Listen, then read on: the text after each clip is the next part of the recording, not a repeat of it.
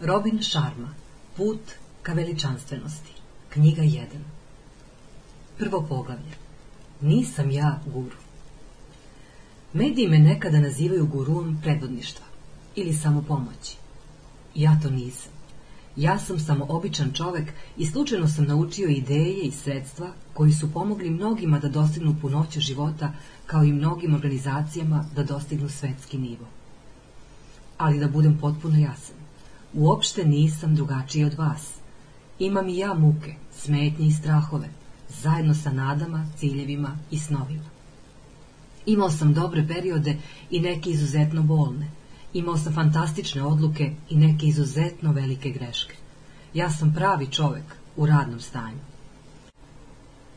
Ako vam se neke moje ideje učine pronicljivim, molim vas da ne zaboravite da je to zato što dane provodim misleći na ono što ćete sada iskusiti, mozgajući o tome kako da pomognem kompanijama da budu izuzetne. Ako nešto radite dovoljno dugo, to ćete bolje sagledati i razumeti. Onda će vas nazvati guruvom. Na potpisivanju knjige u Indiji, u Bangalore, jedan čovek me je čuo kad sam rekao, nisam ja guru. Prišao mi je i rekao, zašto vam je tako nelagodno da vas zovu guruom? Gu na sanskritu jednostavno znači tama, a ru jednostavno znači oterati. Dakle, reč guru jednostavno govori o nekome ko rasteruje tamu i donosi razumevanje i svetlost. Lepo rečeno. Zamislio sam se. Verujem da moja nelagodnost polazi od toga da bi se, ako pomislite da sam drugačiji od vas, moglo desiti da kažete. Pa, ja ne mogu da uradim ono što Robin pominje, jer on ima talenat i sposobnost koje ja nemam. Lako je njemu da radi ono o čemu govori, ipak je on guru. Nikako, morat ću da vas razočaram.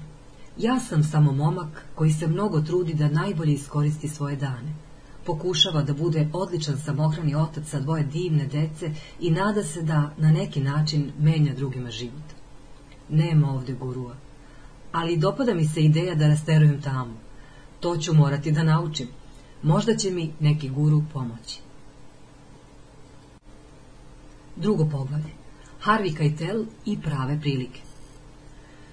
Nisam ja uvek u pravu. Rekoh vam da nisam guru ali molim vas, e, znajte da se prilično trudim da ne pričam uludo i vodim računa da mi slika bude usklađena sa tonom. Ipak, ja sam samo čovek, što znači da ponekad pogrešim. Evo na šta mislim. Provodim mnogo vremena ubeđujući svoje čitaoce i učesnike svojih radionica o ličnom i organizacijonom predvodništvu da trče prema svojim strahovima i dograbe one kubne centimetre prilike, kad se one ukažu. Izazivam klijente da sanjaju, da blistaju i da se ohrabre, jer mislim da je dobar život onda kada stremite najvišem i najboljem. A u mojoj glavi pobeđuje onaj ko najviše doživi. Ja ću uglavnom uvek prvi otići na mesto koje me plaši ili uraditi nešto što mi je neprijatno. Ali nedavno to nisam uradio. Izvinite. U predvorju hotela Four Seasons u centru Toronta spremao sam se za govor koji je trebalo da držim pred jednom upečatljivom kompanijom našim starim klijentom. Podignem pogled i koga vidim? Harvija Kajtela. Da, Harvija, veliku zvezdu filma Ulični psi. A šta je uradio čovek koji je napisao knjigu Kaluđer koji je prodao svoj Ferrari? Ustuknuo je pred veličanstvenošću. Ne znam zašto nisam ustao, prišao mu i stekao novog prijatelja. Tako sam uradio sa Pitom Roseom, legendom bejsbola na aerodromu u Čikagu. Na kraju smo sedeli jedan pored drugog na putu za Feniks. To sam uradio prošlog leta sa Henryjem Kravisom, jednim najvećih finansijera na svetu, u foajeju hotela u Rimu. Bio sam sa decom, a Kolbi, moj 11-godišnji sin, misli da je ovaj super. Uradio sam to sa senatorom Edwardom Kennedyjem, kada sam ga video u Bostonu. Pa čak i sa virtuoznim gitaristom Edijem Van Halenom dok sam odrastao u Halifaxu u Novoj Škotskoj ali propustio sam priliku da se povežem sa Harvijem Kajtelom. Život vam svakodnevno pruža prave prilike.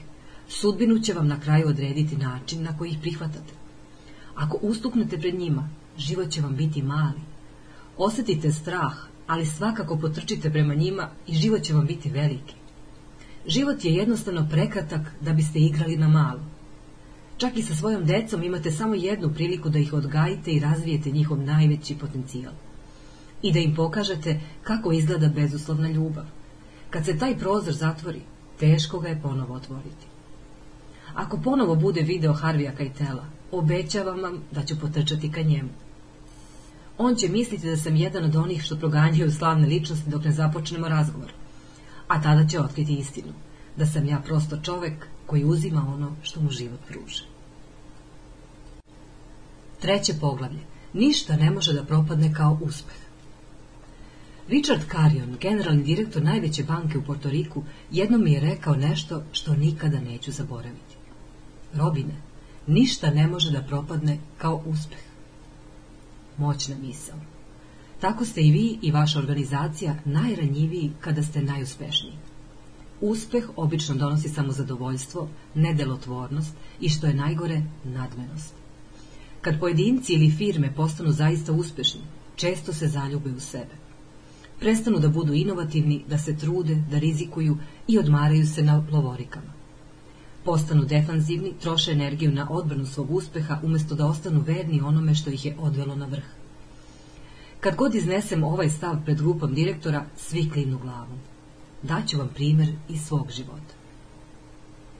Prošlog vikenda sam odveo klince u naš omiljeni italijanski restoran. Tamo je hrana neverovatna. Najbolja pršuta van Italije. Božanstvena testenina.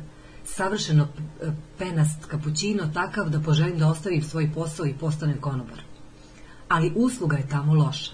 Loša, loša, loša. Kao i većini restorana. Zašto? Zato što je uvek puno. A pošto im tako dobro ide, redove ispred restorana su uzeli zdravo za gotovo. I znate šta? To je početak njihovog kraja. Obožavam da fotografišem. Otac me naučio da fotografijama pratim svoj život. Zbog toga uglavnom nosim mali fotoaparat sa sobom. Zamolio sam naše konobara da slika mene i decu dok muljamo po špagetama. Nemam vremena, otečno odgovorio. Suviše je zauzet da izdvoji pet sekundi i usreći mušteriju. Suviše je zauzet da malo pomogne. Suviše zauzet da pokaže ljudskost. Ništa ne može da propadne kao uspeh. Richard Carrion je shvatio. Kao i David Nilman, generalni direktor firme JetBlue, koji je primetio. Kad počnete da zarađujete i da ostvarujete dobit, obično postanete aljkavi. Mnogi direktori to ne shvate. Što, se vi i vaša, što ste vi i vaša organizacija uspešniji, utoliko morate da budete ponizniji i odaniji svojim klijentima. Morate se više posvetiti delotvornosti i neumoljivom usavršavanju. Morate igrati brže. Morate imati više poštovanja, jer čim prestanete da radite ono što vas je odvelo na vrh, odmah ćete početi da klizite prema dnu. Četvrto poglavlje. Budite rok zvezda na poslu. Upravo sam u časopisu Fortune pročitao članak o momcima iz Google i njihovom ekonomskom uspehu. To je pokrenulo bujicu ideja. Razmišljao sam koliko je važno pokazati se u punom svetlu na poslu. Izraziti svu svoju izuzetnost, igrati punom snagom, biti divlje strastven prema svojim obavezama, biti nezamislivo predan svojim velikim projektima i najboljim prilikama, biti zvezda u onome što svakodnevno radite da biste se obezbedili. Rad daje smisao životu, utiče na osjećanje sobstvene vrednosti i način na koji sagledavamo svoje mesto pod suncem. Kad ste odlični u svom poslu, to nije samo nešto što radite za organizaciju u kojoj ste zaposleni. To je poklon samom sebi. Ako ste izuzetno dobri u svom poslu, podstičete samopoštovanje, a život vam postaje uzbudljiv i zanimljiv. Dobro se desi onima koji dobro rade. A ako u svoj posao nesete sav svoj talenat i najdublju predanost, vi zapravo sebi otvarate put ka bogatijem, srećnijem i ispunjenijem životnom iskustvu. Kako se osjećate nakon izuzetno uspešnog dana? Kako se osjećate kada date sve od sebe, kada se zabavite sa svojim kolegama i dodatno se potrudite zbog mušterije? Kako se osjećate kada se malo više unesete u ono od čega živite? Kako se osjećate kada posegnete za svojim najvećim ciljevima i dohvatite ih? Baš se dobro osjećate, za ne? A ne morate da imate najviše zvanje da biste najbolje uradili posao. Ovo me navodi da pomislim na reči doktora Martina Luthera Kinga, jednog od mojih heroja, koji je jednom rekao Ako čoveka pozovu da čisti ulice, on bi to mogao da radi kao što je Michelangelo slikao, kao što je Beethoven komponovao ili kao što je Šekspir pisao poeziju. Mogao bi tako dobro da čisti ulice da i nebo i zemlja zastanu i kažu Ovde je živao veliki čistač ulica koji je dobro radio svoj posao. Zato danas budite rok zvezda na poslu. Izađite na binu i svirajte svim srcem. Pružite najbolji nastup u svom životu. Zapanjite svoju publiku i navedite ih da navijaju za vas. Budite Bono u prodaji kancelarijskog materijala. Budite Kit Richards u računovodstvu. Budite Jimi Hendrix u kadrovskom odeljenju. A kada budete postali slavni i svako vam bude tražio autogram, obavezno mi se javite. Baš bih voleo da vas čujem. Peto poglavlje. Dani vam oblikuju život. Velika ideja. Vaš dan je vaš život u malom. Dok živite svoje sate, stvarate svoje godine. Dok živite svoje dane, oblikujete svoj život. Ono što danas radite zaista stvara vašu budućnost. Reči koje govorite, misli koje vam padnu na pamet, hrana koju pojedete i dela koja počinite određuju vam sudbinu, oblikuju vas i vaš život. Male odluke imaju ogromne posljedice vremenom. Ne postoji nebitan dan. Svi mi možemo da budemo uspešni, svi mi u sebi nosimo izuzetnu snagu. Svi mi možemo značajno da utičemo na svet oko sebe, ako želimo. Ali da bi snaga skrivena u nama mogla da raste, moramo da je koristimo. A što više vežbate, to je ona veća. Što češće koristite tu snagu, stičete više samopouzdanja. Henry David Thoreau se pozvao na ovu misao kada je napisao Ne znam ništa što ume više da ohrabri od neporecive sposobnosti čoveka da poboljša svoj život svesnim zalaganjem. A guru reklame Doni Deutsch dodao je savremeniju crtu toj ideji kada je napisao knjigu Često grešite, nikad ne sumnjate. Od svih ljudi koji imaju potencijal, svaki stoti uspe, jer kaže A zašto ne ja? I ugrabi priliku. Najbolji među nama nisu daroviti od ostalih. Oni samo svakodnevno prave male korake i kreću se ka ispunjenom životu. A dani prerastaju u nedelje, nedelje u mesece i očas posla dođu u mesto po imenu izuzetno. Šesto poglavlje. Popite kafu sa Gandijem. Čitanje je jedan od najboljih načina da ostanete u igri i budete najbolji. Čitati veliku knjigu zapravo znači razgovarati sa piscem, a mi postajemo ono o čemu pričamo. Samo pomislite večeras, čitanjem autobiografije Mahatme Gandija, Moji ogledi sa istinom, uz šolju kafe, možete se staviti na mesto tog velikog čoveka i saznati šta ga je pokrenulo. Želite da se sutra družite s Madonom? Uzmite njenu knjigu. Isto važi za Jacka Velča, Majku Terezu, Bila Gatesa, Salvadora Dalija i Dalaj Lamu. A kada čitate knjigu nekoga koga poštujete, dozvoljavate da se malo njegove izuzetnosti preslika na vas. Onaj ko pročita veliku knjigu, više nikada neće biti isti. Kako je primetio Oliver Wendell Holmes, um koji jednom proširi nova ideja, nikada se neće vratiti na prvobitne dimenzije. Dok sam odrastao, otac mi je jednom rekao Uzmi jeftiniji stan ili manje troši na hranu, ali nikada nemoj da razmišljaš da li da potrošiš novac na dobru knjigu. Ova moćna misao pratila me čitavog života. Smatrao je da je dovoljna jedna ideja koju otkrijete u knjizi da vas podigne na potpuno novi nivo i promeni vaš pogled na svet. Zato je naša kuća bila puna knjiga, a ja se sada trudim da bar jedan sat dnevno posvetim čitanju. Sama ta navika me je promenila. Hvala ti, tata. Možda će, kada umrem, najbolji poklon moje deci biti moja biblioteka. U njoj su knjige o predvodništvu, odnosima, poslovanju, filozofiji, dobrobiti, duhovnosti, velikim životima i mnogim drugim meni dragim temama. Mnoge od njih sam našao u knjižarama širom sveta kad sam putovao poslom. Te knjige su oblikovale moj način razmišljanja. Formirale su moju ličnu filozofiju. Stvorile su od mene ono što jesam. Meni su moje knjige neprocenjive. Stara izreka glas. Ako znate da čitate, a ne čitate, To je skoro isto kao da ne znate da čitate. Nađite svakog dana vremena da pročitate nešto dobro. Ispunite svoju glavu velikim idejama i neverovatnim mislima. Iskoristite knjige da zapljusnete svoju dušu nadom i inspiracijom. Ne zaboravite, ako želite da vodite, stvarno morate da čitate. Ako kojim slučajem, kao ja, imate naviku da kupujete više knjiga no što ćete ikada moći da pročitate, nemojte osjećati krivicu. Vi gradite svoju biblioteku, a to je nešto divno. Sedmo poglavlje. Uletite u igru. Doživljavao sam više neuspeha od većine ljudi. Stalno ih doživljavam. Doživljavao sam neuspehe u poslu.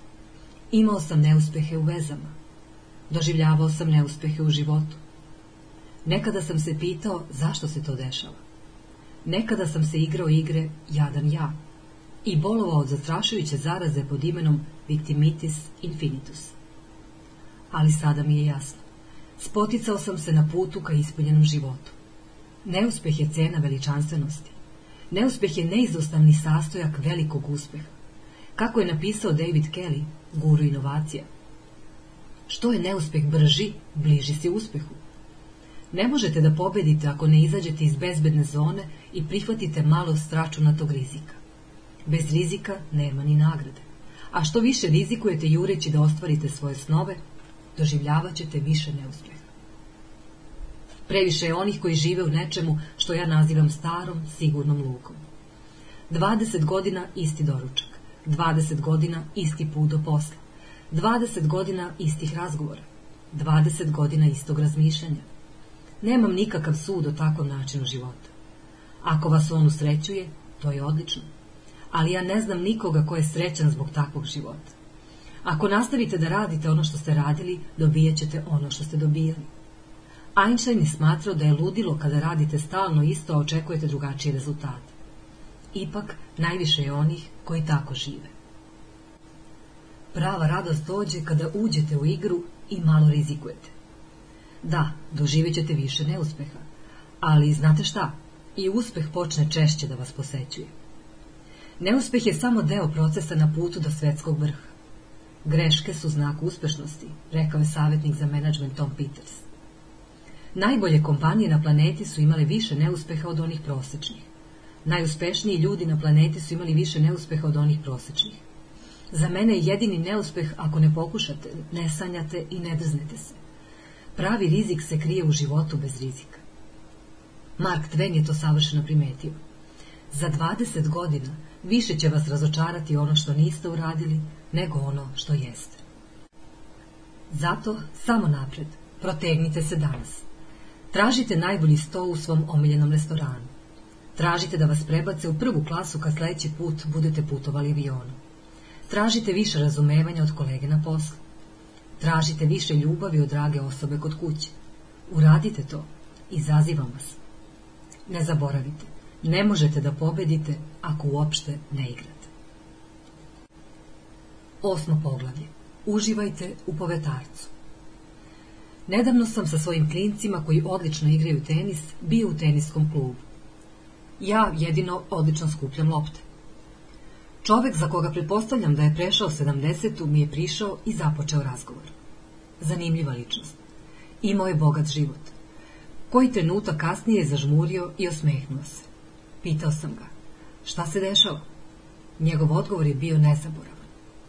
Ma, ništa posebno, samo uživam u povetarcu. Savršeno. Danas, kada svi želimo više, kada nam treba više i kad imamo više, pravo je osveženje bilo čuti da neko govori o jednostavnim zadovoljstvima. Da budem jasan, nemam ja ništa protiv materijalnih stvari. Nasuprot opštem verovanju, knjiga Kaluđer koji je prodao svoj Ferrari nije manifest protiv zarađivanja novca i uživanja u dobrom životu. Moja osnovna poruka bila je jednostavna. Setite se šta je najvažnije da biste odlično živeli. Vozite BMW, oblačite se u Pradi, ocedajte u hotelu Four Seasons i zaradite mnogo novca ako vam to donosi sreću. Mnogo je materijalnih zadovoljstava koje nam zaista olakšavaju život. Nema potrebe da osjećate krivicu ako u njima uživate. Samo ne zaboravite one jednostavne i lepe dragocenosti koje treba voliti usput. Duboke veze među ljudima, uspeh u poslu koji vas ispunjava, istraživanje sveta i uživanje u veličanstvenosti prirode, kao upečatljiv zalazak sunca koji vam uveseljava dušu ili pun mesec naspram zvezdanog neba. Najljepša zadovoljstva jesu ona najjednostavnija. Obogatite svoj život njima i srce će vam se radovati. Krenite od blagog povetarca. Deveto poglavlje. Nađite vremena za razmišljanje. Blagosloven sam time što zbog svog posla imam priliku da redovno upoznajem zanimljive ljude iz različitih sredina. Upoznajem filmađije, pesnike, odlične studente, mudre učitelje i preduzetnike sa vizijom. Svaki takav susret me je naučio nečemu i oblikovao moje poglede. Nedavno sam bio na večeri sa jednim najuspešnijih rukovodilaca u Aziji. Pitao sam ga za tajnu njegovog neverovatnog uspeha. Osmehnuo se. Nalazim vremena za razmišljanje. Svakog jutra on provede bar 45 minuta žmureći u dubokim razmišljanjima. On ne meditira, on se ne moli, on razmišlja. Ponekad analizira poslovne izazove, ponekad razmišlja o novim tržištima, a ponekad se bavi smislom svog života i razmišlja kakav bi on voleo da bude. Često samo mašta kako, se, kako da se razvija lično i profesionalno. S vremena na vreme tako provede između 6 i 8 sati. Sedi i ćuti. Miruje. Žmuri. Razmišlja. Pronaći vremena za razmišljanje je izvrsna strategija za uspeh u rukovodđenju i životu. Previše je ljudi koji najbolje sate provedu baveći se nečim, izvršavajući obaveze. Nedavno mi je jedan klijent rekao, Robine, nekad sam toliko zauzet da i ne znam čime sam to zauzet. Ali šta ako je zauzet pogrešnim stvarima? Malo šta može da vas razočara kao kad uložite svoju energiju, vreme i potencijal da biste se popeli na planinu, a onda na vrhu shvatite da ste se popeli na pogrešnu. Ako razmišljate, bit ćete sigurni da ste na pravoj planini. Peter Drucker, stručnjak za menadžment, dobro je to rekao. Nema ničeg beskorisnijeg nego kad dobro radite nešto što uopšte ne treba da se radi. Vaš prvi korak na putu do veličanstvenosti je da razmišljate i pravite strategiju. Jasnoća prethodi uspehu. Što više razmišljate, bolje ćete sagledati svoje prioritete i shvatit ćete čemu je bitno da se posvetite. Postupat ćete odlučnije, promišljenije i smernije. Donosit ćete bolje i mudrije odluke. Više vremena u razmišljanju i manje ćete biti ishitreni. Biće vam jasnije kako najbolje da iskoristite svoje vreme. A vreme za razmišljanje će vam doneti neverovatne ideje i pokrenuti velike snove. Lewis Carroll je to predivno predstavio u knjizi Alisa u zemlji čuda, kada je napisao Ne vredi ni pokušavati, reče Alisa. Ne možeš verovati u nemoguće. Pretpostavljam da nisi mnogo vežbala, rekla je kraljica. Kada sam bila tvojih godina, to sam radila pola sata svakog dana. Ma, ponekad bih još pre doručka poverovala u čak šest nemogućih stvari. Deseto poglavlje. Predvodništvo počinje dodatnim zalaganjem. Tek što sam ostavio Kolbija i Bjanku u školi i pošao na posao, osetio sam nešto zbog čega sam morao da stanem. I tako sam sedeo u kolima pored puta sa upaljenim migavcima i kucao na svom laptopu, pošto sam hteo to da ispričam i vama. Veliku ideju. Predvodništvo, kao i uspeh, počinje dodatnim zalaganjem. Predvodništvo je kad prodavac na kraju radnog vremena obavi još poziva. Ne zato što je to lako, već zato što je ispravno. Predvodništvo pokazuje menadžer koji završi izvešte za koji se baš pomučio, a malo kasnije mu se vrati da ga još malo ispegla i popravi. Predvodništvo pokazuje tim koji ispuni obećanje dato klijentu, a zatim se još više potrudi da ga oduševi. A predvodništvo pokazuje i onaj ko se izbori sa nagonom da ostane ispod ćebeta po hladnom danu, pa umesto toga obuje patike i ode na trčanje. Ne zato što je zabavno trčati kilometrima u ledeno jutro, već zato što je to mudro. Molim vas, razmislite o ovome. Mislim da je izuzetno bitno. Oni koji izgrade veliku karijeru i izuzetan život, najveći deo svog vremena provedu dajući sve od sebe dodatnim zalaganjem. Tako je, prosečni ljudi ne gube mnogo vremena na dodatno zalaganje. Ali, ko je uopšte rekao da ste vi prosečni? 11. poglavlje. Mick Jagger i uporišne tačke. Prošlog ponedeljka sam gledao čoveka od 62 godine kako dva sata luduje pred 30.000 strasnih obožavalaca. Tako je, Mick ima 62 godine, nekadašnji mlađani frontman Stonesa, stari. Ali i dalje ima šarmu, i dalje ima pokrete, i dalje je mlad.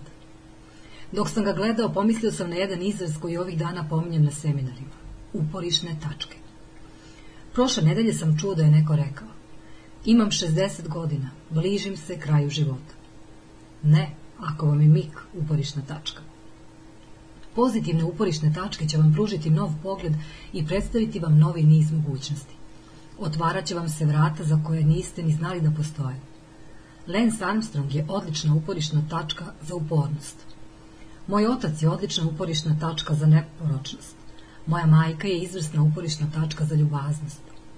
Moja deca su savršene uporišne tačke kad su u pitanju bezuslovna ljubav i neobuzdana radoznalost. Richard Branson je neverovatna uporišna tačka za ispunjen život. Madonna je odlična uporišna tačka za stalne novine. Peter Drucker ima divnu uporišnu tačku za to koliko je važno učenje tokom čitavog života. Nelson Mandela je izuzetna uporišna tačka za hrabrost i humanitarnost. Često imamo slabe uporišne tačke, tako da umesto mogućnosti vidimo samo ograničenja. Sa uporišnim tačkama svetskih razmera daleko ćete bolje savladati svoj potencijal. Život će vam biti čudesniji. Igraćete ozbiljniju igru ako odaberete prave ljude za uzor. Svi smo satkani od istog pletiva.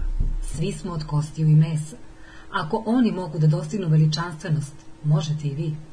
Treba samo da radite ono što su i vaše uporišne tačke radile da bi uspele. I još nešto da vam kažem. Kad budem imao 62 godine, želim da budem kao Mik, zato što on tek počinje. 12. poglavlje. Posao se svodi na odnose. Dok pišem ovo poglavlje, letim za Frankfurt. Juče sam čitav dan proveo sa izdavačima koji su distribuirali knjigu Kaluđer koji je prodao svoj Ferrari po celom svetu. Svake jeseni Frankfurt živne kad se 250.000 ljudi iz sveta izdavaštva okupi u gradu zbog najvećeg sajma knjiga na svetu. Danas mi je 20. dan turneje i držanja govora zbog knjige koja me je vodila kroz Indiju do Istambula. I na kraju me dovelo u ovaj neveliki nemački grad. Svašta sam naučio za ove tri nedelje. Upoznao sam mnogo neverovatnih ljudi koji su mi ukazali poverenje. Preplavile su me promene onih koji su posegnuli za punoćom života i tako i sami postali uzor. Možda je najbitnije od svega što su me podsjetili da je malo šta bitnije od uspostavljanja odnosa. Na kraju je lako zaboraviti da se posao i život svode na povezivanje ljudi. Na ovoj turneji sam se smejao sa svojim čitaocima na potpisivanju knjige. Lomio sam pogaču sa klijentima sa kojima radimo na razvoju rukovodđenja. Pio sam kafu sa svojim izdavačima. Upoznao sam ljude koji su se okupili oko moje ideje. A i oni su mene upoznali. Velika ideja. Ljudi žele da znaju da ste stvarni. Da ste pristojni, dobri i vredni poverenja. Žele da vas osete, dožive, da vas pogledaju u oči i vide kakvi ste. Žele da znaju koliko strasti unosite u ono što želite. A kada osete da ste pravi, otvorit će vam se. Kada vide da mislite na njih, verovat će vam i misliti na vas. Čim shvate da ste dobri, bit će i oni dobri prema vama. A vaša karijera i vaš život dospeće do mesta koje se zove svetski vrh zbog tih veza zasnovanih na poverenju. Lako je zaboraviti da ljudi postoju sa onim kojim se sviđa i zbog koga se dobro osjećaju. Jednostavno znam. Opet, mi uglavnom ne postanemo vešti sa onim najosnovnijim, Jedino što je komplikovano kao nuklearna fizika jeste sama nuklearna fizika. Zato vas pozivam da izađete iz svoje kancelarije i da se krećete. Kad ste napolju, događa se što šta dobro. Ništa se neće desiti dok se ne pomerite. Rukujte se, idite na ručak, pokažite da ste iskreno zainteresovani. Širite dobre vibracije, prenosite svoju poruku.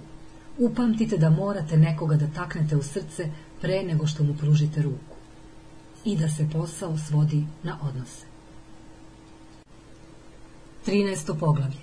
Životne lekcije Sunđer Boba. Sunđer Bob Kockalone je moj heroj. Jutro sam doručkovao sa decom kad je Bjanka, moja devetogodišnja čerka, pomenula tog blesavog lika i crtača. Tata, da li Sunđer Bob stvarno postoji? nasmijala me. A zatim sam se zamislio. Da sunđe Bob postoji, ovaj svet bi bio bolji. Ozbiljno. Evo četiri lekcije koje možemo naučiti od Sunđer Boba da nam život bude veseliji. Budite večiti optimista. Taj tip, bolje reći, reći Sunđer, uvek vidi najbolje u svakoj situaciji. Ono što mislite oblikuje vam stvarnost. A pošto Sunđer Bob traži najbolje, on to i nađe. Cenite ljude. Sunđer Bob zna šta znači prijateljstvo. On voli svoje drugare u bikini botomu, čak i Linjoslava, koji je uvek ljut, da pozdravim reč od svog sina. Suđer Bob zna da je za ozbiljan odnos najbitnije da poštujete ljude i postavite ih na prvo mesto. Budite originalni. Sunđer Bob je jedinstven. Previše je onih koji se boje da budu ono što jesu. Zato se odriču svojih snova da bi se uklopili u većinu. Tragično. Budite verni sebi, napisao je Šekspir. Imajte hrabrosti da zaista budete ono što ste. I to najbolje što ste. Warren Buffett, direktor jedne firme, jednom rekao, ne može biti dvoje vas. Smejte se i zabavljajte se. Nema svrhe da budete uspešni, a tužni. To nema smisla. Da, stremite ka vrhu planine, ali uživajte i dok se penjete. Život ne treba da bude mukotrpan, nego vesel. Zato se ozbiljno zabavljajte dok jurite i dostižete svoje najdraže snove. 14. poglavlje. Kako da budete srećni? Evo jedne jednostavne ideje koja je bila savršeno delotvorna za direktore i preduzetnike koje obučava. Ako želite da budete srećni, više radite ono što vas usrećuje. Znam da se čini kako je to očigledno, ali nije. Kad za sobom ostavimo čudesne godine detinjstva, većina nas prestane da radi ono čega nam, od čega nam srce zaigra. Jedan klijent, direktor, nedavno mi je rekao da je kao mlađi uživao da se sam vozi biciklom. Kad smo dobili decu i kad je posao postao zahtevan, prestao sam to da radim. Život je postao užurbaniji, ali na tom sam biciklu proveo jedan od najljepših perioda u životu. Drugi moj klijent, neverovatno uspešan preduzetnik, poverio mi se da je nekada voleo da svira bubnjeve u rock bendu. To su bila izuzetna vremena, a onda sam započeo svoj posao koji me je obuzeo. Nedostaje mi muzika, izgubio bih se u njoj. Evo šta treba da radite. Sastavite spisak deset svojih najvećih strasti, deset aktivnosti koje vas usrećuju i podsjećaju da život može da bude dobar.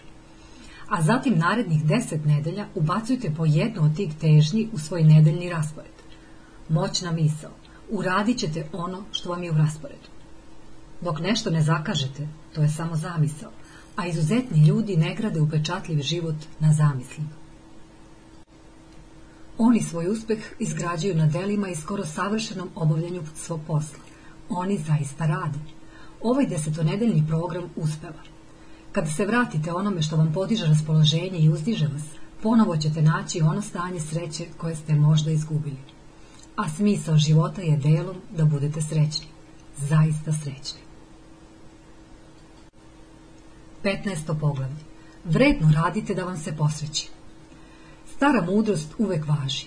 Što više radim, sve sam srećniji. Život pomaže onima koji pomažu sami sebi. To sam naučio na sobstvenoj koži. Nisam ja jedan od onih duhovnika koji veruju da je sve suđeno i da su naš život ispisale neke nevidljive ruke. Takav govor liči na govor žrtve i na strah. Strah od neuspeha. Strah od odbacivanja. U tom jeziku nema ni osjećaja lične odgovornosti i obično potiče od onih koji se boje da se uključe u igru. Svakako verujem da postoji sila koja se javi i kad najmanje očekujemo. I kad nam najviše treba. I da, verujem da postoji neki prirodan i veoma inteligentan poredak. Ali isto tako iskreno verujem da su nam slobodna volja i sposobnost da odlučujemo dati iz jednog razloga, da bismo ih koristili. Verujem da od života uglavnom dobijemo ono što životu damo. Verujem da se dobro desi onima koji su spremni da se potrude, da se disciplinuju i žrtvuju ono što je potrebno za lični i profesionalni uspeh. Takođe sam otkrio da svako delo ima posledicu i što više dobrog uradim putem dobrog starog zalaganja, to više uspeha vidim. Život je nakonjen predanima. Niko od izuzetno uspešnih ljudi kojima sam držao obuke nije dospeo tu gde jeste, a da nije radio više od ostalih. Dok su drugi sedeli kod kuće, gledali TV ili spavali, oni uspešni koji su ostavili trag u svetu i uneli u njega nove vrednosti, ustajali su rano, radili prekovremeno, pokazivali da su posvećeni svom snu. Neću ni na trenutak poreći koliko je važno uravnotežiti posao i život i provoditi više vremena sa voljenima ili brinuti o svom unutrašnjem životu. Prvi ću stati iza takvih vrednosti. Želim samo da kažem da ćete iza izuzetnog uspeha uvek otkriti izuzetan trud. To je samo zakon prirode. Nije se menjao hiljadama godina. Ivan Seidenberg, generalni direktor firme Verizon, ispričao je sledeću priču. Moj prvi šef je bio nastojnik, a ja domar. Gledao me je kako čistim podove i perem zidove skoro godinu dana, pa je tek onda pomenuo da bih mogao da dobijem stipendiju za fakultet ako se zaposlim u telefonskoj kompaniji. Kad sam ga pitao zašto je toliko čekao, rekao je Hteo sam da vidim jesi li dovoljno vredan. A direktor Time Warnera Dick Parsons primetio je da je najbolji savet dobio od svoje bake. Ona mu je rekla, kako poseješ, tako ćeš i požnjeti. Zato posejte svoje seme, budite izuzetno dobri u svom poslu. Razmećite se svojom strastvenošću i neka vam srce bude na dlanu. Pokažite svoju strast i otvorite dušu. I zalažite se, zaista se zalažite. Ozbiljan rad vam otvara vrata i pokazuje svetu da ste ozbiljno rešili da budete jedan od redkih i posebnih ljudi koji sve svoje sposobnosti koriste za najviše i najbolje. 16. poglavlje. Spoznajte svoju genijalnost. Genijalnost nije rezervisana za redku vrstu ljudi. I vi i ja imamo pravo da ponesemo to zvanje i da igramo na tom terenu, ako želimo. Evo velike ideje. Ako uložite strast za uspehom i neumoljivu predanost u svakodnevno poboljšanje, za 3 do 5 godina radit ćete na jednom stepenu sposobnosti zbog koga će vas ljudi zvati genije. Posvećenost, svakodnevno usavršavanje i uloženo vreme daju genijalnost. Ozbiljno shvatite ovu formulu i život vam više neće biti isti. Michael Jordan je bio košarkaški genije. Da li je njegov neverovatni uspeh na terenu bio rezultat samo prirodnog talenta? Ni slučajno. On je uzeo to što mu je priroda dala i primenio formulu. Posvećenost plus svakodnevno poboljšanje plus vreme jednako je genijalnost. On nije rasipao svoju pažnju. Jednostavno se posvetio tome da postane izvrstan u košarci. I bio je. Thomas Edison iza života imao neverovatnih 1093 patenta, izmislio je sijalicu i fonograf. Kad je bio dete, učitelj mu je rekao da sporo uči, nije ga slušao. Svaka čast. On nije pokušavao da bude trgovac, veliki pesnik ili veliki muzičar. On se posvetio svojim izumima. Svakodnevno je napredovao i pustio je da vreme odradi svoje. Genijalnost je došla sama. Sećam se priče o Pablu Picasso. Jednog dana ga je neka žena srela na pijaci i izvukla parče papira. Gospodine Picasso, uzbuđena rekla, ja sam vaš veliki obožavalac. Molim vas, da li biste mogli nešto da mi nacrtate na brzinu? Picasso rado pristao i brzo nažvrljao umetničko delo na papiru koji mu je dala. Nasmešio se, vratio je papir i rekao To vas košta milion dolara. Ali, gospodine Picasso, odgovori usplahirana žena, trebalo vam je samo 30 sekundi za ovo remek delo. Draga gospođo, nasmejao se Picasso, trebalo mi je 30 godina da napravim ovo remek delo za 30 sekundi. Ako shvatite u čemu možete biti izuzetni, to je vaša genijalnost. Otkrite svoje sposobnosti i ludački radite na tome da ih usavršite. Samospozna je jedan od najbitnijih elemenata veštine predvođenja. Shvatite u čemu ste zaista dobri. Razmišljajte o sposobnostima koje drugi cene kod vas. Razmislite o onome što vam je lako i što vam baš ide od ruke. Možda biste bili odlični u komunikaciji ili umeli sa ljudima. Možda posjedujete neverovatnu sposobnost da sve razrešite. Možda vaš skriveni talenat leži u uvođenju novina i kreativnosti, u tome što drugačije razmišljate o onome što svi vide. Pronađite svoje genijalne tačke i razvijte ih. Svakodnevno se usavršavajte i ulažite vreme. Počnite danas i za 3 do 5 godina ljudi će pisati o vama. Nazivaće vas genijem. Slavit će vašu veličanstvenost. I ne brinite, ja ću biti među njima. 17. poglavlje. Slušajte dva put više nego što govorite. Moja mama je veoma mudra. Kad sam bio mali, voleo sam da pričam, što i dalje važi. U školi sam uvek imao dobre ocene, ali u knjižici je uvek stajala napomena da malte ne neprestano i energično koristim glasne žice. Jednog dana mi je mama rekla, Robine, S razlogom su ti data dva uha i jedna usta, da slušaš duplo više nego što govoriš. Savršen zaključak. Mada i dalje radi na tome. Pažljivo slušanje je jedan od najboljih načina da nekome ukažete poštovanje i ostvarite duboku ljudsku vezu. Kad nekog slušate, ne samo svešću, već svakim delom svog bića, šaljete mu poruku. Cenim to što imaš da kažeš i dovoljno sam skroman da saslušam tvoje reči. Tako je malo ljudi koji zaista umeju da slušaju. Kad na početku e, šestočasovnog leta sednem pored nekog u avionu, taj će pričati do sletanja. A da me nije pitao ni kako se zovem, ni odakle sam, ni čime se bavim i koje sam knjige pročitao. To mi govori ne samo da, ima, da im nedostaje ono što naučnici nazivaju oštrinom čula, već i da kao deca verovatno nisu mnogo slušali. Većina ljudi veruje da slušati znači sačekati da drugi završi pre nego što oni odgovore. A tužna je istina da većina nas uvežbava odgovor dok sagovornik priča. Njujorški javni tužilac Elliot Spitzer ima jednu izreku koju voli. Nemojte govoriti ako možete da klimate glavu. Ako ovo savladate, brzo ćete napredovati u poslu kao član porodice i kao čovek. Slušajte dva put više nego što govorite. Postanite slušalac svetskih razmera. Budite vrlo zainteresovani za ono što drugi imaju da vam kažu. I samo gledajte kako ljudi odgovaraju. Zaljubit će se u vas. Brzo. 18. poglavlje. Vaše mušterije kupuju srce. Stojim u redu u Starbucksu. U pozadini se čuje Dave Matthews. Vazduh je zasićen mirisom kafe. Mašine za espresso rade puno para. Ljudi čitaju, upuštaju se i razgovaraju. Atmosfera je dobra. Ovde sam srećan. Osjećam se kao kod kuće. Ako ste u nekom poslu, ne mogu vam predložiti ništa bolje nego da uzmete u obzir da ljudi kupuju manje glavom, a više srce. Na tržištu se danas ne takmičite za novac. Nipošto. Jedino takmičenje se vrti oko emocija. Dotaknite srce ljudi koje uslužujete i oni će ponovo doći. Bavite se njihovim osjećanjima i postaće vaši vatreni navijači. Ako vam ovo promakne, možda ćete ostati bez posla. Svakako bih mogao manje da plaćam šolju kafe. Naravno da kafu mogu da kupim mnogo bliže svom radnom mestu. Ali volim kako se osjećam kada uđem u Starbucks. Opušteno, srećno, dobro. A svako od nas žudi za dobrim osjećanjima u životu. Odrasli su po mnogo čemu deca u zrelom telu, a deci je najvažnije da se dobro osjećaju.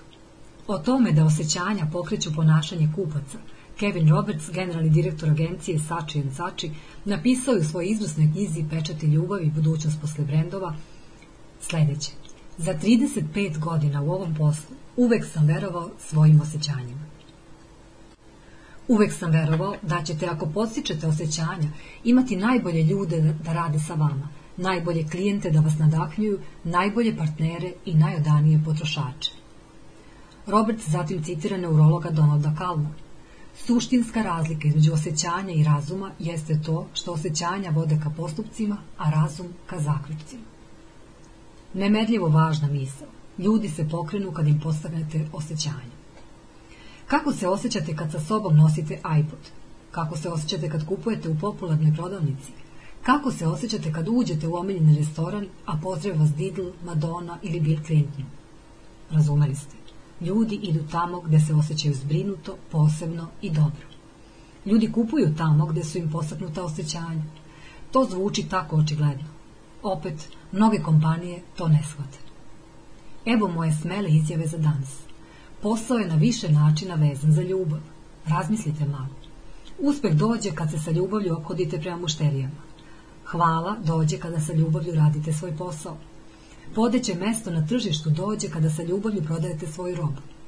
Ako se svojim mušterijama samo dopadate, mogli biste da ih izgubite kad se pojavi konkurent sa jeftinijim proizvodom ili boljom uslugom.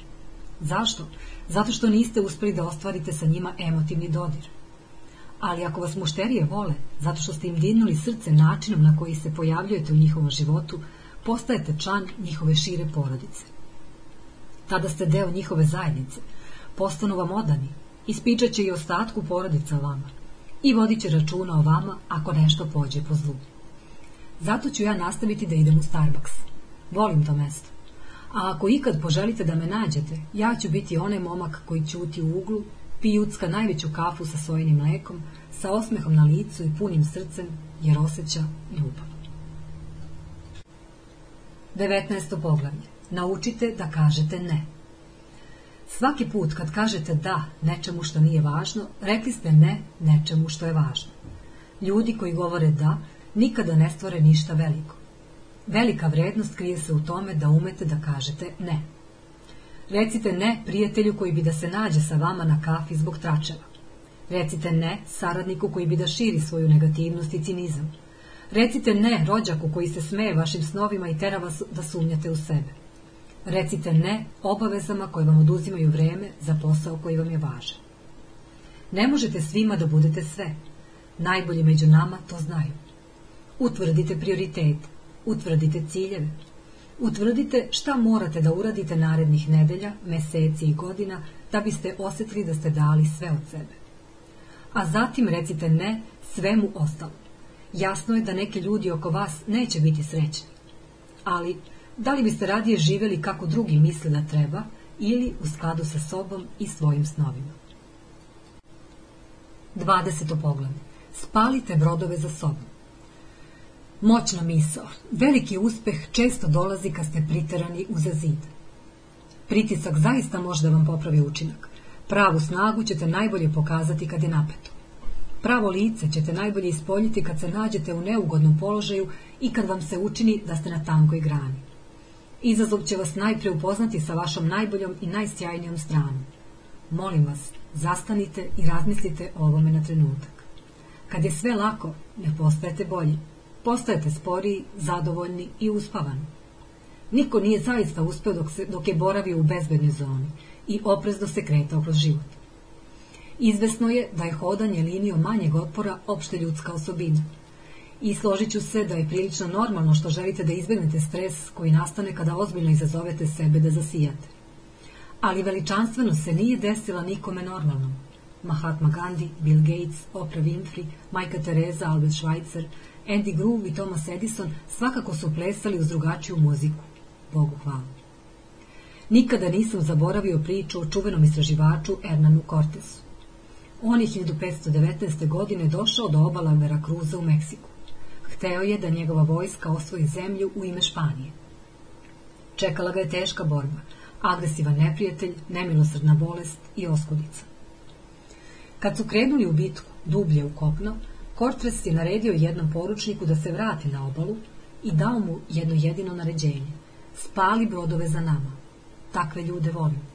Kako biste se samo pokazali svakog dana na poslu u životu kada povlačenje ne bi bilo moguće? Šta biste dostigli? Koliko biste se usudili? Koliko biste se trudili i kako biste glasni bili kada biste znali da vam brodovi gore, da vam mogućnost neuspeha nije preostala? Dijamanti nastaju pod ogromnim pritiskom, a izuzetni ljudi nastaju kada žive u uslovima koji poručuju da jednostavno moraju da pobede. 21. poglavlje. Brzo odgajite vođu. Jedan od programa koje nudimo kompanijama kao pomoć da postanu uticajne na svom tržištu zove se Odgajite vođu. Organizacije po čitavom svetu, među kojima su i NASA i farmaceutski gigant White, koriste naše jedinstvene tehnike da bi povećale zalaganje zaposlenih, kulturu, uspeh i da bi postigle izvrsne poslovne rezultate.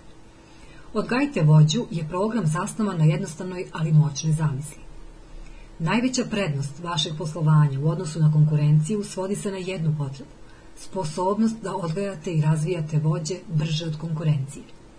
Što brže navedete svakoga u kompaniji da pokaže ponašanje vođe, bez obzira na poziciju, to ćete pre postati lider na svom tržištu.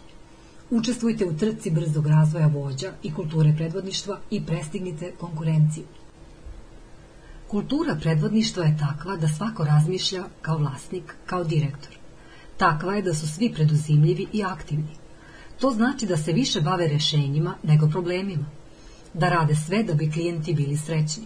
Da brinu o prodaji i zalažu se da umanje troškovi.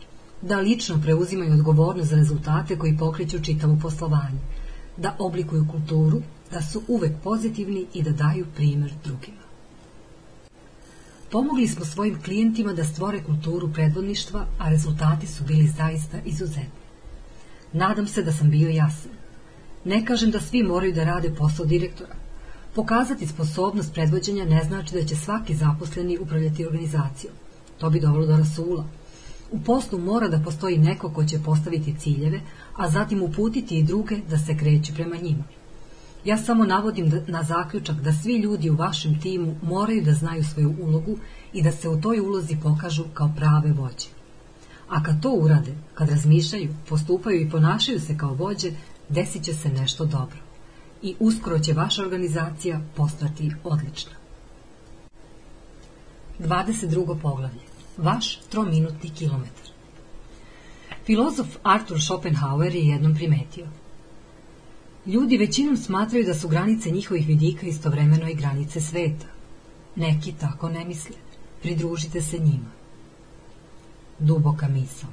Život koji u ovom trenutku vidite ne mora da bude vaša budućnost. Možda sada gledate kroz sobstveni strah, ograničenja i pogrešne pretpostavke. Čim operete prljavi prozor kroz koji posmatrate svet, pogodite šta će se desiti. Pojavit će se mnoštvo novih mogućnosti. Zapamtite, ne vidimo mi svet onakav kakav je on, već kakvi smo mi. Ta ideja mi je promenila život pre deset godina kada sam bio nesrećni advokat u potrazi za boljim životom. Pre 1954. verovalo se da nijedan trkač neće moći da pretrči kilometar za manje od 3 minuta. Ali kad je Roger Bannister u tome uspeo, mnogi su ponovili njegov uspeh. I to samo nekoliko nedelja kasnije. Zašto? Zato što je pokazao da je to moguće. Ljudi su stekli novu uporišnu tačku, a zatim su, naoružani tim verovanjem, postigli nemoguće. Šta je vaš trominutni kilometar? Šta ste to sebi prodali kao nemoguće? Kakve to pogrešne pretpostavke imate u pogledu onoga što ne možete imati, biti ili raditi? Mišljenje stvara stvarnost. Ono u šta verujete se obistinjuje. Zato što uverenja upravljaju vašim postupcima, a nikada nećete raditi nešto što nije u skladu sa vašim mišljenjem. Većina vašeg života odraz je veličine misli. Ako mislite da u vašem životu nešto ne može da se desi, onda nema šanse da ćete preduzeti ono što je neophodno da bi vam se snovi ostvarili. Ostvarit će se vaše razmišljanje o nemogućem. Vaša umišljena ograničenja postaju okovi i ne daju vam da postignete uspeh koji vam je suđen. A vi ste zaista bolji od toga. Proslavljeni neurohirurg Ben Carson lepo je to izrazio kada je rekao Ne postoji prosečno ljudsko biće. Ako imate normalan mozak, onda ste superiorni. 23. poglavlje. Prekoračite granice. Koliko su veliki vaši snovi? Koliko se brzo krećete? Koliko ste neumorni u novinama? Uvek pomislim na Apple kada razmišljam o novinama i predanosti da se svetu pruže suludo veličanstveni proizvodi. Upravo sam čerki kupio iPod. Bila je izuzetno uporna u traženju. Bistro dete. Izbor je tako veliki. Imate šaflu, pa neverovatno tanki nano, pa i u tu verziju iPoda.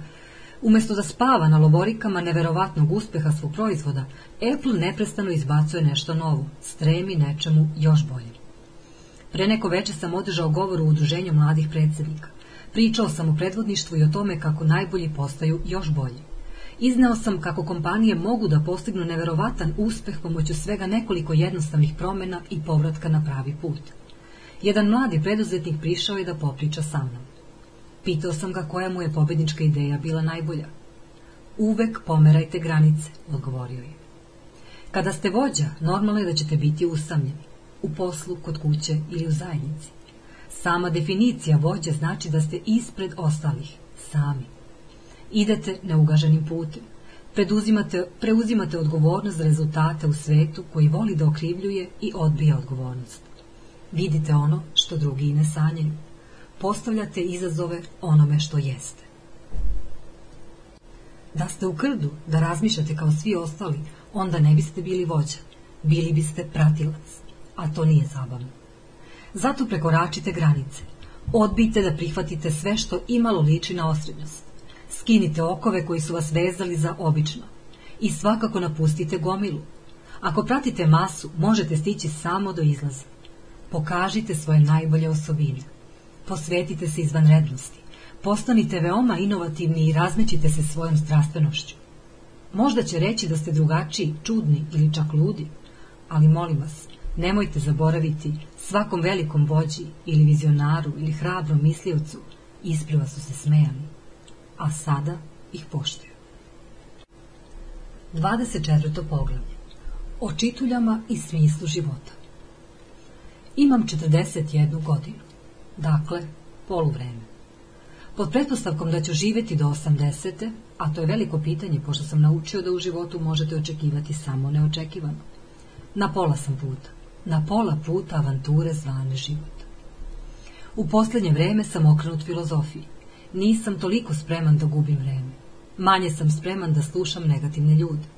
Manje spreman da propustim priliku da, praž, da pružim ljubav, da branim drugoga, da se približim svojim snovima ili da se iskreno zabavim a počeo sam i da čitam čitulje. Kada čitam o tuđim životima, pronađem neke putokaze o tome šta je u životu najvažnije. Otkrio sam da čitulje posle dobro proživljenog života zaista imaju slične teme. Porodica, prijateljstvo, doprinos zajednici, potreba da se preuzme proračunat rizik, dobrota iskazana malim jednostavnim delima i ljubav. Još nisam pročitao čitulju koje piše Umro je mirno, u snu, okružen advokatima, brokerima i računovođama. Ne, sve one dobre govore o bliskosti sa voljenima i tome kako je preminuli uticao na svet oko sebe. Da biste imali divan život, smatram da morate da postavljate pitanja koje će vas podstaći da ozbiljno razmislite i ostvarite dodir sa onim što je najvažnije. Jedna od glavnih osobina mnogih izuzetnih ljudi s kojima sam radio jeste disciplina da razmišljaju više od većine. Zato postavljajte suštinska pitanja. Dobra pitanja vode do odličnih odgovora i jasnoće, a jasnoća je DNK pravog uspeha i lične veličanstvenosti. Evo pet velikih pitanja za koje se nadam da će vas naterati da se udubite i više promislite onome što je u životu zaista važno. Ljudi uglavnom ne otkriju kako da žive pre no što dođe vreme da umru, a tada je prekasno. Još danas postavite sebi ovih pet pitanja. Zapišite svoje odgovore u dnevnik, razgovarajte o njima, Mislite o njima. Zamislite da vam je danas posljednji dan života i da ležite na samrti. A zatim se zapitajte. Jesam li bogato sanjao? Jesam li živao ispunjeno? Jesam li naučio da se opustim? Jesam li umeo da volim? Jesam li pažljivo koračao po zemlji i ostavio i bolju no što sam je zatekao? Nadam se da će vam odgovori pomoći da živite sa više iskrenosti, strasti i radosti. Uspehu zaista prethodi razumevanje. Ne možete pogoditi metu koju ne vidite. A kad malo razmislite, mi zaista nismo ovde tako dugo. Svi ćemo očas posla postati prašina. Zato sada dišite punim plućima. Kinezi to lepo kažu. Pre 20 godina je bio pravi trenutak da zasadite drvo. Najbolji trenutak posle tog je danas. 25. poglavlje Predvodništvo nije nadmetanje u popularnosti. Evo jedne ideje koja bi vam čak mogla ispromeniti čitavu karijeru, a i život. Da biste bili vođa, a u mojoj glavi svako ima obavezu svakodnevno pokazuje umeće predvođenja bez obzira na poziciju i zvanje. Ne treba da vas vole. Treba da radite ono što je ispravno. Mnoge se vođe boje sukoba, imaju neku duboko usađenu potrebu da budu popularni, da ih vole. Oni ne vole da dižu prašinu i da prave talase.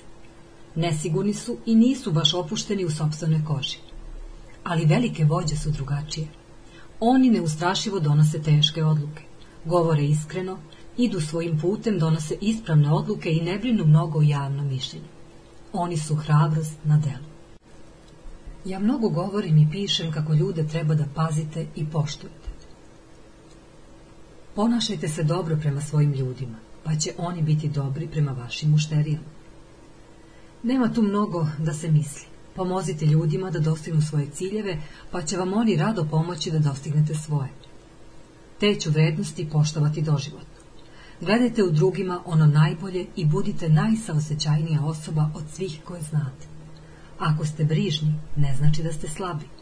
Biti dobar čovek ne znači da ne treba da budete jaki i hrabri kad okolnosti to zahtevaju. Nikada to nisam rekao. Izvanredan predvodnik je onaj ko nađe ravnotežu između nežnosti i čvrstine, saosećajnosti i hrabrosti, onaj ko je delom svetac, delom ratnik, društven i strog. Najboljim vođama je zapravo stalo samo do toga da budu pravedni, da rade ono što je ispravno i da postižu rezultate. I to me navodi da vam dam jedan mali savjet. Radite ono što je ispravno, a ne ono što je popularno. Najbolje je najčešće i najteže. Molim vas, zapamtite to. Donosite teške odluke, govorite otvoreno, neka oni lošiji znaju da su lošiji. Recite svojim super zvezdama koliko ih volite. Samo budite realni. Kada radite po principima istine, pravde, pravičnosti i izuzetnosti, imat ćete kritičare. Šta vas briga? Nikada nisam video da se kritičar pojavi uz nečiju samrtnu posilju. Moj prijatelj Dan Sheehan, direktor velike kompanije Win Plus u Los Angelesu, sa kojim smo radili na razvoju predvodništva, jednom mi je rekao Veliki ljudi grade spomenike od kamenja kojima ih kritičari gađaju. Lepa misao. Pametan momak. Da sam ja slušao svoje kritičare, ostao bih nesečni pravnik vezan za radni sto. Bogu hvala, te nisam. 26. poglavlje. Šta vi propovedate? U svetu u kome živimo reč propovednik ima loš prizvuk, ali po definiciji propovednik je prosto neko ko širi dobre vesti. To je neko ko se drži velike ideje ili zacrtanog cilja, a zatim svakog dana širi svoju poruku na sve strane. To je neko ko učestvuje u nečemu bitnom do te mere da samo o tome razmišlja, sanja i priča. To je onaj ko suštinski razume šta je dr. Martin Luther King imao na umu kada je rekao Ako niste otkrili za, zašto ste spremni da umrete, onda niste spremni da živite. Ovom našem napaćenom i nesigurnom svetu treba više propovednika. Onih koji čine velika dela, blagosiljaju njima tuđi život, menjaju nešto. Kuda je nestala strast za veličanstvenošću kod većine ljudi? Svi smo imali kad smo bili deca. Hteli smo da budemo superheroji, astronauti, pesnici i slikari. Hteli smo da menjamo svet, da stojimo na vrhu planine i jedemo mnogo sladoleda. A zatim, kako smo odrastali, život je počeo da nas obrađuje. Plašljivci su se podsmevali našim snovima. Doživljavali smo razočaranje. Život nas je zaboleo, a mi smo počeli da prihvatamo propagandu da ne treba previše da razmišljamo, da ne treba da letimo previsoko ni da previše volimo. Duša me boli kad razmišljam o tome, ali upravo se to dešava. Treba da blistate, iskreno verujem u to. Ovde ste da biste to pronašli, tu istinsku sudbinu koja će vas pokrenuti iz dubine duše i budit će vas u cih zore plamen u stomaku. Treba da nađete nešto što vam je toliko lepo i značajno da ste spremni za to da umrete. Možda to znači da ćete pomagati ljudima na poslu da daju sve od sebe. Možda znači da ćete biti inovator koji svojim klijentima donosi ogroman novac i lansira odlične proizvode u svet. Vaš cilj će možda težiti napretku zajednice ili pomoć onima kojima je pomoć potrebna. Nedavno sam čitao o advokatu koji je rekao da je tako strasno predan pomoći grupi žrtava da neće odustati dok mu krv ne propišti. Ekstremno? Možda. Propovednik? Svakako. Ja sam propovednik. Pitajte svako ko me poznaje i reći će vam da živim od pomoći običnim ljudima i od uzdizanja organizacija do svetskih razmera. Svakako i ja imam trenutke slabosti i loše dane. Nađite mi neko ko ih nema. Ali uglavnom ćete me zateći punog poleta, energije i radosti dok širim svoju poruku. Jesam li ja bolji od vas? Nikako. Samo sam našao svoj cilj. Ne znam šta je najvažnije u životu. To je na vama da otkrijete. Ali jedno znam.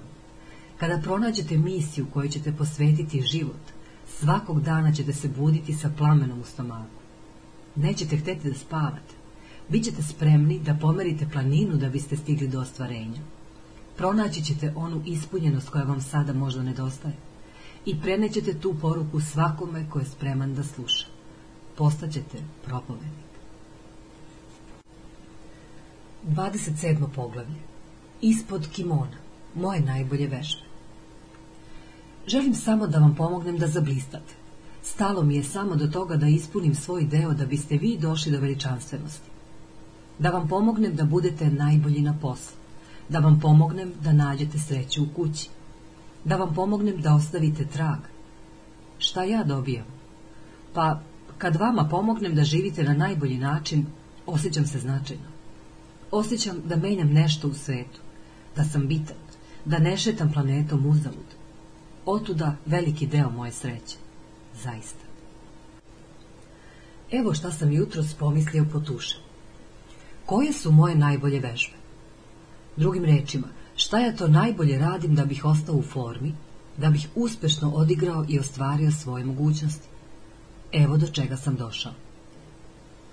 Pet dana nedeljno ustajem u pet ujutro i dremam vikendom. 60 minuta svetog časa, čim se probudim, posvećenog sobstvenom razvoju i sagledavanju. Pet ozbiljnih poseta teretani nedeljno. 90-minutna masaža jednom nedeljno. Ishrana na svetskom nivou. Ali svake nedelje pojedem jedan ili dva slatkiša, život ne treba da bude strog. Čim vidim čokoladnu tortu bez brašna na meniju, naručim je. Vreme za vođenje dnevnika. Pisanje dnevnika gradi samosvest. Dnevnik koristim i da bih zapisivao dnevne ciljeve, planove i beležio sve na čemu sam zahvalan, upisivao i obrađivao nove ideje uporedo sa naučenim lekcijama.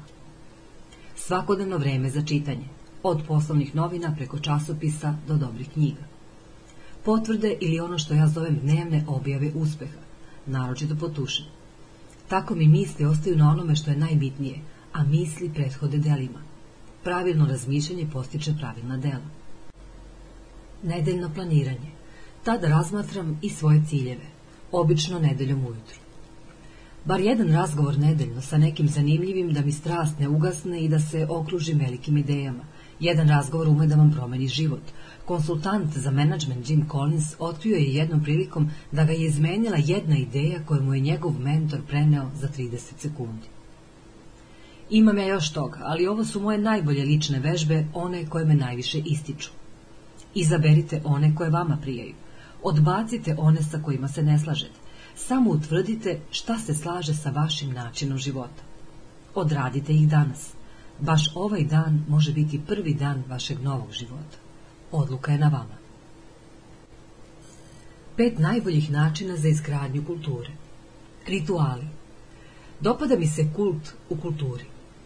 Najbolje kompanije kao što su Google, Dell, Southwest Airlines, Apple i Walmart imaju neke osobine kulta.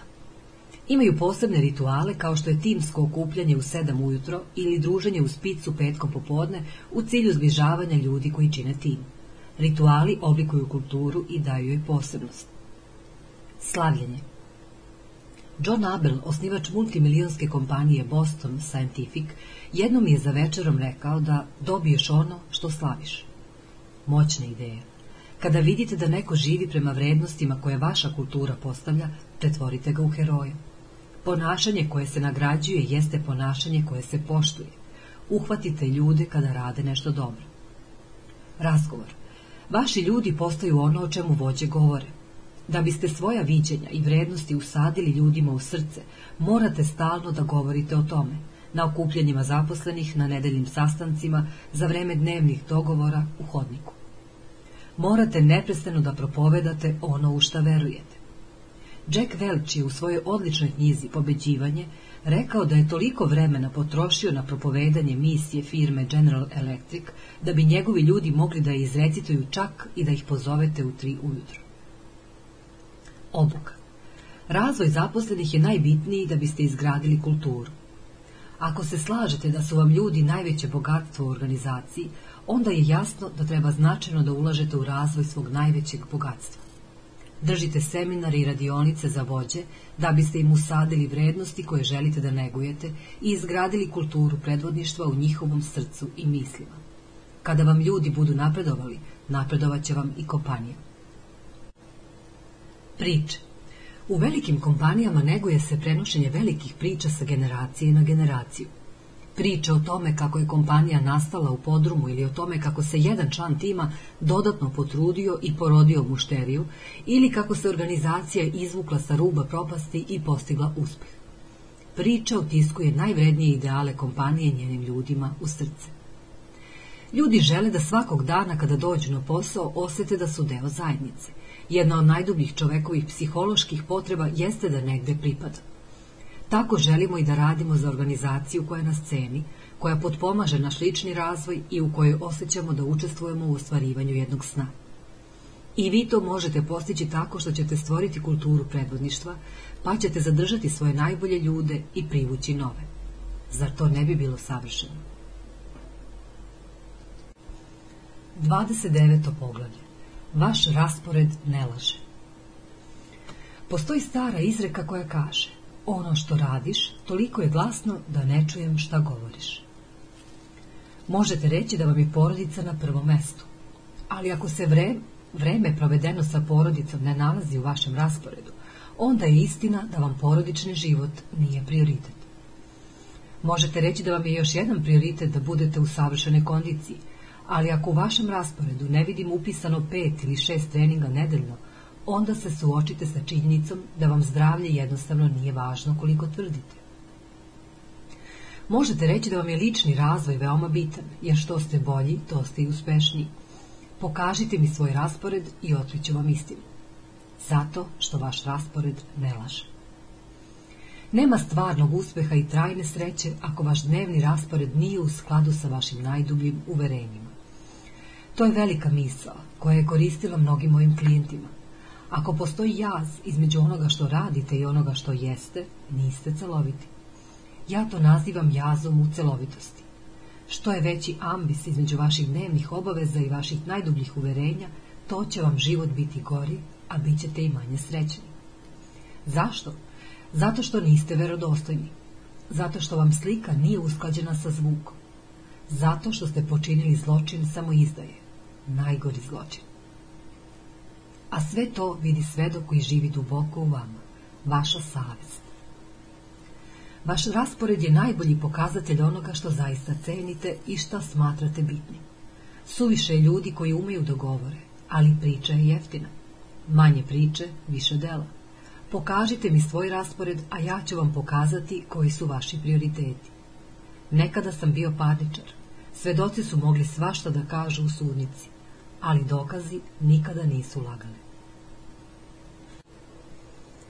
30. poglavlje. Budite izuzetan roditelj.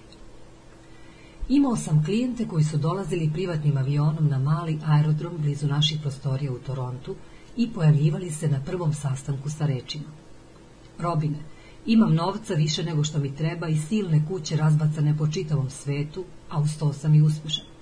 Ali očajnički sam nesrećan. Pitam zašto? Zato što sam izgubio porodicu dok sam gradio svoj uspeh. Žena me je ostavila, a deca me i ne poznaju. Srce me boli. Najčešće glasi odgovor. Stavite porodicu zajedno sa zdravljem na prvo mesto liste prioriteta.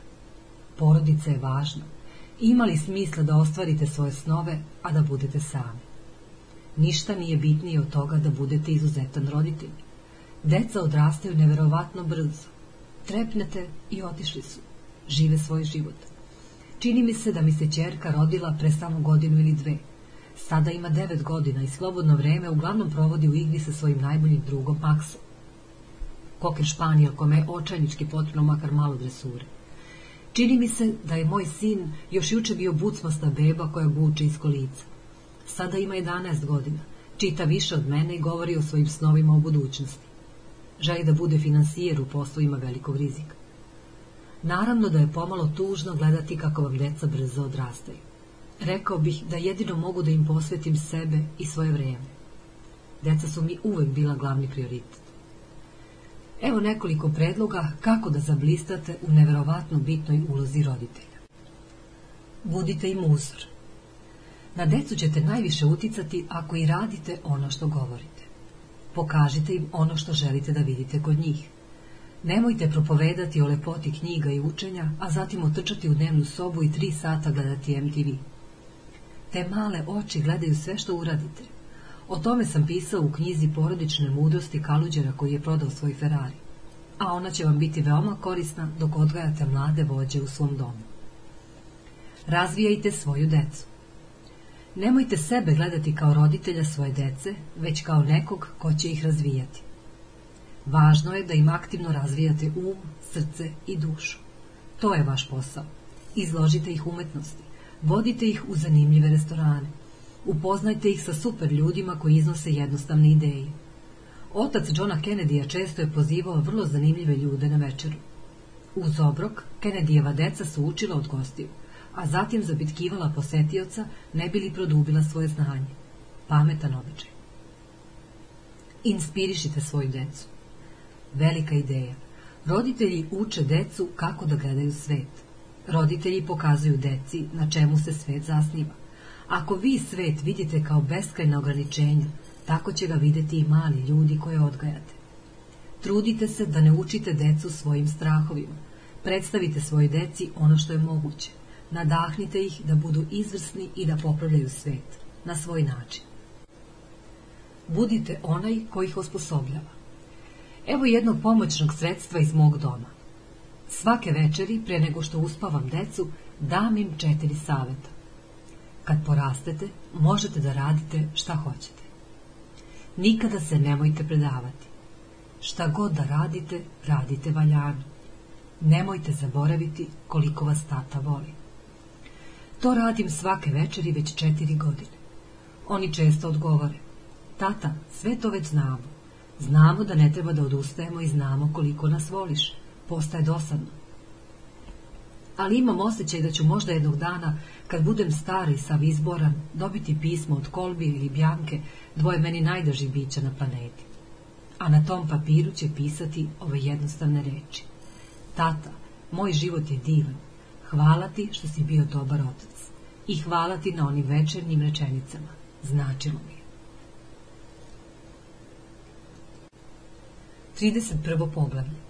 Trgujte oduševljenjem. Ušao sam u hotel Viktor ovde u South Beachu tik pre nego što sam napisao ovo poglavlje. Pre nekoliko meseci video sam da ga renoviraju, te sam rešio da ga obiđem kad sledeći put dođem u Miami. I eto mene, čekam da se oduševim. Prosto žudim za povodom da vam napišem nešto dobro u ovom, ovom mestu, u svetu gde ima nebrojena dosadnih, mrtvih i ustajalih hotela. Kada putujem, volim da isprobavam nove hotele. Primećujem kakva usluga treba da bude, proučavam dobar dizajn i proveravam da li hotel razume da u ovom svetu iskustvene ekonomije mušterije, mušteriju moraju da povedu na putovanje koje će ih oduševiti. Dobre vesti. Ovo mesto je neverovatno. Na ulazu širok osmeh i topao posred vratara. Izuzetno modern dekor, dosta zelene i živih boja, seksi muzika i ritam, vrlo ljubazno osoblje na recepciji, opet onaj osmeh i divna ponuda. Mineralna voda sa kriškom limuna dok sam se prijavljivao, a pošto MTV snima spot za grupu Killers, pored bazena Karin me je pitala da li bih volao sobu koja gleda na dešavanja. Naravno, i onako mi ne treba mnogo sna. Nosa Čerik mi je pokazao teretanu, a zatim bazene. Najbolja hotelska teretana koju sam video još od Sandersona u Londonu. A soba je sjajna. Art deko, besprekorno čista i sređena sa ukusom. Sve ostavlja snažan utisak. Zapravo neverovatan, što je standard koji vam preporučujem. Hotel Viktor nije mnogo obećavao, ali je mnogo pružio. Imao je priliku da me osvoji, a to je i postigao izuzetnom ponudom i izvrsnom udobnošću. Sada ću sići da probam hranu. Svi pričaju o njihovom restoranu gde glavni kuvar koristi hiljadu začina. Verujem da ću se oduševiti. 32. poglavlje. Kako da dobijete ono što želite, a pritom da cenite ono što imate. Neki učeni ljudi nas ohrabruju da uživamo u trenutku i cenimo ono što imamo i tvrde da nije zdravo uvek želeti više, da je to osnovni uzrok nezadovoljstva. A drugi kažu da smo sazdani tako da svakog dana izlazimo iz zone bezbednosti i stremimo ka nečemu višem, ka tome da postanemo veliki. Prilično sam se borio sa ovom miši dok sam oblikovao ličnu filozofiju po kojoj ću živeti. Mislim da sam našao odgovor, rešenje koje mi zvuči kako treba. U pitanju je ravnoteža. Shvatio sam. Nazvao sam je Mandelina ravnoteža. Nelson Mandela, koga izuzetno cenim, jednom je rekao Kad se čovek popne na veliko brdo, shvati da ima još mnogo brda na koja se treba popeti. Ovde sam zastao da se odmorim da ukradem jedan pogled na prelep predeo koji me okružuje, da pogledam razdaljinu koju sam prešao, ali mogu da se odmaram samo na trenutak, jer u slobodu dolazi i odgovornost. pa se ne mogu usuditi da se zadržavam, jer se moje dugo pešačenje još nije završilo. Mislim da Nelson Mandela kaže da se sve svodi na ravnotežu. Uživajte u pogledu tu gde se nalazite. Uživajte što ste toliko prešli. Budite zahvalni zbog toga što ste tako daleko stigli na putovanju koje je vaš život. Živite u trenutku. Ali nemojte zaboraviti ni da uz darove dolaze i odgovornosti. Verujem da svaki čovek ima dužnost da zablista. Ne smemo se oslanjati na pobede iz prošlosti i uspavati se. Moramo da izađemo u svet svakog dana i da damo sve od sebe da budemo korisni drugima, da sagledamo svoje mogućnosti i postanemo bolji žitelji planete. Moramo neprestano da idemo ka svojim strahovima i da dobro iskoristimo svoj život. Moramo da povećavamo ulog igri i da koristimo svoj kreativni talent da radimo, budemo i vidimo više. Verujem da nam je taj nagon da ostvarimo više genetski usađen. E, poreći ga isto je što i poreći svoju ljudsku prirodu. Tako je, ako postavimo više ciljeve i podignemo standarde, izazvaćemo nešto nezadovoljstva. Ali ovaj svet su izgradili oni koji su osetili nezadovoljstvo postojećim stanjem i koji su znali da mogu da urade nešto više. Pokažite mi savršeno zadovoljnog čoveka, a ja ću vam pokazati neuspeh primetio je Thomas Edison. Danas to nije društveno prihvatljivo, znam, ali mislim da je govorio istinu. Najveći među nama nisu bili zadovoljni trenutnim stanjem. Setite se Gandija, setite se majke Tereze, setite se nadbiskupa Desmonda Tutua, setite se Bila Gatesa, setite se Einsteina, setite se Mandele. Zato volite ono što imate, a zatim krenite za onim što želite. Uživajte u usponu na planinu, ali nikada ne skidajte pogled sa vrha. 33. poglavlje. Razmišljajte kao generalni direktor. Pre nekoliko meseci sam razgovarao sa upravnim timom firme Satyam Computer Services. Neverovatna kompanija. Ona je među firmama informacijalnih tehnologija koje se najbrže razvijaju u Aziji. Od nule do milijardu dolara za manje od 10 godina. 23.000 zaposlenih. Predsedavajući je vizionar. Preneću vam jednu njegovu moćnu ideju. U Satjamu ima 1500 menadžera. Oni vode 1500 odeljenja i projekata. Zato im on govori da oni nisu menadžeri, već direktori svojih malih poslovnih poduhvata. Veća kompanija je prosto investitor koga moraju da usreće. Ona im pruža sredstva, strukturu i mogućnosti. Oni samo treba da daju rezultate. Taj koncept je naveo da prihvate svoja polja rada i ponašaju se kao preduzetnici. Naveo ih je da se ponašaju kao prave vođe. Ohrabruju ih da budu deo rešenja, a ne deo problema. Briljantno. Vi ste generalni direktor svog područja rada. Imate li finansijske dužnosti u svojoj kompaniji? Onda ste generalni direktor u tom oceku, u tom malom poslovanju. Radite li u kadrovskom? To je vaš mali posao. Čistite li na kraju radnog vremena? Vodite posao održavanja koji uslužuje veću kompaniju sa kojom sarađujete. Preuzmite odgovornost za uspeh u svom poslu. Pokažite se kao preduzetnik. Povećajte prodaju. Smanjite troškove. Uradite ono što je dobro. Zablistaćete, a generalni direktor će vas voleti. 34. poglavlje. Ponašajte se kao sportista. Svakodnevna vežba je jedan od najboljih načina da postignete izuzetne rezultate u najbitnijim područjima svog života. Vrhunski sportisti znaju da se uspeh postiže vežbanjem. Nedavno sam bio u Moskvi zbog niza govora i radionica. Jednog jutra sam krenuo u hotelsku teretanu da bih vežbao. Bilo je šest sati. Znate li koga sam tamo zatekao? Mary Pierce, zvezdu tenisa. Puna dva sata je trčala, dizala tegove, radila trebušnjake i bezbroj sklekova plaćala je cenu uspeha. Morate da vežbate da biste bili veliki. Sportistima je to veoma poznato. Zašto svima ostalima deluje strano? Za vežbu je svakako potrebna disciplina, ali moj prijatelj Nido Kubein često kaže cena discipline je uvek manja od bola zbog kajanja. Mudar čovek. Hoću da kažem da je za lični i poslovni uspeh neophodan rad. Neću vam reći da svoje snove možete ostvariti ako se malo ne žrtvujete i ne platite cenu u moneti, predanosti i samokontroli. Platite cenu. te reči odzvanjaju istinu. Najbolji među nama rade tako što se sve čini lako. Ja to nazivam labudovim efektom. Vrhunski igrači postižu da lična i poslovna umešnost deluju lagano, a sve ostvaruju graciozno kao labud kad pliva po vodi. Ali kao i kod labuda, vi ne vidite planiranje, disciplinu, trud i skoro besprekorno izvođenje koje se odigrava ispod površine. U životu me je uvek niz vežbi pripremao za svaki dan. To sam vam poverio. Da, život ponekad postavlja neočekivane izazove koji vas izbace iz koloseka. To je samo život. Ali uz niz najboljih vežbi kojima ćete ostati u formi, mnogo ćete češće biti u dobrom stanju. Ovo je jednostavna ideja koja menja život i pomogla je mnogim našim klijentima. Uz vežbe koje će vam uvek čuvati najbolju formu spadaju jutarnje vođenje dnevnika u kome beležite svoje osjećanja, misli i sve na čemu ste zahvalni. Ili dan možete započeti dobrim treningom i obrokom za vrhunskog igrača. Ja često slušam muziku 15 minuta jer mi ona ne uliva samo snagu, nego se zbog nje osjećam i srećan. Koristim se i objavama uspeha ili svečanim izjavama da mi um bude bistriji.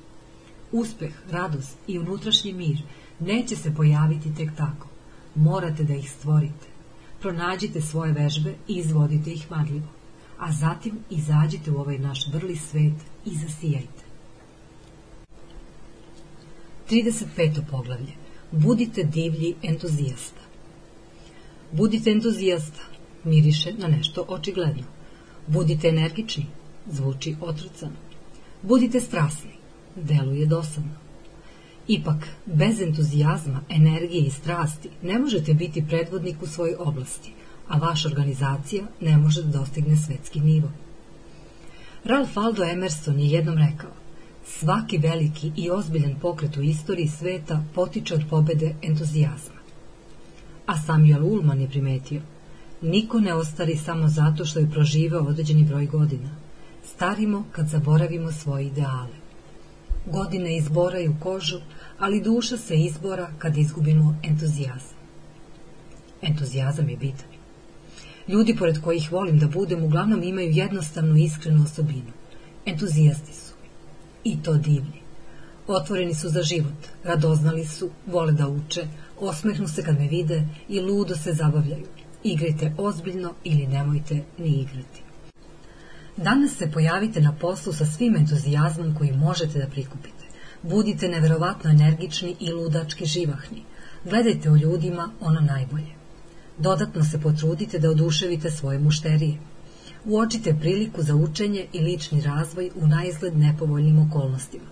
Prihvatite promenu kao priliku da rastete. Recite onima koje volite da ih obožavate. Širite malo strasti. Prvi ću vam reći da ne možete vladati onim što vam se svakodnevno dešava.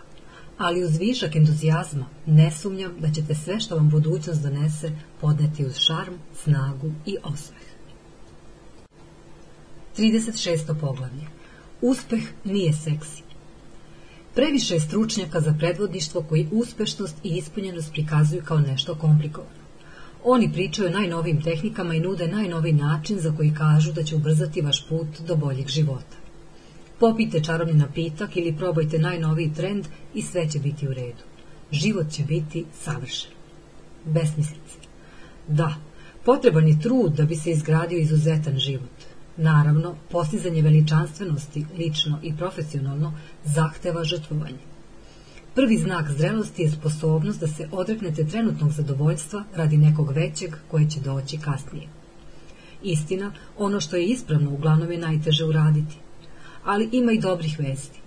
Uz svakodnevno zalaganje za svoje snove i uz primjenu osnovnih pravila uspeha zaista možete dostići ono o čemu ste uvek sanjali.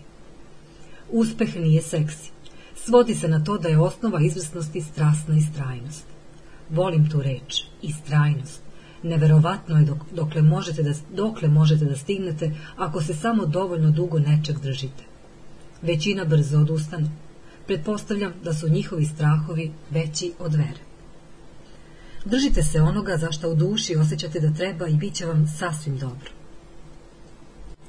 Zašto treba da se držite?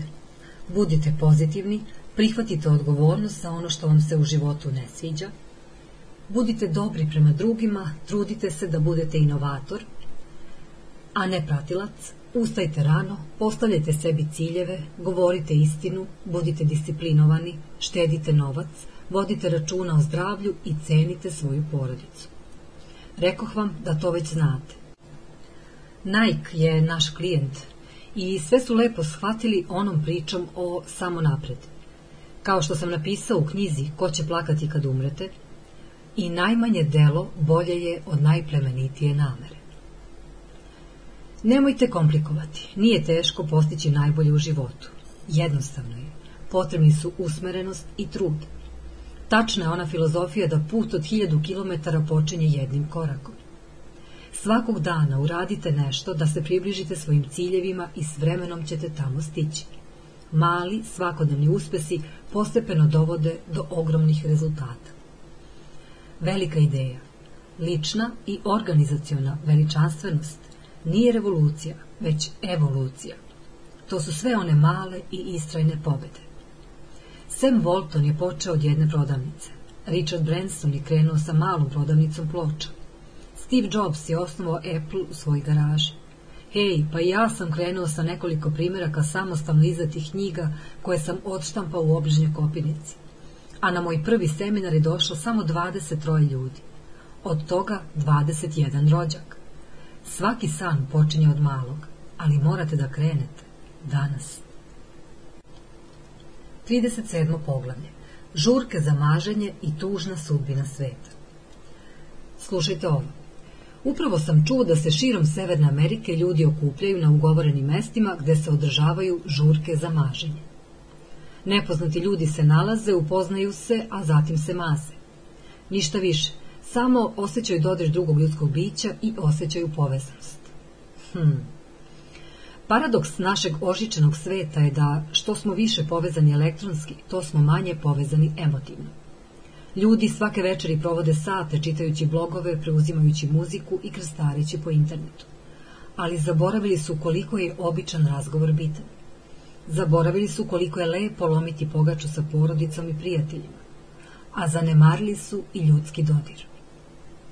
Radite šta hoćete, ja nisam sudija, ali nemam nameru da se u skorije vreme pojavim na nekoj žurci za maženje. Pre bih poradio na izgrađivanju ljudskih veza sa onima koji su već oko mene, time što ću voleti svoju decu, biti dobar prema prijateljima i pružati podršku kolegama i klijentima. Samo to će mi pružiti maženja koliko mi treba. 38. poglavlje. Vrednost dobrog. Nakon što sam održao govor u jednoj velikoj telekomunikacione kompaniji, prišla mi je jedna žena sa suzama u očima. Robine, pročitala sam sve vaše knjige i dajem sve od sebe da bih živela tim dobrim životom o kome vi pišete, ali jedan čovek je zaista živeo prema vašoj poruci. Umro je pre nekoliko meseci. Bio je to moj otac. Zastala je i pogledala u pod. Pet hiljada ljudi se pojavilo na sahrani mog oca, rekla je. Čitav grad je došao. Bila mi je čast da to vidim. Da li je vaš otac bio poznat u poslu, pitao sam. Ne, govorila je. Popularan političar, upitah se naglas. Ne, šapnula je. Da li je vaš otac možda bio neka lokalna poznata ličnost? Ne, Robine, ni najmanje. Pa zašto je onda pet hiljada ljudi došlo na sahranu vašeg oca? Morao sam da pitam. Još jedna duža stanka. Došli su zato što je moj otac uvek bio nasmijan. Bio je dobra osoba, uvek spreman da priskoči u pomoć. Prema ljudima je uvek bio neverovatno ljubazan i savršeno učtiv. Oprezno je hodao po zemlji. Pet hiljada ljudi se pojavilo na njegovoj sahrani zato što je bio dobar. Šta se to desilo da više ne cenimo dobro? Na televiziji se prikazuje najgore ljudsko ponašanje. Vidimo muzičke zvezde koje psuju svakih pet sekundi. Čitamo o velikim menadžerima koji pune svoje džepove da bi kupili veće jahte, a deoničari ostaju bez životne ušteđevine. Obožavao sam film Wall Street. Gordon Gekko je pogrešio. Nije pohlepa dobra. Dobro je dobro. Postoje oni za koje je nezamislivo da budu prijatni, pristojni i plemeniti. To je znak slabosti, čuo sam. Nikako. To je znak snage. Meko je čvrsto. Lako je sebe staviti na prvo mesto. Lako je naljutiti se kada se neko sa vama ne slaže. Lako je žaliti se, osuđivati ili ići linijom manjeg otpora. Kada se borite za nešto više, potrebna je hrabrost da se ponašate uzvišeno i da budete korisni drugima. Kao Mandela, kao Gandhi, kao King, moji heroji. Voleo bih da imam makar četvrtinu njihove dobrote. Izvinite što sam se raspričao, ali mislim da je ovo važna tema. Prvi ću vam reći da sam daleko od savršenog. Ja samo prenosim poruku. Običan sam čovek. Ali reći ću vam jedno. Dajem sve od sebe da budem dobar. Zbog tog cilja noćima ne spavam. I postavljam sebi zahteve veći nego što bi iko od mene očekivao. Da li uvek pogodim? Ne. Jesam li uvek miran, nekad ljut? Nikad ljut? Ne. Jesam li uvek uzor za ono što prenosim? Ne. Svakog dana se trudim, ali ponekad posrnem. Ne kažem da ljudima koje poštujete ne treba da postavljate visoke zahteve i da od njih ne očekujete da se pokažu. To ne znači da ne treba da postavite granice i budete strogi kad treba da budete. Da biste se pokazali kao vođa, ne treba svi da vas vole. Treba da radite ono što je ispravno i ono što je dobro. 39. poglavlje. Snaga pod pritiskom. Dr. Martin Luther King je u jednom govoru rekao Prava mera čoveka nije to kakav je kad mu je udobno i prijatno, već kakav je u trenucima teškoća i izazova. To je prava istina. Mnogo se bolje pokažemo u nesreći nego u trenucima sreće. Svako može da bude pozitivan, ljubazan i prijatan kad je sve dobro. Izuzetni ljudi razlikuju se od nas ostalih po tome kako reaguju kada ih život suoči sa neizbežnim teškoćama. Oni ne popuste, ne predaju se. Nađu nešto duboko u sebi i još više pokažu svetu svoju uzvišenu prirodu. Pre samo nekoliko sati bio sam na pisti, spreman da poletim iz Londona kući. Let je odložen za nekoliko sati, ali prijalo mi je što je poletanje tako blizu. iPod je bio pored mene, imao sam novu knjigu za čitanje i svoj dnevnik. A zatim se na razglasu začuo pilotov glas. Naša ekipa je upravo našla metalni predmet u jednom točku. Žao nam je, ali ovaj let moramo da otkažemo. Reakcije na tu izjavu su bile neverovatne. Jedan čovek u mojoj blizini se posvađao sa stewardessom. Neki par iz drugog reda je glasno gunđao. Poslovni čovek u crnom modelu je šutno sedište ispred sebe. Opet, neki putnici su odgovorili drugačije, sa nenametljivim razumevanjem. Stariji gospodin se smiješio dok je drugima pomagao da izvade prtljag iz pregratka iznad glava. Jedan tinejdžer je zastao da pomogne hendikepiranoj ženi umesto da izjuri iz aviona. Žena pored mene se nasmejala i rekla, hej, pa nije kraj sveta, a zatim pozvala decu da i njima prenese svoj doživljaj. Najmudriji među nama imaju neverovatnu sposobnost da ostanu čvrsto na zemlji kada postane teško. Ničiji život nije savršen, moj svakako nije. Svi moramo da se suočimo sa izazovima, malim i velikim. U ovom trenutku neki roditelj negde u svetu suočeni sa gubitkom deteta. U ovom trenutku neko je doživeo nesreću koja će slomiti njegove bližnje. U ovom trenutku ima ljudi koji leže u bolničkom krevetu. Bolest, gubitak, razočaranje. Niko ne prođe kroz život bez tog iskustva. Ali i vi i ja imamo moć da se izdignemo iznad svih spoljašnjih okolnosti. Uvek možemo odabrati da budemo jaki i pozitivni kad pođe po zlu. Uvek možemo da iskoristimo kamenje o koje se spotičemo kao stepenike ka boljem životu. Nije ovo motivacioni slogan. Verujem da je to istina. Snaga pod pritiskom, po tome se razlikuju vođe od sledbenika. To je divna osobina koja pokreće druge i odrazi razvijenog duha. To je vrlina koja vam omogućava da ostvarite izuzetan život, na koji ćete na kraju biti ponosni.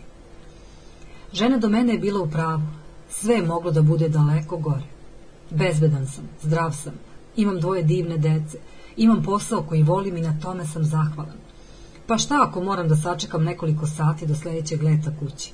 Možda ću započeti onu knjigu za koju me urednik stalno zapitkuje. 40. poglavlje. Opustite se i zabavite, da biste bili produktivniji.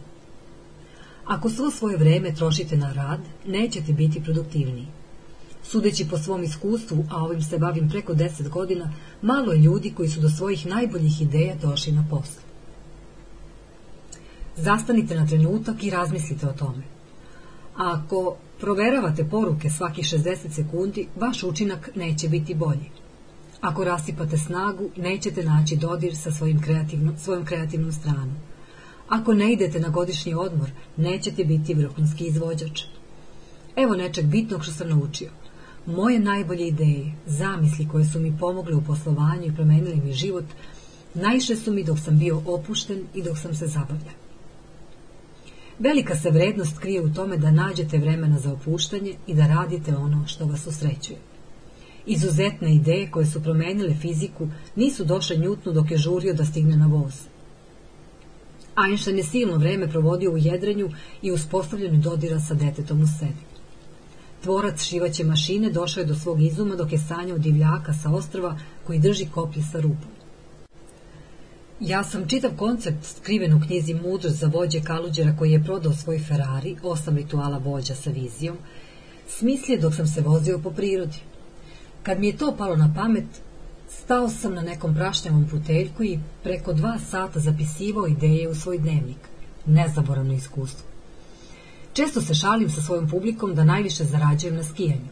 Ljudi se smeju. Ali shvate na što mislim.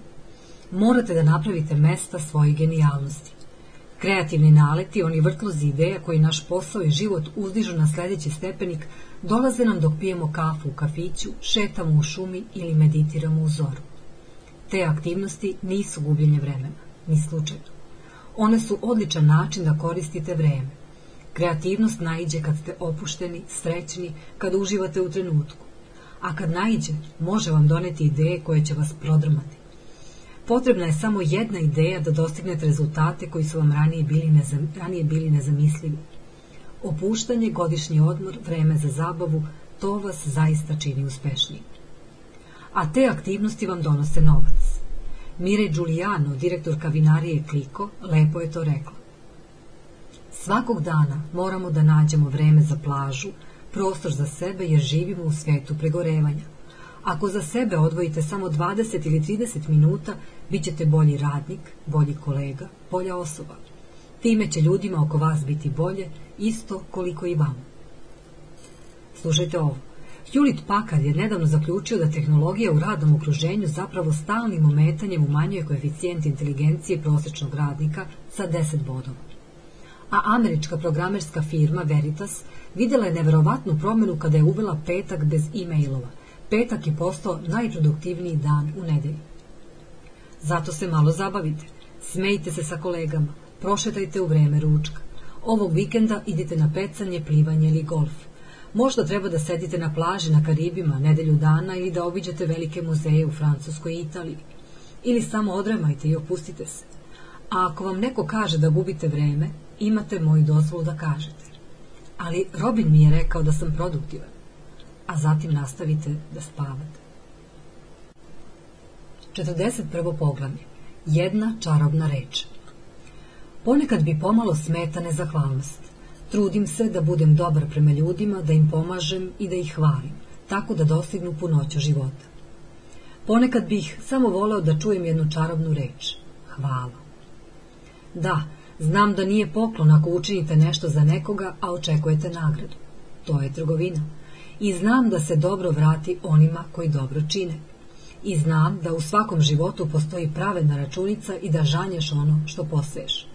Ali bih ipak voleo da češće čujem tu čarobnu reč. Pre neki dan sam doručkovao sa prijateljem. On je pomogao mnogim ljudima u svojoj organizaciji da otkriju svoje mogućnosti, kao vođe i kao ljudi. Pogledao me je i rekao, Robine, Posle svih ovih godina u poslu, na prste jedne ruke mogu da nabrojim ljude koji su mi rekli da cene ono što sam za njih učinio. Verujem da vam prenosim veoma dobru misao. Prema jednom galupovom istraživanju, radnici najčešće daju otkaz ne zato što nisu dovoljno plaćeni, već zato što nisu dovoljno cenjeni. Vaši mozgovi odlaze kod konkurenata zato što im niko nije bio zahvalan. Max Depre, nekadašnji direktor firme Herman Miller, mudro je primetio. Prva odgovornost vođe je da definiše stvarnost. Poslednja je da kaže hvala. Zato još danas nađite malo vremena i setite se ljudi kojima treba da budete zahvalni, koje treba da cenite i da im kažete da vam je značila njihova podrška. Pružite im jedno srdačno i spremno hvala. Ta čarobna reč vas ništa ne košta, ali mnogo toga može da promeni. 42. poglavlje. Koliko vredi svakodnevno umiranje? Ne želim da budem najbogatiji standard groblja. Za mene je dobar život kad sam okružen onima koje volim, kad sam zdrav i srećan. Kad svakog dana koristim svoj potencijal, kada radim ono što volim i kada utičem na svet oko sebe. Kako onda da ostanete posvećeni onome što vam je najbitnije usred svakodnevnih pritisaka života? Svakodnevno umirite. O tome sam pisao u knjizi Kaluđer koji je prodao svoj Ferrari, ali ovo zrno mudrosti vredi ponoviti. Ostvarite dodir sa činjenicom da je život kratak i da niko ne zna kada će završiti, jer je to dobra navika koja će vam pomoći da ostanete posvećeni svojim prioritetima. Ako se svakog jutra budite sa pitanjem kako bih se ponašao da mi je ovo posljednji dan, to nije neka tričava motivacijona vežba. To je duboko misleni način da u život unesete malo podstreka i predanosti. Steve Jobs, direktor Apple-a, bio je vrlo ubedljiv. Niko ne želi da umre, čak i oni koji žele da odu u raj ne žele da umru da bi tamo stigli. Ipak, smrt je naše zajedničko odredište. Niko je još nije umakao, a tako i treba da bude, pošto je smrt verovatno najbolji izum života. Većina nas pusti da nas život vodi, svi spavamo za volanom sobstvenog života. A dani zaista prerastu u nedelje, nedelje u mesece, a meseci u godine. Odjednom se nađemo na samrtnoj postelji i pitamo se kako je vreme proletelo. Razgovarao sam sa mnogim starijim ljudima koji su to izrazili veoma emotivno, sa suzama u očima. Jedan učesnik nedavno održanog seminara je lepo to izneo kada mi je citirao člana svoje porodice. Kada je sunce sijalo dok su radnje bile otvorene, avaj zaboravio sam na kupovinu. A sada je pala noć i setio sam se šta treba da kupim. Imam jedan blagi izazov za vas. Umirite svakodnevno. Svakog jutra dodirnite svoju smrtnost. Zatim se predajte životu. Živite kao da sutra neće ni doći. Rizikujte, otvorite se, govorite svoju istinu. Pokažite poštovanje prema životu koji vam je poklonjen. Zasijajte još danas. Pojurite za svojim snovima. Tragedija je što većina ljudi radije drži se radije drži bezbednosti umjesto da posegne za svojim mogućnostima. A zatim se probudite i posegnite još više. Na kraju će vas se sećati kao jednog od velikih ljudi, a vaša sahrana će biti proslava. 43. poglavlje. Posvećeni klijentima ili otišli na ručak. Ovo poglavlje pišem u subotu ujutro. Probudio sam se lako i rano da dobro započnem ovaj dan nalik na dar. Jedan sat sam potrošio na pisanje dnevnika, a zatim sam čitao i lepo pričao sa decom. Posle toga sam pošao na vežbanje u teretanu koja se otvora u osam. Kad sam stigao, video sam da mnogo ljudi stoji na parkingu. Ova teretana ima most preko vrečice koja vodi do parkinga do glavne zgrade i teniskih terena. Juče je padala monsunska kiša i most se srušio. Nekoliko zaposlenih je procenjivalo štetu. Prišao sam ju. Već je bilo deset do osam i bio sam spreman za dobro i ozbiljno vežbanje koje će mi dati energiju za čitav dan. Ja sam klijent, oni od nas zavis. Nije bilo pozdrava, nije bilo osmeha, nije bilo topline, samo neprekidni razgovor o srušenom mostu. Pitao sam ih da li je teretana i dalje otvorena. Nasmejali su se. Jedan radnik je rekao, neko vreme nećemo raditi. Dobro, momci, značilo bi mi malo više informacija, ali nisam ih dobio. Nisu mi rekli kada bi teretana mogla da proradi, ni gde bih mogao da vežbam dok se ova teretana ne osposobi. Okrenuo sam se imajući nove dokaze da ova firma jednostavno nije shvatila i da joj jednostavno više nije stalo. Nekada jeste. Ranije su pružali odličnu uslugu i izvrsne sprave. Svake godine sam dobio rođendansku čestitku s potpisima svih zaposlenih i uvek su me oslovljavali po imenu kada uđem. Onda je sve počeo da propada. Postali su uspešni. Ništa ne može da propadne kao uspeh. Richard Carion je bio u pravu. Prestali su da obučavaju svoje zaposlene, pustili su da sprave zastare, nas klijente uzeli su zdravo za gotovo. Nije se jedino most tu srušio. Znate li šta se onda desi?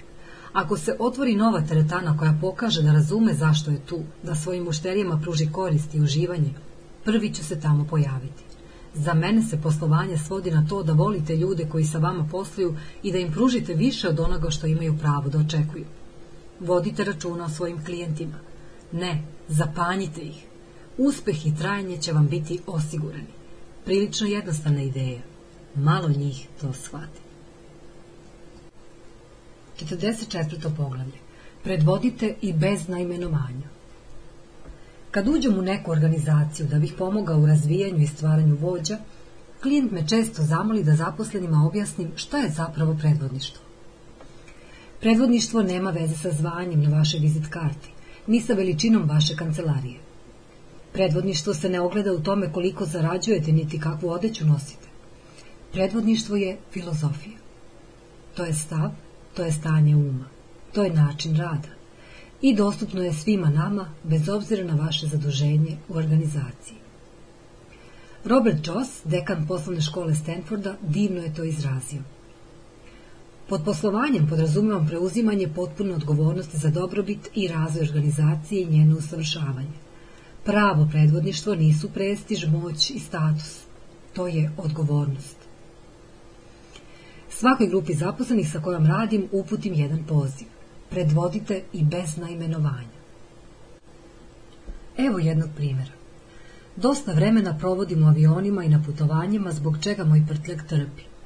Ručka na mom koferu se slomila posle turneje po Rusiji. Na spisak mesta koja morate posjetiti pre nego što umrete obavezno upišite Sankt Peterburg. Nego odnao sam prtljak u Ivex, prodavnicu u Torontu. Mladić za pultom je bio divan prema meni i ručka je popravljena posle nekoliko dana. Savršeno. Kad sam nešto kasnije bio u Njujorku, ručka se opet slomila. Pretpostavio sam da ću morati da platim za popravku kad budem ponovo došao u Ivex. Većina firmi postavlja prepreka pred potrošače. Ako niste sačuvali račun, nemate sreće. Ako ne znate ko je prvi obavio popravku, ne možemo vam pomoći. Ako to niste kupili baš ovde, onda i ne postojite. Pa, Ivex je drugačiji. Oni jednostavno razumeju. Jasno im je da nema poslovanja ako nisu dobri prema svojim mušterijama. Nisu zaboravili ko im svakog dana donosi hranu na sto. Postavite se prema svojim potrošačima kao da su plemići i nema šanse da ne uspete. Kad sam objasnio da se ručka ponovo polomila, devojka za pultom, bez trenutka oklevanja, izvinila se zbog onoga kroz što sam prošao. Zatim je rekla, obećavamo vam da će vaš kofer biti savršen za tri dana. I naravno, gospodine, bez nadoknade. Nikakva birokratija koja zahteva račun sa prethodne popravke. Nikakvo maltretiranje, nikakav problem, samo odlična usluga i ogroman osmeh. Ta žena je pokazala pravo predvodništvo. Brzo je utvrdila problem, preuzela ličnu odgovornost i donela pravu odluku. Ponudila je rješenje umjesto da uvećava problem. I usput je oduševila mušteriju. Ona nije vlasnica, ona nije nadležna, nije ni menadžer, samo vođa bez naimenovanja. 45. poglavlje. Ispunite svoj deo. Veliko pitanje za vas. Šta radite da bi nastao novi i bolji svet? Nemojte kriviti političare, nemojte kriviti ljude oko sebe, nemojte kriviti svoje roditelje i svoje poreklo. Tako glumite žrtvu, a ovaj svet već ima suviše onih koji glume žrtvu umjesto da prilože svoju genijalnost i izazovu značajne promene. Majka Tereza je to rekla daleko bolje no što bih ja umeo. Kad bi svako od nas počistio samo ispred svoje kuće, čitav svet bi bio čist. Kad krivite druge, zapravo opravdavate sebe. Ako sebi kažete da vi, kao vojska od jednog čoveka, ne možete ništa da učinite, onda bacate svoju moć. Nedavno su se posle uragana dvoje studenata dokopali praznih školskih autobusa i odvezli se na pogođeno područje dok su svi tvrdili da se u grad ne može ući. Mali čovek ogranut suknom po imenu Mahatma Gandhi oslobodio je čitavu naciju. Žena po imenu Rosa Parks osnovala je pokret za ljudska prava zato što je odbila da sedi u zadnjem delu autobusa. Obični ljudi zaista mogu da postignu neobična dela. Sviđa mi se ono što je osniva, osnivačica body shopa Anita Rodik jednom rekla. Ako mislite da ste suviše mali da biste bili uticajni, probajte da zaspite s komarcem u sobi. Živite prema pravilima Jennifer Aniston. U jednom izdanju časopisa Vanity Fair, Anistonova je rekla kako sebi da jedan dan da glumi žrtvu koje, kada doživi nešto teško. Posle toga, ako se i sutradan osjeća nemoćno i sažaljava samo sebe, probudi se i prihvati odgovornost za svoj život. Preuzima ličnu odgovornost za svoj udeo u problemu, makar to bio samo jedan procenat. To je lično predvodništvo na delu. Nije bitno ko ste i odakle ste. Sposobnost da uspete počinje od vas. Uvek. Rekla je čuvena Oprah Winfrey. Šta vam se ne sviđa u životu, u firmi u kojoj radite, u zemlji u kojoj živite? Napravite spisak, zapišite, viknite, a zatim uradite nešto da popravite okolnosti. Bilo šta. Počnite od sitnog ili od krupnog, samo nešto učinite. Pogodite šta će se desiti kada uvežbate svoju moć odlučivanja. Vaša moć raste, a dok radite u svom polju da biste nešto popravili, znate šta se desi? Vaše polje uticaja se širi. Zato ispunite svoj deo. Danas, sada. Sve će zbog toga biti bolje. 46. poglavlje. Da li se igrate? Prošlog vikenda sam odvezao svog sina Kolbija kod drugara. Kad je drug prišao kolima da se pozdravi, pitao sam. Momci, šta ćete da radite? Dobio sam veliki odgovor.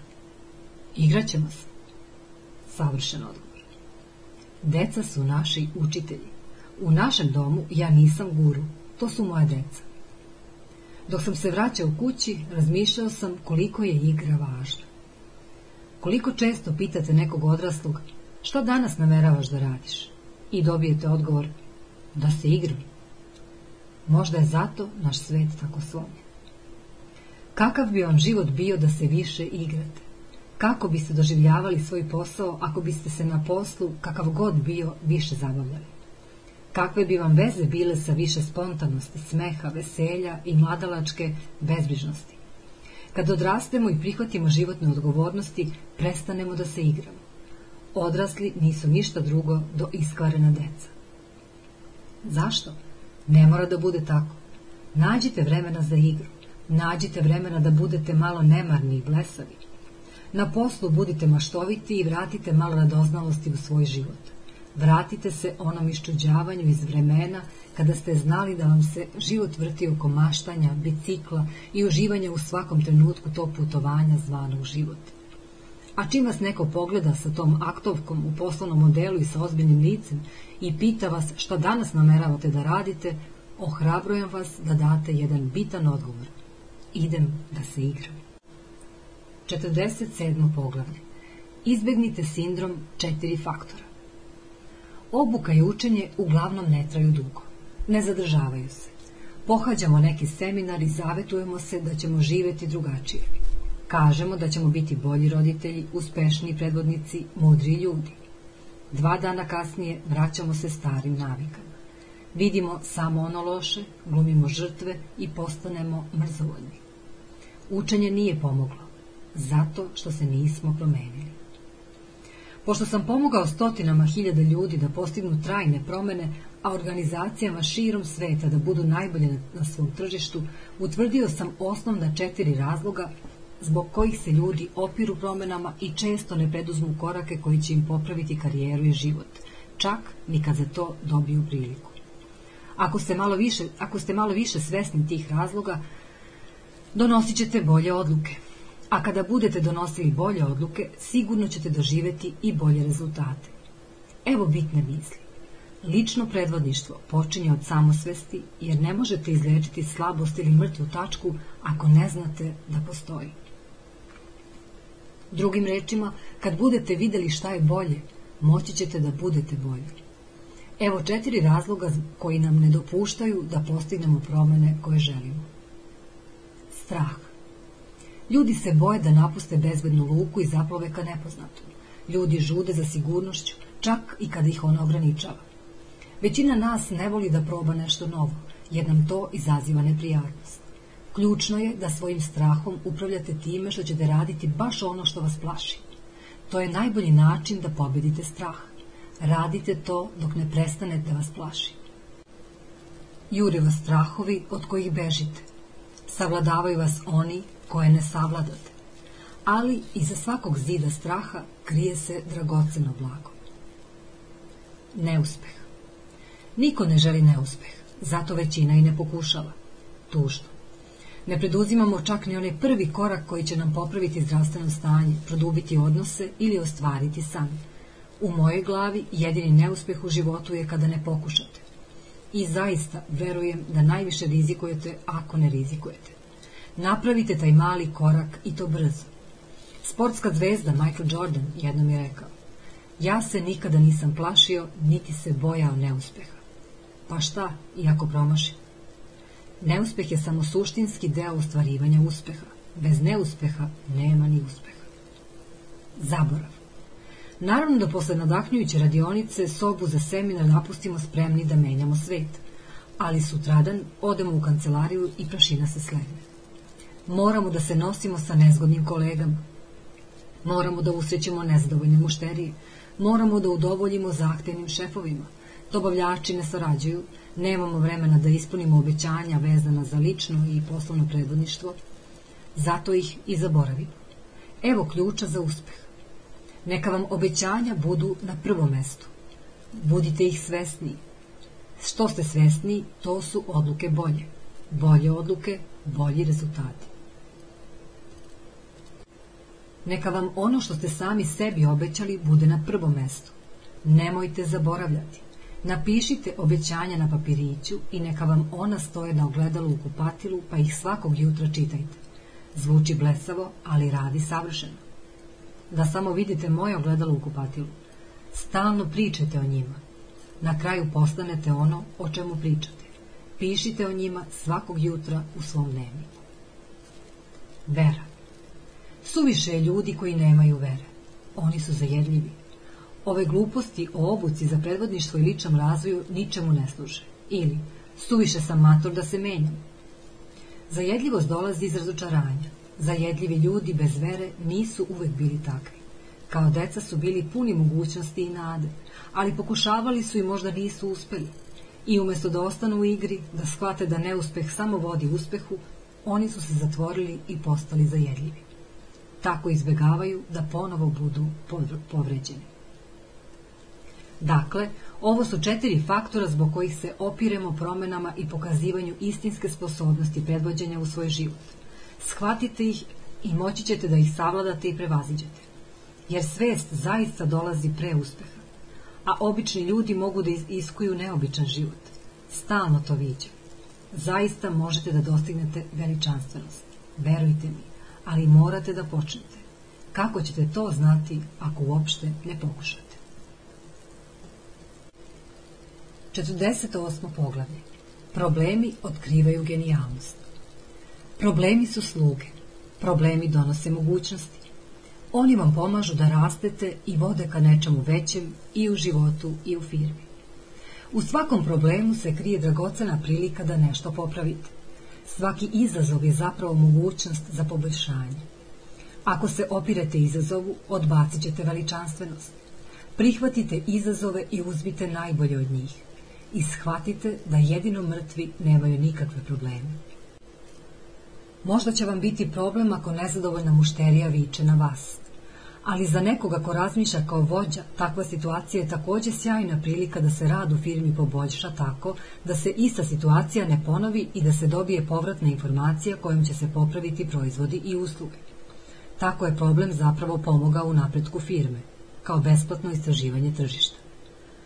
Možda će vam se sukob s kolegama učiniti kao problem. Ali ako razmišljate kao vođa i okolnosti iskoristite da biste izgradili razumevanje, poboljšali komunikaciju i obogatili odnose, zapravo ste, zahvaljujući tom problemu, postali bolji. Poteškoća vam je lepo poslužila za lični razvoj. Hvala na tome. Možda će vam razvod ili gubitak nekoga koga ste voleli biti problem. Naravno da je bolno. Bio i video što se razvoda tiče ali mene su moja najtužnija iskustva oblikovala. Donala su mi pravi uvid, saosećajnost i mudrost. Dala su mi samosvest. Zbog njih sam postao ovakav kakav sam sad. Ne bih ih menjao ni za što na svetu. Problemi otkrivaju genijalnost. Organizacije na svetskom nivou posjeduju kulturu koja na probleme gleda kao na prilike za napredak. Nemojte ih osuđivati. Učite od njih. Ljudima na svetskom nivou rane donose mudrost. Oni svoj neuspeh koriste kao odskočnu dasku za uspeh. Oni ne vide probleme, vide mogućnosti i zbog toga su veliki. Zapamtite, greška je greška, tek ako je ponovite. 49. poglavlje. Volite ono što vam smeta. Sve ono što vas izluđuje zapravo su ogromne prilike. Ljudi koji vas nerviraju su zapravo vaši najbolji učitelji. Nešto što vas ljuti zapravo je najveći poklon. Budite zahvali na tome. Volite ih. Ljudi ili okolnosti koji vas izbace iz ravnoteže imaju izuzetnu vrednost. Oni vam otkrivaju uverenja, strahove i lažne pretpostavke koje vas ograničavaju. Proslavljeni psiholog Carl Jung je jednom rekao Sve što nas nervira kod drugih može nam pomoći da bolje razumemo sami sebe. Moćan zaključak. Koliko biste platili onome ko bi tačno mogao da vam kaže šta vas putava da živite najbolje što možete? Koliko bi vam koristilo da dobijete podatke o tome zašto niste baš tamo gde ste uvek maštali da budete? Ono što vas nervira, razdražuje i ljuti, polazne su tačke ka napretku i usponu. To su jasni znaci koji vam govore na čemu treba da poradite i sa kojim strahovima treba da se suočite. To su da, darovi za razvoj. Možete kriviti ljude zbog kojih se nervirate i sve prebaciti na njih. Ili biti dovoljno mudri da zavirite u sebe i otkrijete razloge svoje negativne reakcije. Iskoristite izazove da biste razvili samosvest. Jer kako uopšte možete savladati strah kojeg niste ni svesni? I kako možete prevazići neku nesigurnost ako uopšte ne znate da je imate? Kad spoznate svoje lične slabosti i prihvatite odgovornost za njih, vi zapravo započinjete proces njihovog odbacivanja. Senke počinju da nestaju. Postajete snažniji, moćniji, više ličite na ono što treba da budete. Počnete da gledate sve drugim očima. Ljudi zaista mogu da dostignu najbolje. Svakog dana to vidim. Halil, Halil Džibran, jedan od mojih omiljenih mislilaca, jednom je napisao Ćutanje sam naučio od pričljivih, toleranciju od netolerantnih, a ljubaznost od neljubaznih. Čudno je, ali zahvalan sam tim učiteljima. Zato, kad vas sledeći put iznevira kolega ili rođeno dete, kada vas naljuti neljubazan konobar, priđite im i zagrlite ih. Zahvalite im na daru koji su vam upravo dali, jer zaista jesu. 50. poglavlje. Govorite kao superzvezda. Reči kojima se služite određuju kako se osjećate. Jezik koji odaberete oblikuje vaše viđenje stvarnosti. Rečnik vam unosi značenje u život. Molim vas, razmislite o ovome. Verujem da je značajno. Poslovne superzvezde koje sam obučavao među najživaknijim su ljudima koje poznajem. A njihov način govora odražava njihovu predanost da pokreću i uzdižu druge. Njima ne bi palo na pamet da neuspeh nazovu problemom oni bi to nazvali prilikom da stvorimo nešto još bolje. A onda, kao magija, taj pozitivni govor u njima izazove niz pozitivnih osjećanja koja im pomognu da ne budu žrtva, nego pobednik u najzgled teškim okolnostima.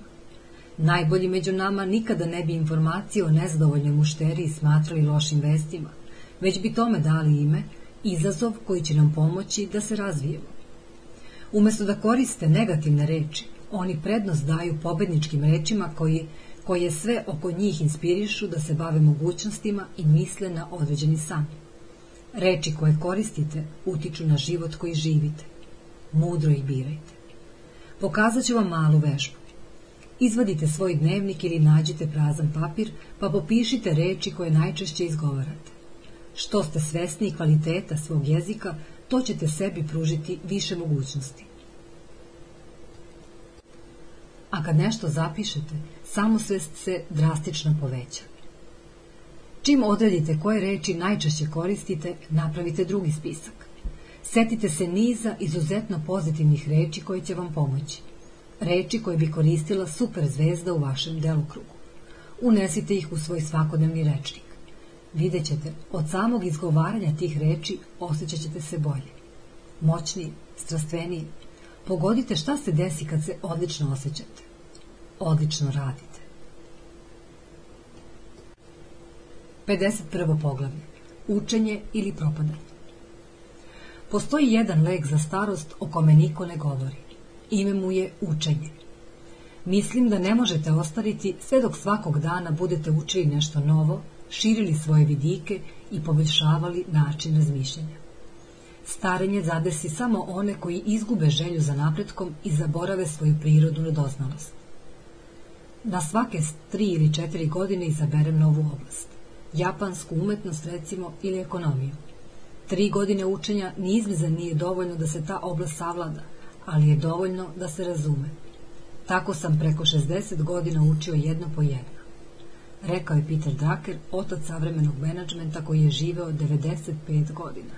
Neverovatan čovjek. Prošle godine sam imao priliku da nekoliko sati provedem u razgovoru sa Šimonom Peresom, nekadašnjim premijerom Izraela i dobitnikom Nobelove nagrade za mir. Tada je imao skoro 82 godine. Primetio sam da su mu oči blistale dok je govorio o svojoj ljubavi prema knjigama, velikim idejama i učenju. Pitao sam, gospodine Perez, kada čitate? Odgovorio je, Robine, a kada ne čitam? Čitam kad se probudim, kad mogu preko dana i baš svake večeri. Vikend uglavnom provedem u čitanju dobrih knjiga. Knjige su moji večiti drugovi. Zatim je uz osmeh dodao. Ako tri puta dnevno jedete, bit ćete siti, ali ako tri puta dnevno čitate, bit ćete mudri.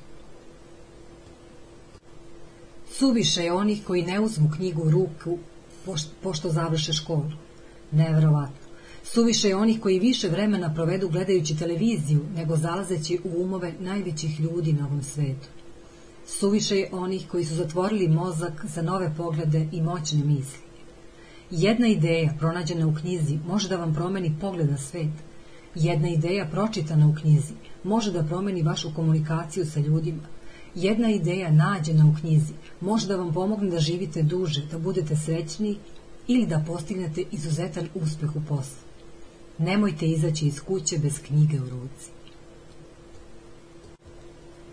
52. poglavlje.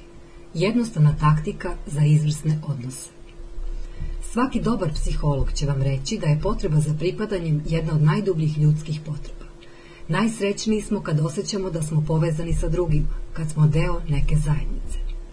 Vrhunski izvođači u poslovanju postave sebi kao prioritet da izgrade odnose s kolegama i klijentima.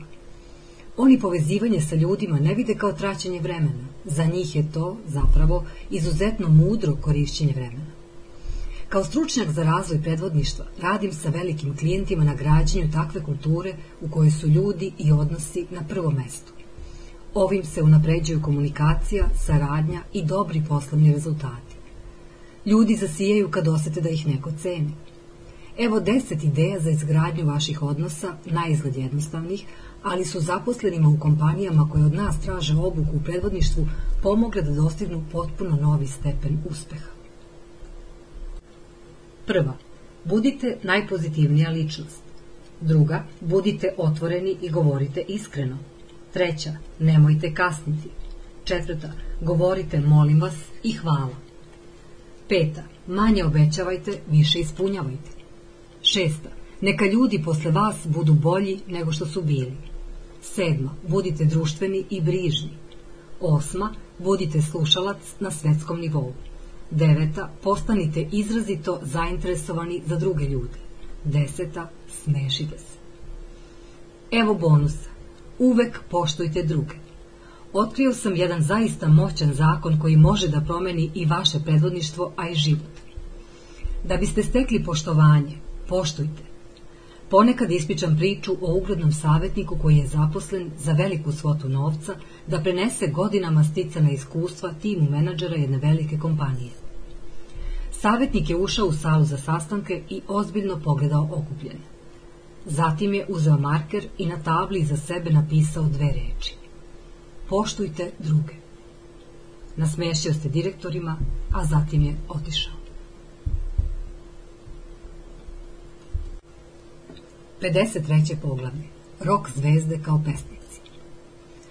Ja volim muziku. Shvatio sam da mi muzika ulepšava život. Dodajte svakodnevici malo muzike i ona postaje izuzetna. Pre nego što sam napisao ovo poglavlje, odvezao sam decu u školu.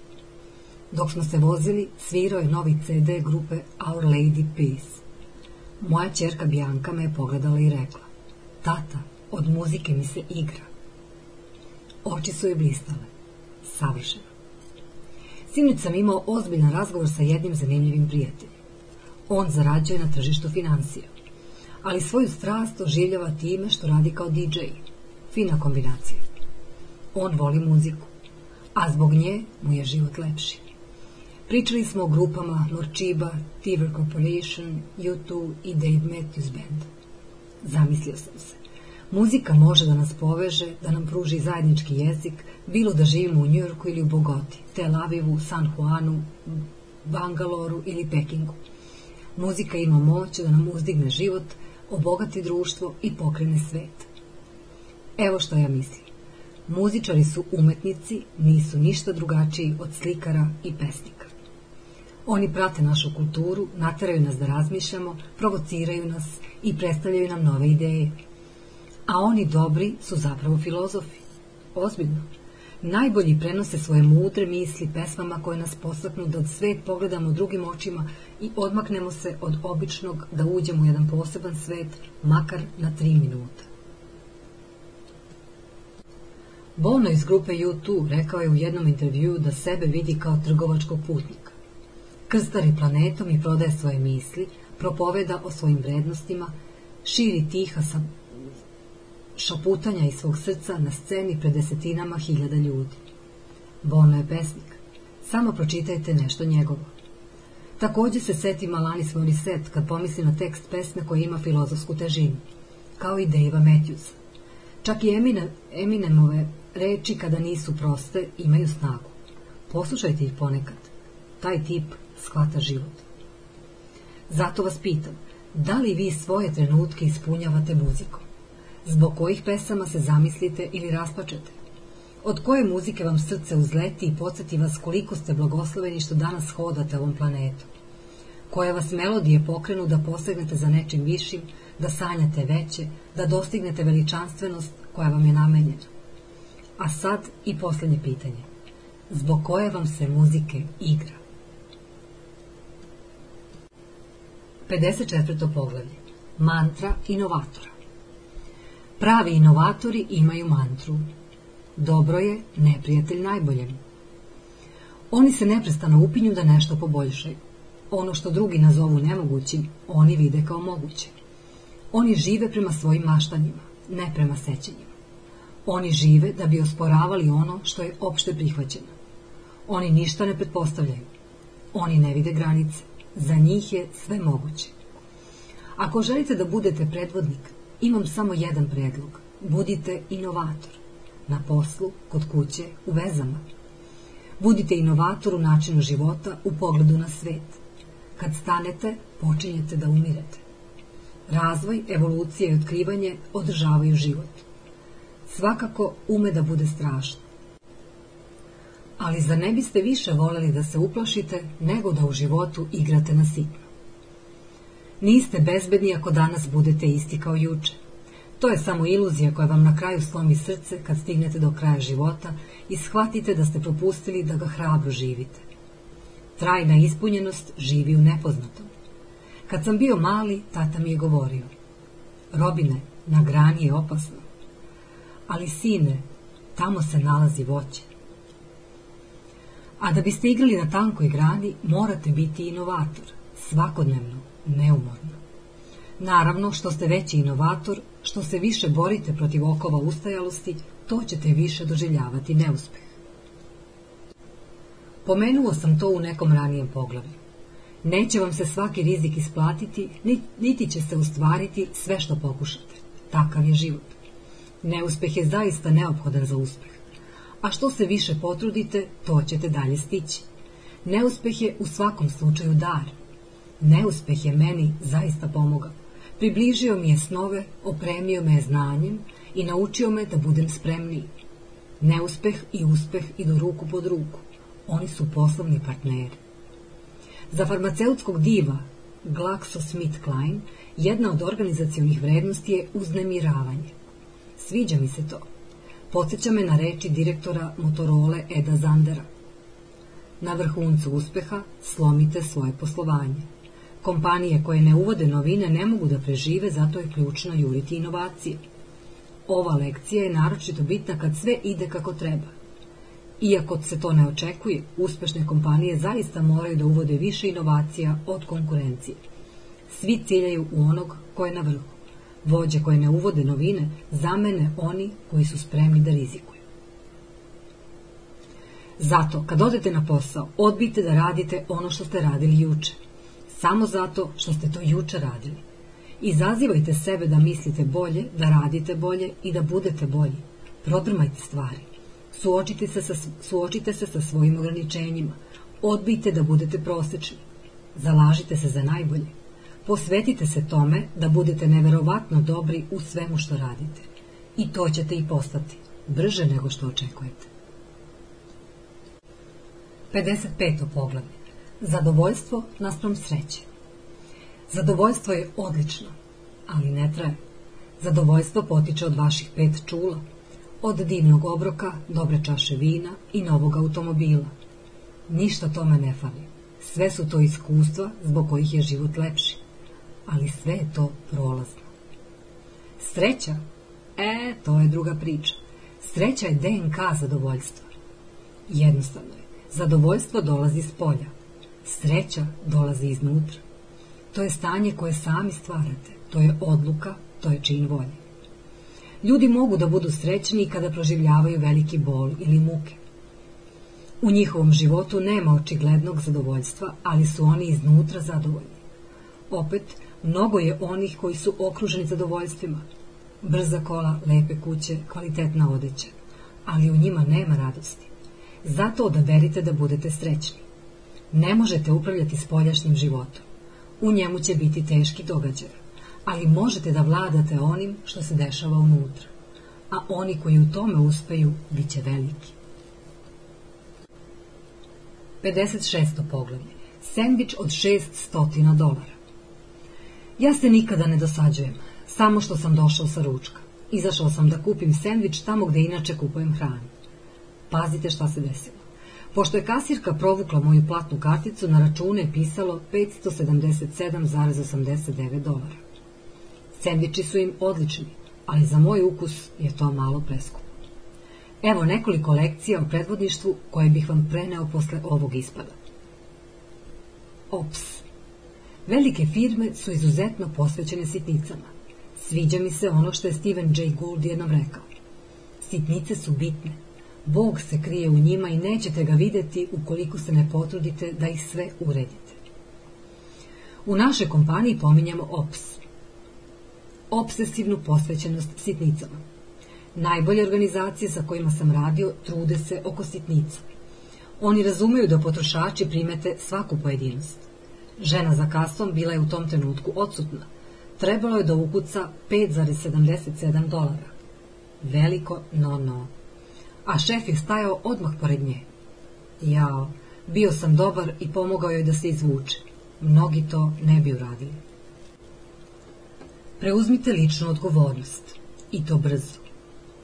Kad sam proverio račun i video neverovatnu grešku, ljubazno sam je predočio kasirki. Njen odgovor je bio uobičajen. Da li ste proverili iznos pre nego što ste ga odobrili? Niko više ne želi da preuzme krivicu. Krivimo druge. Nekoliko minuta kasnije se pribrala i iskreno se izvinila. Jasno mi je da se samo uplašila kada je videla šta je uradila. Kad se uplaše, ljudi većinom krive druge da bi izbegli bolno prihvatanje sobstvene greške. Vodite računa. Srećan sam što sam proverio račun. Ponekad to ne uradim zato što mi je glava u oblacima, sanjam kako bih promenio svet. Ali prave vođe vode računa. Oni nikada nisu odsutni. Ponovo ću ići tamo. Vlasnik mi je besplatno dao sendvič i svi su bili postiđeni. Ali moje poverenje je ozbiljno narušeno i morat će da se potrude da ga povrate. Molim se da im to pođe za rukom, jer su im sendviči zaista odlični. 57. poglavlje. Dobar posao je dobar za posao. Evo jednostavne ideje koja će imati fantastičan uticaj na vašu firmu i karijeru čime primenite. Ljudi žele da rade za dobru kompaniju, ne samo dobro organizovanu, već posvećenu stvaranju boljeg sveta. Imati dobro poslovanje je dobro za poslovanje. Nije to neki jeftini slogan koji sam smislio, to sam primetio pošto sam radio sa pravim ljudima u pravim kompanijama širom sveta. Najbolje kompanije imaju plemenit cilj i jasnu nameru da se dobro ophode sa svojim ljudima i mušterijama. Odlične kompanije razumeju da je izuzetno važno da budu veoma unosne, ali i da je isto toliko važno da budu društveno odgovorne. Mnogi naši klijenti su pokrenuli programe za pomoć siromašnima ili poboljšanje zajednica. Divim im se što više, više nego što pretpostavljaju. Ponos je nešto o čemu se u poslovnim krugovima ne priča mnogo. Šteta. Ja sam utvrdio da ljudi žele da idu na posao sa ponosom u srcu. Žele da se osjećaju dobro zbog kompanije za koju rade. Žele da znaju da njihova kompanija i posao koji obavljaju gradi bolji život i utiče na promene. Poslovni filozof Peter Kostenbaum je dobro to izrazio u odličnoj knjizi Predvodništvo unutrašnja strana veličanstvenosti, u kojoj kaže Poslovanje je pre svega sredstvo da kao ličnost i kao firma postignete veličanstvenost. Namenjeno je postizanju nečeg vrednog i plemenitog. Poslovanje je institucija koja vam može pomoći da značajno doprinesete društvu.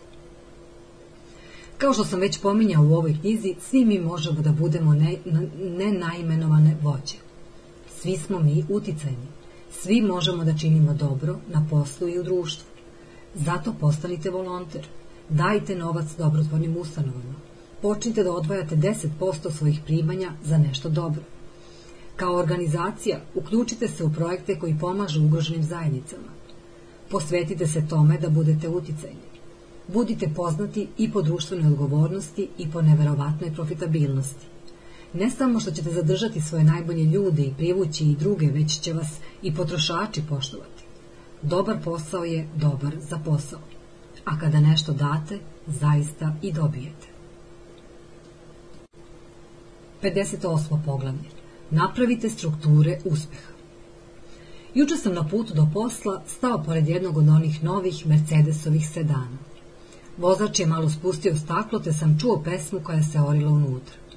We are the champions, grupe Queen. To me je podsjetilo na jednog direktora sa našeg sastanka posvećenog predvodništvu koji držimo nekoliko puta godišnje. On upravlja velikom kompanijom. Rekao mi je da je pre velikih odluka sluša pesmu Back in Black grupe ACDC maksimalno pojačano. Zanimljivo. Kakve navike nataraju vas da date sve od sebe? Koji rituali vas najbolje uigraju? Koja vas to taktika podstakne da zaista zablistate? Da bismo ostali na vrhu, svima su nam potrebne strukture uspeha uklopljene u nedeljni raspored. Svima nam je neophodno da svakog dana imamo sistem koji nam obezbeđuje stalne rezultate, red i izvrsne ishode. Najbolje kompanije imaju sisteme koji, koji im obezbeđuju kontrolu kvaliteta. To treba da imate i vi. Ozbiljno pristupite izgradnji takvog sistema i pokazat ćete da ste ozbiljno posvećeni uspehu. Kao što sam već pomenuo, meni pomaže dosta vežbe, energična muzika, dobre knjige, nedeljni sastanci sa prijateljima koji me nadahnjuju i vođenje dnevnika. Sve to uklopim u svoju nedelju kao i najvažnije sastanke i vreme koje provodim s decom. Uspeh se ne dešava tek tako. To je projekat na kome se svakodnevno radi. Morate da doplivate do njega. Morate da ga ostvarite i da dozvolite da se ostvari tako što ćete dati sve od sebe. Kako je Václav Havel jednom primetio, vizija nije dovoljna. Ona se mora spojiti sa poduhvatom. Nije dovoljno samo da se zagledate u stepenik. morate i da zakoračite na stepenice. Pa šta ćete vi danas uraditi da se pokrenete? Nemojte odlagati svoju veličanstvenost. Ovo je vaše vreme. Ako ne sada, kada onda? 59. poglavlje. Pobeđuje onaj ko najviše iskusi. Velika misla. Zašto biste čekali da ostvarite da biste postali iskusni? Želim iskustvo starca dok sam još mlad, a čini mi se da sam smislio i kako to da postignem. Prekinuću vremenski tok. Ljudi uglavnom ne rizikuju dovoljno, ne vode dovoljno novih razgovora, ne čitaju dovoljno novih knjiga, niti dovoljno putuju. Ako se budem bavio ovim i drugim stvarima koje povećavaju iskustvo, cenim da bih mogao da steknem iskustva i lekcije vredne 10 godina za četvrtinu tog vremena. Jednostavno savladajte vremenski tok tako što ćete ono što je važno raditi brže i ranije. Samo se posvetite tome. Samo unesite više života u svoje dane. Svima nam je dato isto vreme. Svako od nas dobija 24 časa dnevno. Tužno je što većina ljudi previše vremena troši na nevažne stvari. Žive pružajući otpor. Kažu da nečemu čemu treba da kažu ne. Plutaju kao parče drveta u reci, kreću se kako ih vetar nosi. A sve zato što nisu našli vremena da misle o svojim prioritetima, o svojim snovima i ciljevima, ani da zabeleže šta žele od života. Ljudi tako izgube i po dobrih 20 godina. Ozbiljno. Ako raščistite šta želite od života, postaćete svesniji šta vam je važnije. Što ste svesni, to donosite bolje odluke.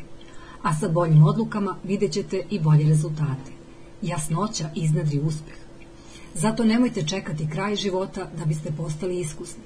Savladajte vremenski tok. Razjasnite šta treba da iskusite da bi vam život bio ispunjen, a onda počnite to da radite. Upoznajte zanimljive ljude, idite na lepa mesta, Čitajte pametne knjige, iskoristite priliku. Ako često doživite neuspeh, to je samo odraz vašeg domašaja i rizikovanja. Šta vas briga jeste li dobili ili izgubili ako ste stekli još jedno iskustvo? Čak vam i najtužniji trenuci bogate život. U svojoj divnoj knjizi Umetnost mogućnosti Benjamin Zander, dirigent Bostonske filharmonije, iznao je misao svog učitelja, velikog violončeliste Gaspara Kasada. Meni je vas žao, Život vam je tako jednostavan. Ne možete da svirate veliku muziku ako vam srce nije bilo slavljeno. Što je više iskustava, to je život bolji. Pobeđuje onaj ko najviše iskusi. 60. poglavlje. Brendirajte kao Didi. Kad sam se jutros probudio, malo sam se opuštao. Slušao sam malo Coltrane'a, malo Šade, a zatim pustio Didija. To je umetnik koji se ranije zvao Puff Daddy, zatim P. Didi, moje ime sada zvuči tako dosadno. Trebalo mi je nešto da me pokrene i da probudi decu. Razmišljao sam o njemu i o poslovnom carstvu koje je izgradio, o brendovima. Da biste pobedili na tržištu, vaša organizacija mora da razvije brend koji će se neverovatno ceniti i izuzetno poštovati. Da biste postigli profesionalni uspeh, predlažem da izgradite, obradite i zaštitite svoj lični brend. Dobro ime. Možda će vam trebati i 30 godina da biste izgradili reputaciju i samo 30 sekundi da izgubite, samo jednom lošom odlukom. Danas se svi bave stvaranjem brendova, pravne firme, računovodstvena preduzeća, veleprodajne organizacije. Paris Hilton je nedavno rekla, ja sam brend. Postavlja se sledeće pitanje. Kako da svoj brend pomaknemo s mesta i dovedemo ga tamo gde želimo da bude? Moj odgovor je jednostavan kopirajte Didija. Naravno da možete da čitate raspoložive knjige. Ima odličnih, na primjer Ljubičasta krava, Seta godina i 22 nepromenljiva zakona brendiranja Ala Risa i njegove čerke Lori. I svakako možete da uložite u to da vaši menadžeri brendire, brendiranja dostignu svetski nivo. Ali jedan jednostavan predlog, uštedeće vam nešto novca, proučite hip-hop umetnike kao što su Didi, 50 Cent i Jay-Z naučit ćete sve što treba da znate o tome kako da se brend digne do neba. Ti momci su neverovatni. Stalno se obnavljaju, neumorno uvode novine, beskrajno napreduju, ubace jedan hit album koji njihovo ime, pardon, brend, utisne u svet javnosti, a zatim ga prošire na odeću, knjige, filmove, parfeme itd. Proučite kako oni grada zajednicu, učvršćuju vernost i ucrtavaju ljudima pravo u glavu ono za što se zalažu. Evo jednog nezaboravnog citata Jay-Z. Nisam ja poslovni čovek, ja sam posao čoveče. 61. poglavlje. Pozabavite se blagoslovima. Proklinjao sam to što nemam cipele, dok nisam sreo čoveka koji nema noge. Glasi jedna persijska izreka. Jeza me prođe od te rečenice. Kogoda je to napisao, shvatio je. Lako se upadne u tu ljudsku zamku da se bavimo onim što nemamo, umjesto da budemo zahvalni na onome što imamo. Kladim se da ste više blagosloveni nego što primećujete. Milijardu dece je sinoć zaspalo gladno. Po čitavom svetu ima onih koji su ostali bez članova porodice koje su obožavali. U vašoj okolini ima ljudi koji umiru od raka i side. Skoro sam čitao o devojčici koja se rodila bez lica. Ima samo dva oka i usta, a nas brine gužva u saobraćaju na putu do posla. Evo jedne reči o kojoj bi trebalo da razmislite. Gledanje. Proputujte više i šire ćete gledati na ovaj naš svet. Pričajte sa ljudima s kojima nikada niste pričali i drugačije ćete gledati život. I slavite ono čime ste u životu blagosloveni, pa ćete shvatiti koliko ste srećni. U prirodi nam je da cenimo tek ono što smo izgubili. Borite se protiv toga. 62. poglavlje. Ko rano rani? Juče sam prvi govorio na konferenciji predvodničkog tima odeljka CIBC za telefonsko bankarstvo. Divna grupa. CIBC je jedna od najvećih banaka u Kanadi, a publika je bila pametna, strastvena i puna energije. Iznao sam svoje ideje o izgradnji kulture uspeha, razvijanju dubljih odnosa i moći predvođenja bez naimenovanja. Zatim sam pomenuo neke svoje stavove o ličnom predvodništvu, počevši od toga da je rano ustajanje obavezno za onog ko želi da dostigne svetski nivo. Čitava sala je začutala. Učinilo mi se da sam ih izgubio. Volim da ostvarim dodir sa ljudima iz publike i rado sam ostao posle prezentacije da odgovaram na pitanja. Neverovatno je koliko me ljudi pitalo šta im je potrebno da bi se navikli da rano ustaju. Želim više od života, rekao je jedan menadžer. Dopao mi se vaš stav o svetom času svakog jutra. 60 minuta da nahranim um, zbrinem svoje telo i razvijem ličnost, rekao je drugi. Život tako brzo prolazi, primetio neko. Stvarno moram da počnem da ustajem ranije kako bih bolje iskoristio dan. Tako je lako zaboraviti da je naš spoljašnji život odraz unutrašnjeg života i da će nam dani biti neuporedivo bolji ako svakog dana ustanemo ranije da iznutra malo poradimo na sebi. Kako da bližnjima budete izvor pozitivne energije ako je ni vi nemate? Kako da razvijete najbolje u drugima ako niste u vezi sa najboljim u sebi? I kako da pomognete nekome ako u sebi ne vidite ličnost koja može da im pomogne? Rano ustajanje da biste iznutra radili na sebi, ojačali svoje misli, izoštrili životne stavove ili pretresli ciljeve, nije gubljenje vremena. Taj sveti čas ispunjava svaki minut vašeg dana pogledom koji uzdiže svaku oblast vašeg života. To će vas izmeniti. Pomoći će da budete bolji vođa, bolji roditelj, bolji čovek. Evo šest praktičnih saveta koji će vam pomoći da ustanete rano. Pet ujutru je fino. Nemojte jesti posle sedam uveče. Spavaćete i bolje i slađe. Najbitniji je kvalitet, a ne kvantitet sna. Nemojte lenčariti u krevetu, kad se budilnik oglasi. Iskočite iz kreveta i započnite dan. Što duže ležite u krevetu posle budilnika, to su veće šanse da će vam glas u glavi reći nešto kao Ostani u krevetu, spava još malo. Krevet je topao, zaslužio si. Postignite vrhunsku kondiciju. Ovo je odlična ideja. Utvrdio sam da mi je lako da iskočim iz kreveta u pet, čak četiri ujutru, ako sam fizički u odličnom stanju. Ako pet do šest puta nedeljno vežbam i hranim se izuzetno dobro. Budite u formi jer je to odličan potez koji će pozitivno uticati na svaki deo vašeg života. Postavite viceve. Jim Collins je iskovao skraćenicu vic sa značenjem veliki izuzetni ciljevi u svojoj knjizi Građeno da traje. Ciljevi vam unose živost i energiju u dan. Ljudi uglavnom ne ustaju rano jer za to nemaju razlog. Tajna strasti je svrha. Ciljevi vas nadahnjuju i daju vam povod da izjutra ustanete iz kreveta. Ako uzmete dnevnik i u suštinskim oblastima svog života odredite ciljeve za 10, 5, 3 i 1 godinu, usmerit ćete svest i dostići neverovatne rezultate. To će zapaliti plamen u vama i ispuniti vas strašću. Namestite budilnik da žuri pola sata. Ovo sam misao iznao nedavno na radionici Vikend za buđenje najboljeg u sebi, gde su se okupili ljudi iz čitavog sveta da bi naučili da se izbore sa svojim strahovima i prožive život najbolje što se može. Upravo sam dobio e-mail od jedne učesnice iz Španije. Ovaj mali trik joj je promenio život. Ona misli da se budi u šest, ali kad ustane iz kreveta shvati da je tek 5 i 30. Novo otkriveno vreme koristi za meditaciju, čitanje ili vežbanje. Ona sada vodi računa o svom unutrašnjem životu i rezultati su odlični. Posao joj nikada nije bio uspešniji, porodični život joj nikada nije bio bolji. I mnogo je srećna. Znam da ova taktika zvuči smešno, ali deluje. Dajte ovome 30 dana. NASA je jedan od mojih omiljenih klijenata. Oni sada koriste naš program od Gaj vođu da bi kod zaposlenih razvili sposobnosti predvođenja. Volim ovu organizaciju zato što zaista pripada svetskom vrhu. NASA me između ostalog naučila da Space Shuttle potroši više goriva u prvih nekoliko minuta posle poletanja nego za čitav obilazak oko planete. Zašto? Zato što isprva mora da se izbori sa jakom gravitacijom, ali pritom sve lakše leti. Treba o tome razmisliti. Lična promena je najteža u početku. Ne dešava se za dan, ni za nedelju. Potrebno je vreme da savladate gravitaciju svojih starih navika. Ali za četiri nedelje vaš život bi mogao da bude daleko bolji ako tako odlučite. Uvek sebi dajte 30 dana da prihvatite novu naviku.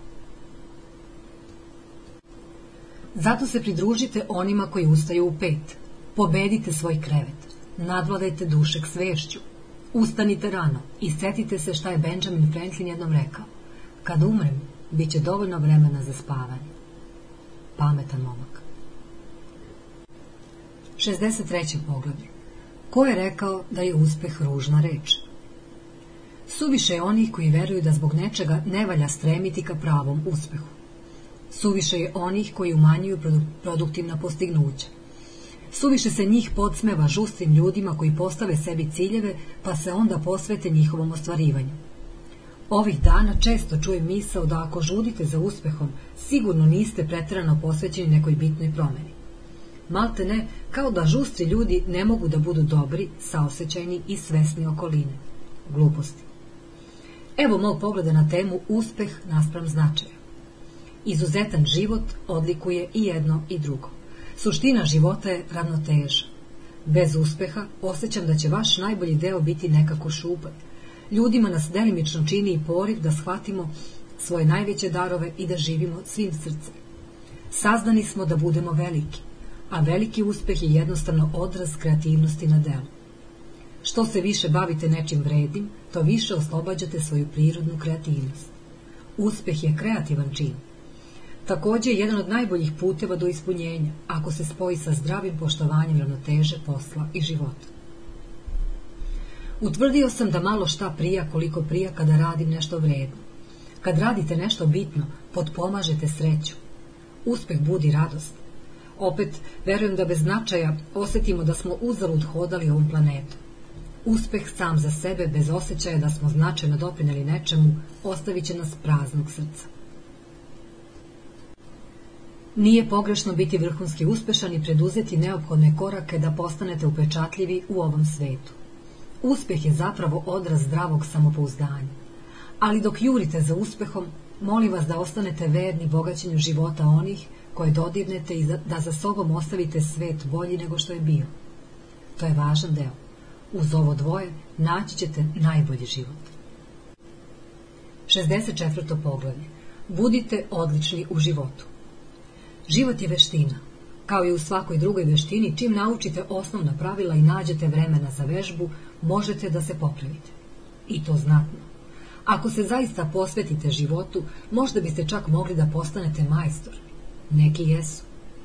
Predlažem tri jednostavne tehnike koje će vam pomoći da budete odlični u životu. Prva. Obratite pažnju na život. Nađite vremena da razmislite šta hoćete od svog života, šta ste dosad naučili i kako će biti vaše zaveštanje. Vreme nam izmiče kroz prste kao zrna peska i nikada se ne vraća. Iskoristite vreme da uvidite svoj talenat. Setite se jedne rečenice Erme Bomberg. Kad na kraju života budem stala pred Boga, nadam se da mi neće ostati ni jedan dar i da ću moći da kažem. Iskoristila sam sve što si mi dao. Pokušajte da svakog jutra zapišete nešto u dnevnik pre nego što izađete u svet. Razmislite šta morate da uradite da bi vam dan delovao uspešno i zapišite to. Pomislite šta najviše vrednujete. Razmislite šta ste naučili od prethodnog dana. Kakva je korist od greške ako iz nje ništa ne naučite? Druga tehnika, učestvujte u životu. Anđelina Jolie je rekla istinu. Živećete jedino ako se životu ludački posvetite. Nešto sam naučio dok su godine proticale. Život vraća ono što mu date. Dajte sve od sebe.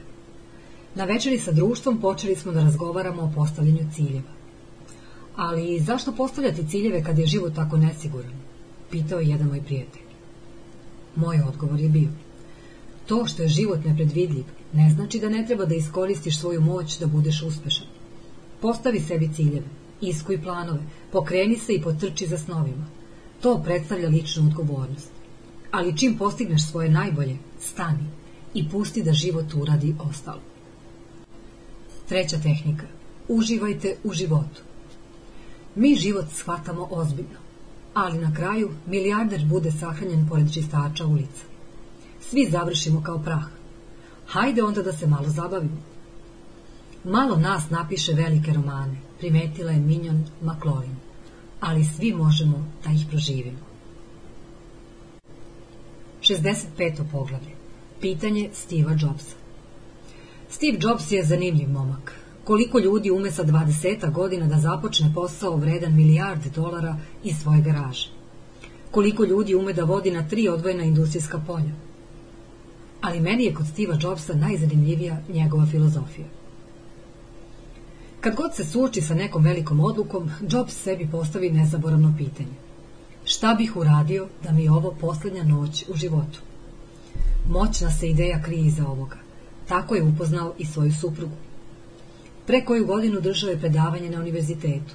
Ona je sedela u publici. Dopala mu se, pa je prišao posle govora. Dala mu je svoj broj. Hteo je da izvede iste večeri, ali imao je zakazan poslovni sastanak. Život je takav. Dok se vraćao do automobila, postavio je sebi pitanje koje ja zovem pitanje Steve'a Jobsa. Šta bih uradio da mi je ovo poslednja noć u životu? Svi znamo kako je glasio odgovor. Otrčao je nazad u salu, pronašao tu ženu i izveo je. Od tada su zajedno. Slušajte, znam da svi mi moramo da budemo praktični. Jasno mi je da pitanje Steve'a Jobsa ne može da se primeni na svaku situaciju.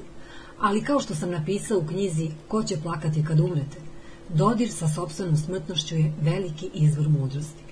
Ako se podsjetite da nećete dugo biti ovde, koliko god da živite, to je odličan način da postaknete strast, da budete spremni da rizikujete i da zaista učestvujete u igri života.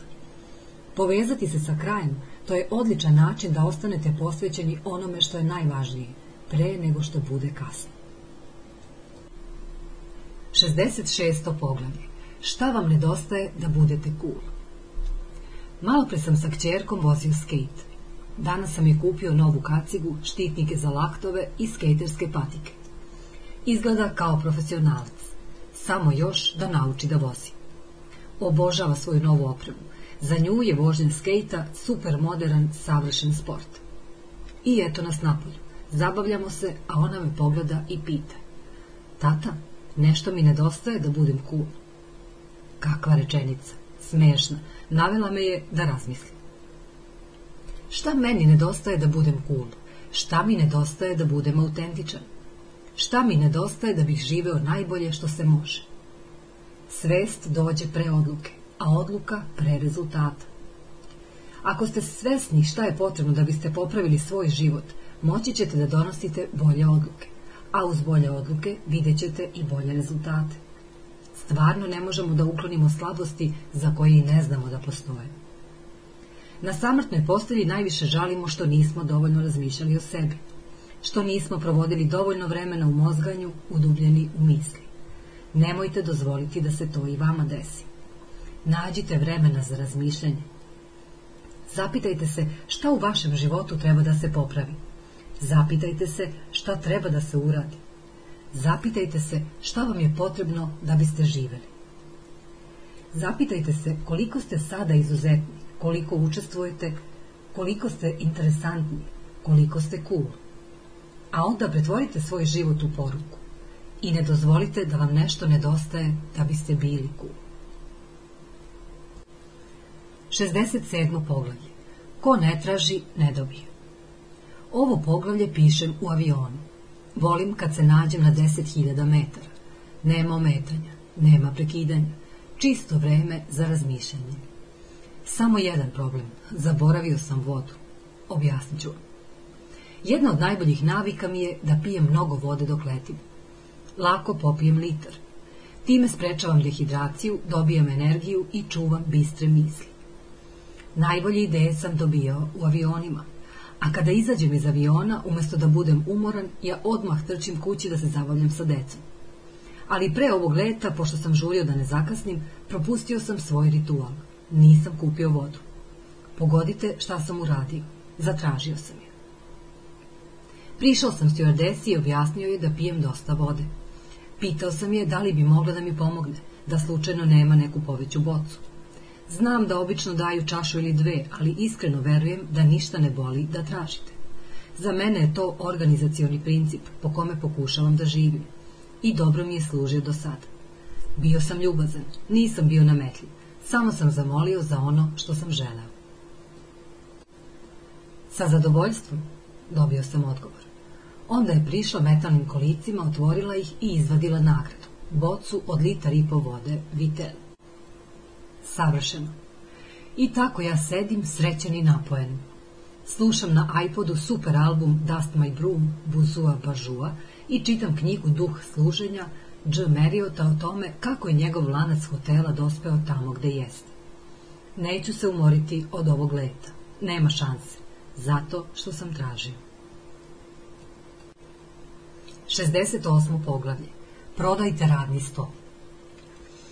Najuspešniji ljudi u poslu se ne kriju iza radnog stola. Oni znaju da je dodir sa drugim suština posla. Ako vas ljudi vole i veruju vam, onda će vam i pomoći. Jednostavno, tako je. Ljudska priroda na delu. Najbolji menadžeri napuste svoj radni sto i vode boga, bogate i sadržajne razgovore sa svojim timom. Oni shvataju da je strast zarazna i da morate da osvojite nekoga da bi vam pomogao. Najbolji prodavci ne sede za radnim stolom, nego lome pogaču za svojim mušterijama. Oni razumeju koliko su odnosi bitni za prodaju. Najbolji radnici se odvoje od svog stola i sarađuju sa svojim kolegama, podržavaju ih i šire svoj polet. Više nego ikad u životu pokušavam da se izvučem iz kancelarije. Volim svoj tim, ali oni znaju šta rade. Ja im tamo više nisam potreban. Oni predvode i bez naimenovanja. Ojačali su. Ako sam previše prisutan, samo im smetam. Moram da izađem, da susrećem svoje cenjene čitaoce. Moram da uslužujem svoje voljene klijente i da im pomažem da izgrade organizacije na svetskom nivou. Moram da budem na polju, da stičem nova znanja i poglede koji će se naći na mom blogu u sledećem govoru ili knjizi. Najgore bi bilo da se krijem iza radnog stola. Kancelarija bez papira. To se u mom životu neće desiti. Kancelarija bez radnog stola. Dajte mi samo jednu godinu. 69. poglavlje. Budite spremni da vodite.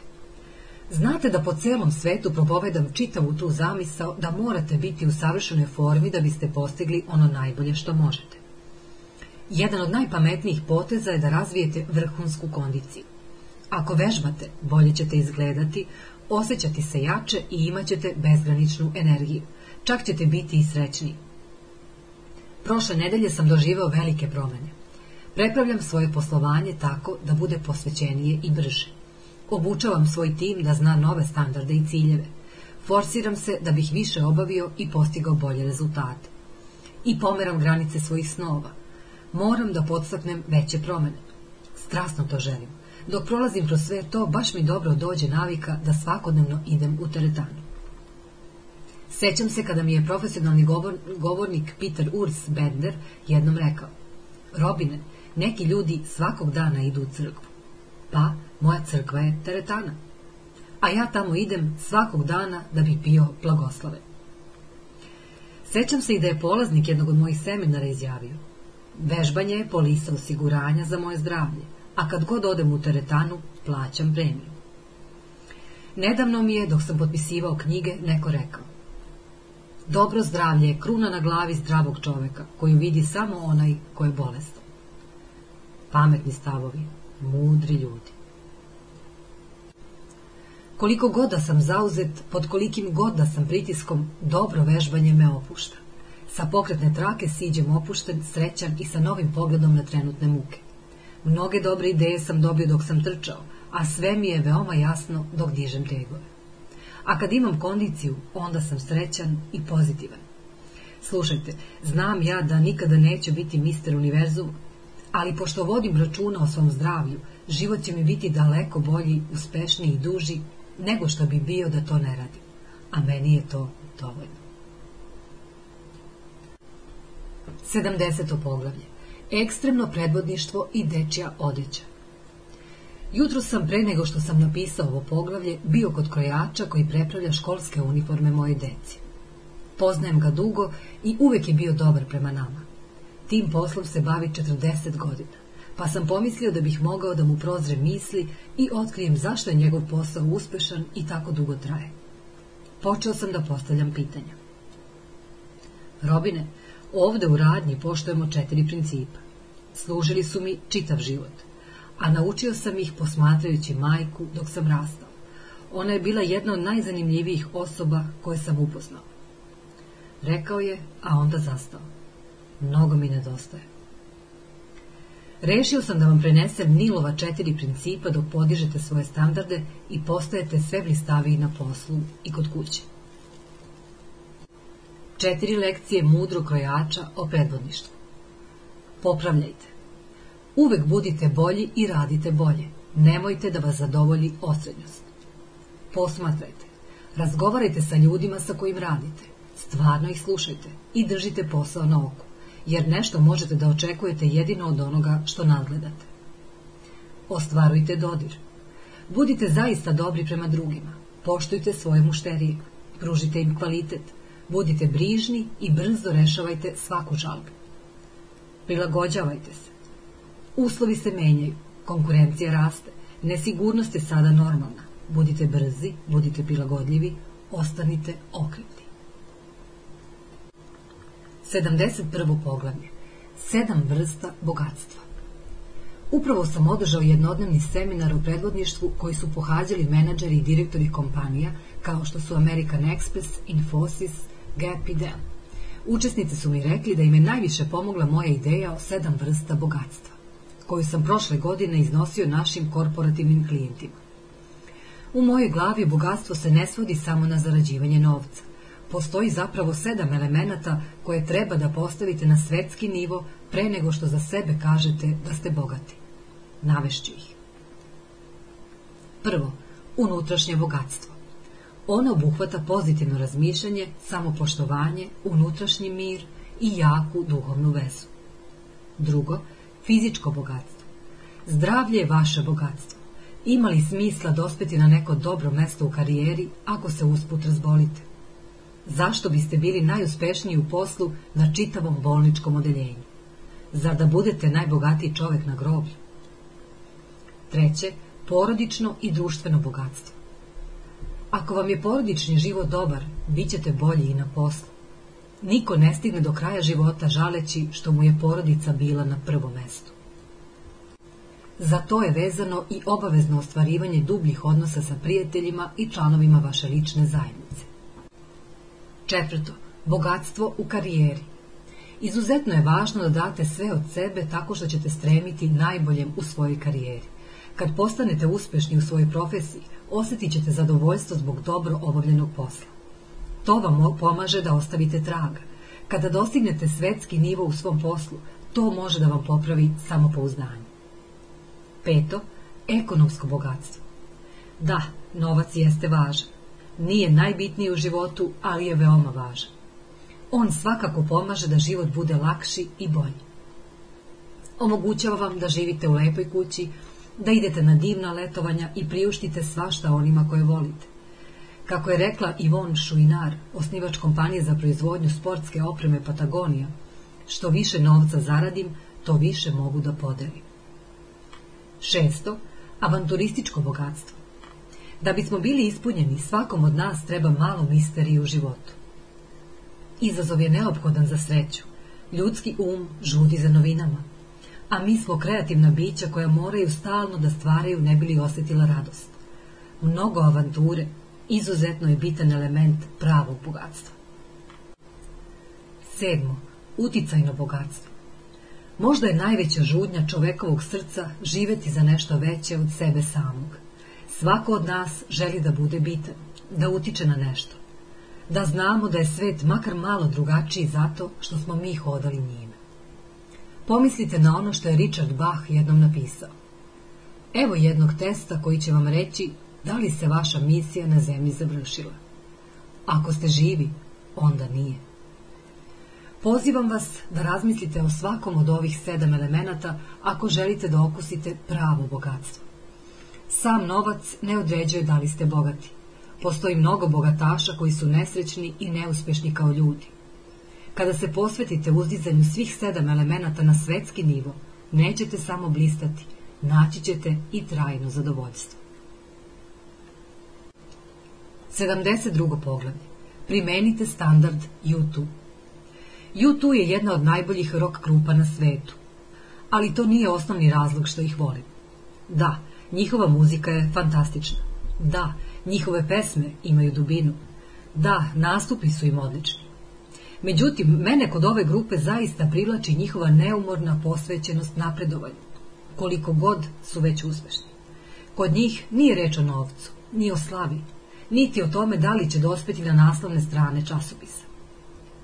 Uglavnom je reč o tome da ne pristaju ni na šta manje nego na savršeno, da savršeno ispune sobstvene standarde.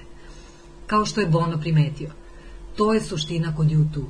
Bend uvek deluje kao da je u povoju, a ne kao da je na vrhu. Predivno. Svaki veliki vođa, ozbiljni inovator, uspešni preduzetnik i fantastični kreativac ima duboko u sebi tu uvek prisutnu žudnju da u životu radi, bude i vidi nešto posebno. Svako od njih ima plamen u sebi. Svakako da tu njihovu neutoljivu glad možete nazvati donekle nezdravom i reći da tim ljudima nedostaje zadovoljstvo. I bit ćete u pravu. Ali kao što sam napomenuo u jednom poglavlju, to su upravo oni ljudi koji su obezbedili napredak ovog sveta, koji su stvorili neverovatne poslovne firme i pomoću njih nam obogaćuju život. Ti ljudi su nam pružili genijalne izume koji nam olakšavaju život. To su naučnici koji nam pomažu da zdravije i duže živimo. Ljudi koji su nam pružili priliku da uživamo u prelepoj umetnosti i divnoj muzici. Veličanstvenost dostignu oni koji nikada nisu zadovoljni trenutnim stanjem, koliko god lepo izgledalo. Da, svako mora da traži sreću u životu, ali moramo i da uživamo na tom putovanju, svakako. Tu poruku ponavljam kud god da odem. Životna ravnoteža je izuzetno važna. Hoću samo da kažem da je previše nas otišlo u drugu krajnost. Jurimo za srećom, unutrašnjim mirom i ravnotežom, ali prirodni nagon da stvorimo nešto veličanstveno ostavljamo po strani, kao lešinu životinje pored autoputa. Time smo izgubili ravnotežu i nismo ostvarili jedan od glavnih razloga zašto živimo. Stvaranje, blistanje, uspeh. Zato primenite standard YouTube svakog dana do posljednjeg trena. Osjećajte se kao da ste u povoju, a ne kao da ste na vrhu. Težite tome da budete uspešni, blistavi i izvrsni u svemu što radite. Pridružit ćete se onim redkim ljudima koji su stigli do kraja bez mnogo kajanja. Uživat ćete u činjenici da ste od života uzeli najbolje i da ste glasno živeli. Osjetit ćete onu pravu sreću koje svi težimo, ali malo nas je dostigne. I znate šta još? U čekaonici raja možda ćete sresti i Bona. 73. poglavlje. Naučite više da biste više zaradili. Jednostavna ideja koja će vas odvesti na sledeći stepenik. Da biste više zaradili, morate više da učite. Nadoknada koju ćete dobiti od poslodavca zavisi od toga koliko se zalažete. Što više znate, postajete vredniji. Da biste više zaradili, više učite. Čitajte više od svoje konkurencije. Zasenite ih radom, zasenite ih uspehom. Sećam se kad sam bio advokat na samom početku karijere. Pitao sam najboljeg advokata u firmi šta mi je potrebno da tamo sebi osiguram karijeru. Njegov odgovor nisam zaboravio. Robine, postani toliko učen, stručan i izuzetan u svom poslu da ova firma ne može da radi bez tebe. Postani nezamenljiv. Veličanstven savet. Svest dolazi pre odluke, koja dolazi pre uspeha. Dok učite šta rade najbolji, sticat ćete novu svesnost. Uz bolju svesnost donosit ćete bolje odluke. Uz bolje odluke sigurno ćete videti bolje rezultate. Ulaganje u učenje i usavršavanje sposobnosti bit će vaše najpametnije ulaganje u životu. Ovladajte svojim zanatom i dostići ćete veličanstvenost. Samo mi nemojte reći da ste suviše zauzeti da biste proveli makar 60 minuta dnevno u učenju. Neki od najzauzetijih ljudi koje poznajem čitaju ili slušaju diskove ili uče na internetu barem jedan sat dnevno. Mnogi su suviše zauzeti time što su zauzeti. Pređite sa toga što ste zauzeti na to da postižete uspeh. Na stranici robinsharma.com nalazi se bogat izvor pomoći da postanete večiti učenik, uključujući moj blog, besplatne fajlove, spisak mojih omiljenih knjiga i obilje drugih alata za učenje. Zato još danas napravite prvi korak. Umesto da večeras gledate televiziju, nađite vremena za čitanje. Naučite šta, su, šta super zvezde u vašoj profesiji rade da bi ostale na vrhu. Naučite kako da vam u životu bude još bolje. Naučite kako da vladate svojim vremenom. Naučite kako da živite na najbolji način. 74. poglavlje. Gledajte očima punim razumevanja. Tužno je to što ljudi uvek traže najgore u drugima. Gledaju ih kroz sobstveni bes, strahove i ograničenja.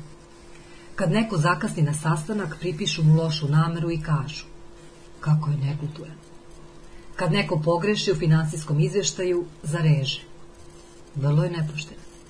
Ako neko loše iznese neki stav, pomisle. Kako laže. Pravi predvodnici su drugačiji.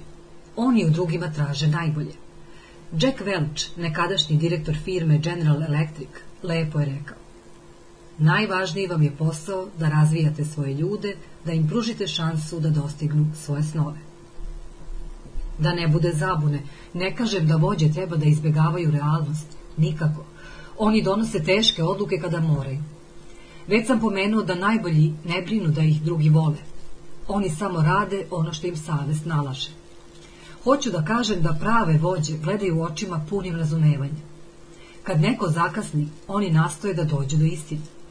Možda postoji neki problem oko organizacije vremena koji se da rešiti obukom ili bolesno dete kome treba pomoći. Greška u finansijskom izveštaju može biti posljedica lošeg načina rada ili neorganizovanosti radnika. Loše iznet stav možda samo znači da taj neko nema dobre sposobnosti komunikacije. Prilika je za razvoj. Umesto da u drugima tražite najgore, potražite u njima najbolje. Neki ljudi su zaista nesmoćeni, neiskreni ili nes, nesaosećajni. Ali sudeći po mom iskustvu, a radio sam sa dosta ljudi, ljudi su uglavnom dobri. Malo se ko ujutru probudi i zapita. Šta bih danas mogao da uradim da nekome upropastim dan, narušim svoj ugled ili napravim štetu na poslu? Većinu grešaka ljudi prave nesvesno uglavnom ne umeju bolje. Zato prestanite da to shvatate lično. A evo i nagrade za vas. Dok budete tražili dobro u drugima, ne samo što će oni želeti više da vam pokažu, već ćete i vi videti više dobrog u svom svetu. 75. poglavlje.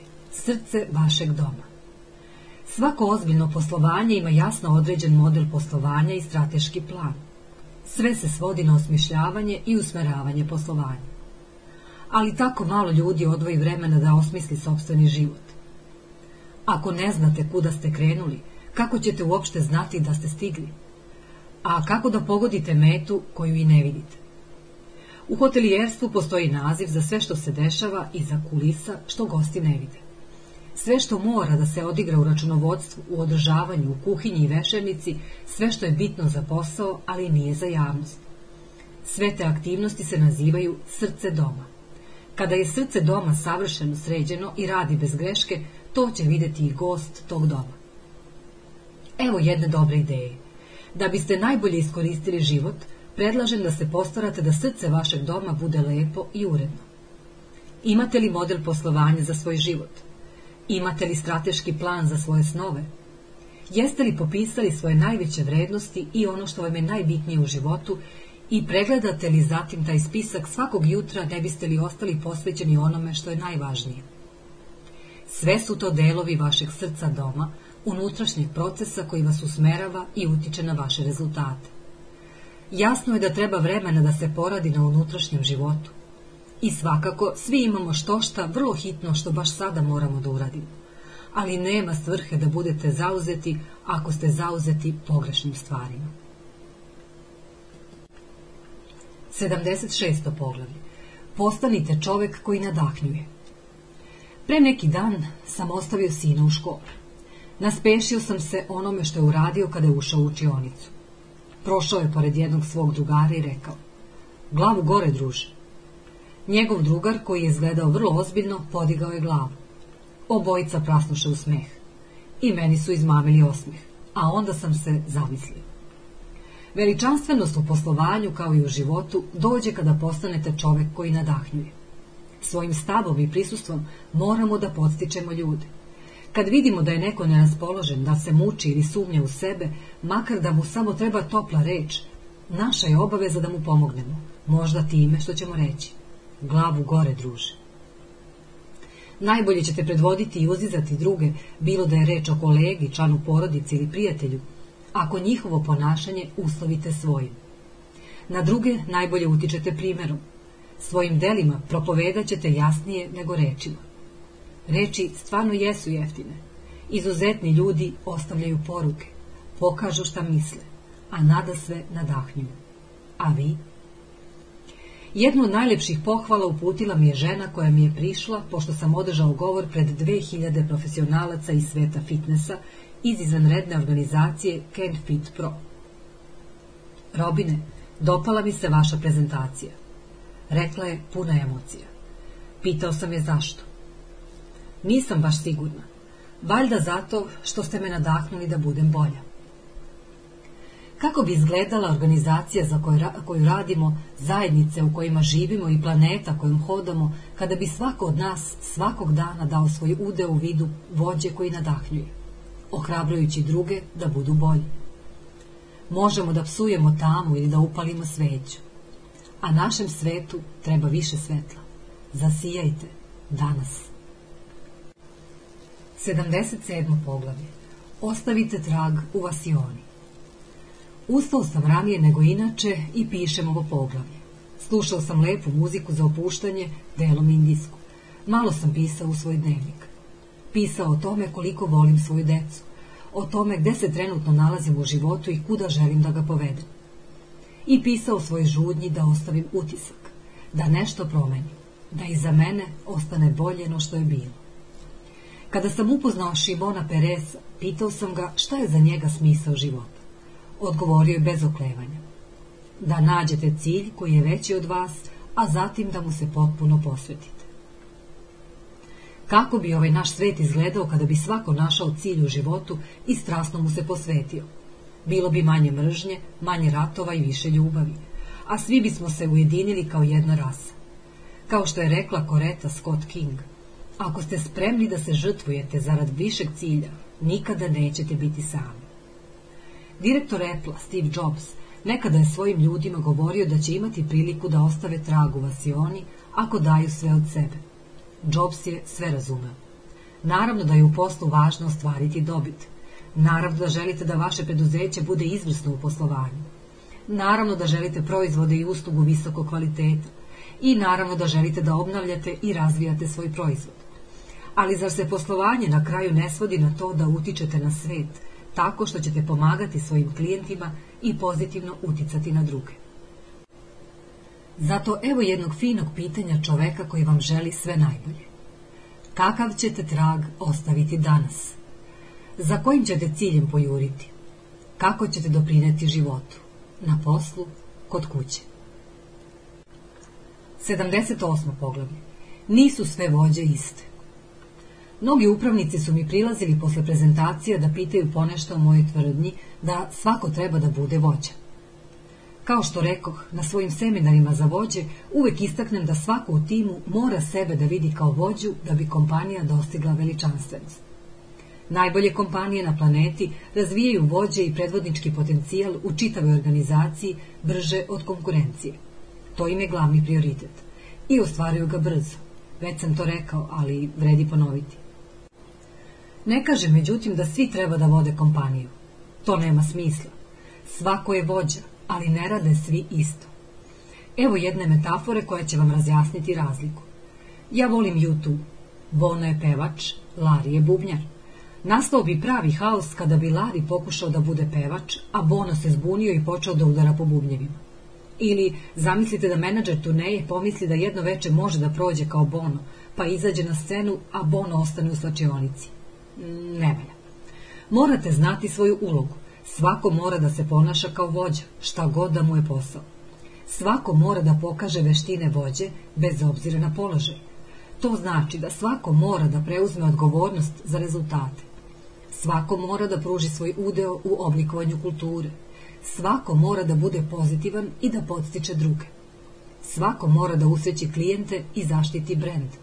Svako je vođa, ali nisu svi isti. 79. poglavlje. Šest razloga da sebi postavite ciljeve. Znam šta ste pomislili. Robine, daj mi nešto sveže, originalno i izazovno. Zašto pišeš o ciljevima? Znamo mi to. Dosadno je. Ništa nije toliko važno za uspeh koliko definisanje vama najbitnijih ciljeva, a zatim njihovo svakodnevno pretresanje.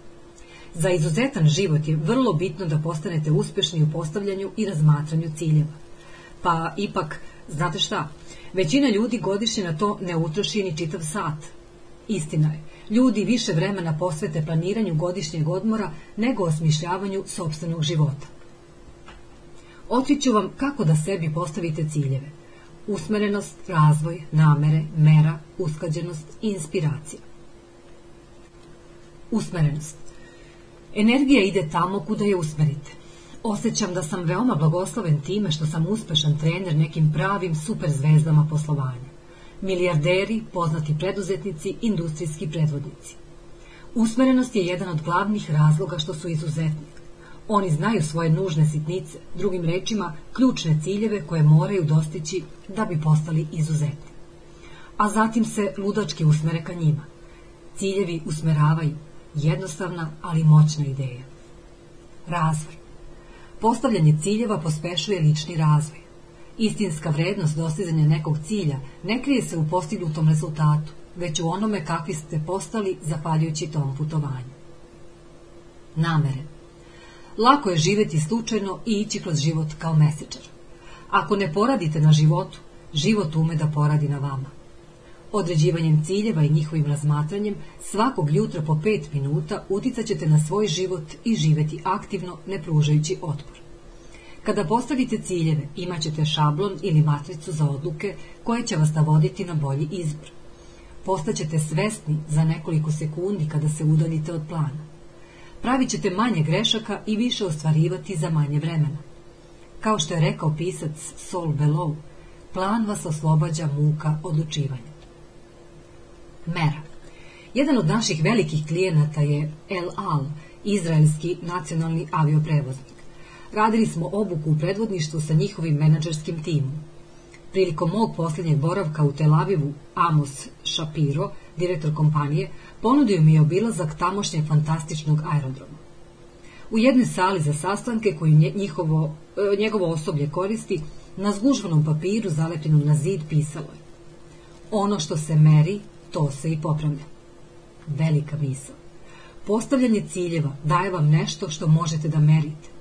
Ako vam je fizički cilj da telesnu masnoću spustite na 12%, imaćete standard prema kome ćete meriti svoj napredak. A dok merite, imaćete osnovu da se popravljate. Ako su vam ciljevi jasniji, možete bolje da odlučujete. Uz bolje odluke imaćete i bolje rezultate. Usklađenost. Poverit ću vam jednu od svojih najboljih tajni uspeha. Potrudite se da vam dnevne aktivnosti budu usklađene sa najdubljim uverenjima. Reći ću vam to drugačije. Ako se ono čemu ste se posvetili ne slaže sa vašim ubeđenjima, nećete biti srećni. Nije li zapravo ostvarenost u tome da se postarate da vaš raspored odražava ono što cenite i za šta se zalažete? Postavljanje ciljeva koji su usklađeni sa vašim najbitnijim uverenjima odličan je način da postignete ličnu veličanstvenost. Inspiracija Ciljevi unose živost u vašu svakodnevicu. Sam čin definisanja ciljeva na čistom belom papiru tera vas da zakoračite u potpuno nove mogućnosti. Postavljanjem ciljeva pokazujete da ste odbili da budete obični. Postavljanje ciljeva je hrabra igra za bolji život. Postavljanje ciljeva je herojsko delo jer strebite ka mogućnostima koje se kriju u vama. Kao što je Mark Twain primetio, da su svi zadovoljni sobom, ne bi bilo heroja. 80. poglavlje. Setite se efekta bumeranga. Velika ideja. Treba da date upravo ono čega u životu želite što je moguće više. Želite li da više cene vas i vaš rad, budite onaj ko ceni druge. Širite to kao šumski požar. Dajte ono što najviše želite. Time ćete u glavi i srcu onih koji vas okružuju stvoriti mesta da vas više cene. Želite li da vas drugi bolje razumeju? Imajte više razumevanja. Želite li više odanosti? Budite što možete verniji. Vidite šta će se desiti. Želite li više ljubavi? Pružite više ljubavi. Verujem da život želi da pobedite. Ljudi uglavnom sami, sami sebi smetaju i sprečavaju svoj uspeh. Puštaju da ih strahovi ometu da budu izuzetni. Dopuste da im ograničenja postanu okovi. Postanu sami sebi najgori neprijatelji. Da biste dobili sve što vam je život namenio, primenite takozvani efekat bumeranga. Dajte ono što najviše želite da vam se vrati. Sebi ste spremili lep život. Samo krenite po njega. 81. poglavlje. Neka se drugi zbog vas osjećaju dobro. Ljudi sarađuju sa onima zbog kojih se dobro osjećaju. Ljudima vladaju emocije. Želimo da budemo sa onima pored kojih smo srećni i bezbedni, pored kojih se osjećamo posebno i zbrinuto. Hteo bih da vam predstavim farmera koji se zove Steve i vlasnika prodavnice Jakea, dva čoveka koji o izgradnji poslovanja znaju više od prosečnog direktora. Steve prodaje bundeve. Ja živim u Kanadi i svake jeseni deca i ja uskočimo u kola i vozimo se pola sata da uzmemo bundeve za noć veštica od ovog farmera koji kao da nestari. Naravno, možemo da kupimo bundeve u obližnjoj piljarnici, koja je od nas udaljena samo pet minuta. Ali onda bismo propustili osjećanja koja Steve u nama postiče. On nam pamti imena, zasmejava nas, priča nam priče, poteće nas na, na ono što je u svetu najbolje a nazad krenemo sa brdom bundeva i radošću u srcu. Usput, Stivov posao je nevrovatno uspešan. Sledeći je Jake. Jake ima prodavnicu mešovite robe. Kad klinci i ja uđemo, on nas pozdravi po imenu. Zna kad je kome rođendan. Zapisao ih je u crnu sveščicu. Jake samo za mene naručuje časopise Dvel, Azur i Biznis 2.0. Maniri su mu besprekodni. Uvek je nasmejan. Pored njega se osjećamo lepo. U našem kraju ima bar još pet prodavnica, ali Jake je majstor da izradi dobre odnose. Zato smo mu odani. Nego čovek je milioner. Kad ste dobri, onda ste mudri. To je pametna poslovna strategija. Zato budite kao Steve. Neka vam Jake bude uzor. Neka se ljudi osjećaju dobro zato što posluju sa vama. Bićete predvodnik u svojoj oblasti. Zabavljaćete se usput, baš kao što i treba. Sećam se reči s papirića koji mi je učesnik nekog seminara dao posle skupa pre nekoliko meseci. Činite dobro i iza sebe ostavite nešto što zub vremena ne može da uništi. Pitao sam ga čije su to reči. Kratko je odgovorio. Najmudrijeg čoveka koga poznajem, mog dede. 82. poglavlje. Posvetite se prvoj klasi. Primetio sam jednu naviku kod najuspešnijih i najneverovatnijih vođa kojima sam držao obuku. Veoma se trude da okruženje odražava njihovu posvećenost svetskom vrhu. Oni voze najkvalitetnija kola, žive u najboljim kućama i nose najfiniju odeću. Čini se da njihova filozofija uglavnom glasi. Zalažem se da budem najbolji u onome što radim, zato ima smisla da ulažem u najbolje. Evo velike misli. Oni su se držali toga i kada nisu bili uspešni. Veličanstvenost je pre svega stanje svesti. Morate da verujete u svoje mogućnosti i snagu pre nego što ih oživite. Morate osetiti da ste izuzetni pre nego što postanete izuzetni. Ja to zovem emotivnom skicom. Da biste u spoljašnjem životu videli izvanredne rezultate, morate emotivno i duboko napraviti skicu svojih viđanja unutrašnjeg života. Otkrio sam da ćete to lak, najlakše postići ako se postarate da sve čime ste okruženi bude na najvišem nivou. Sećam se da sam pre nekoliko godina čitao knjigu koju je napisao mađioničar Al Koran pod nazivom Izvucite magiju iz glave. Jednu ideju sam upamtio. Njegovu tvrdnju da je bitno ići tamo gde su uspešni da biste i sami bili uspešni. Čak i ako imate samo 10 dolara, popite kafu u najboljem restoranu u gradu. Šta je hteo da kaže? Okruženje oblikuje vaša osjećanja, a osjećanja utiču na ono što radite. Osjećajte se kao pripadnik svetskog vrha, pa ćete se tako i ponašati. Ulažite u najbolje. Kupujte najkvalitetniju robu koju možete sebi da priuštite. Bolje kupite jedne izuzetne cipele umesto tri para jeftinih. Sviđa mi se rečenica. Kvalitet se pamti i kada se cena zaboravi. To je tačno. Kad sam bio mlad advokat na samom početku, uzeo sam deo prve plate i kupio odličan sat. Nije bio ni Rolex, ni Cartier, ali bio je dobar, najbolji koji sam mogao sebi da priuštim. Smatrao sam da će trajati nekoliko godina. Osjećat ću se uspešno da ga nosim i na kraju ću uštedeti, pošto neću morati da ga popravljam. Moj prijatelj koji je uvek tražio najjeftiniju varijantu, nasmejao mi se. Ali ispostavilo se da sam bio u pravu.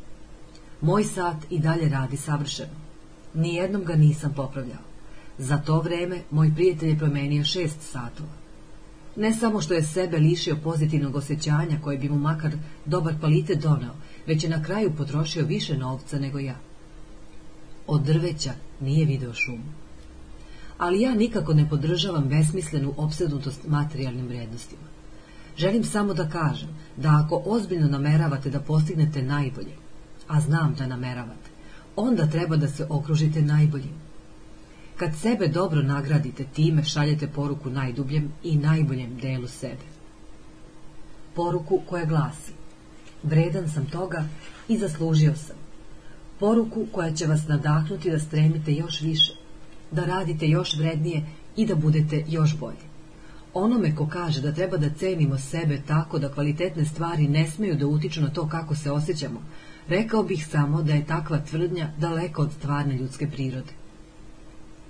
Ja sam jedan od najvećih idealista koje ćete ikada upoznati, ali istovremeno sam realista. Svi mi volimo lepe stvari, one nam pružaju zadovoljstvo. Prijeju nam našim čulima baš kao prelep zalazak sunca ili veličanstvena planina.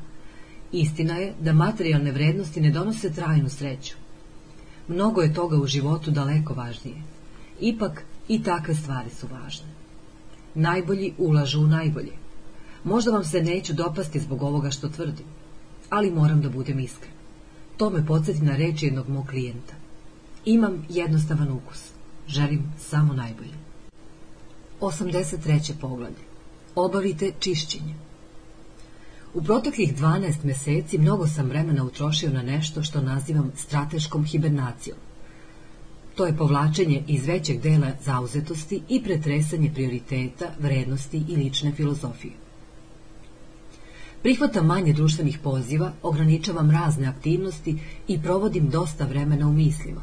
tek da budem siguran da se penjem na pravu planinu i da dane provodim kako treba. Ove godine sam dosta vremena proveo i obavljajući čišćenje. Čišćenje je izvrstan način da ubrzate, pojednostavite i preusmerite svoj život. Svi uglavnom imamo silan teret i smeće koje nosimo sa sobom na ovom putovanju. Tu mogu da se nađu i neredi, kao što su nedovršene veze ili ljudi kojima tek treba da oprostite ili da se izvinete.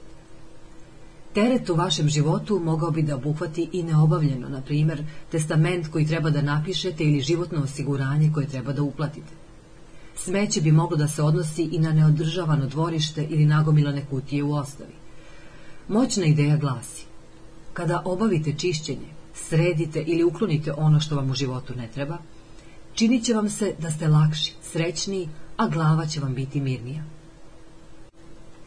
Moje čišćenje obuhvatilo pisanje testamenta, bacanje stvari koje dugo nisam koristio, uvođenje novčanog plana, sređivanje prostora, opraštanje od ciljeva koji nisu bili usklađeni sa mojim ličnim i profesionalnim ciljevima, uspostavljanje sistema zbog kojih ću biti uspešniji i veliko sređivanje modela poslovanja.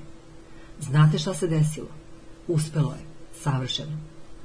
Imam više vremena da radim ono što je najvažnije.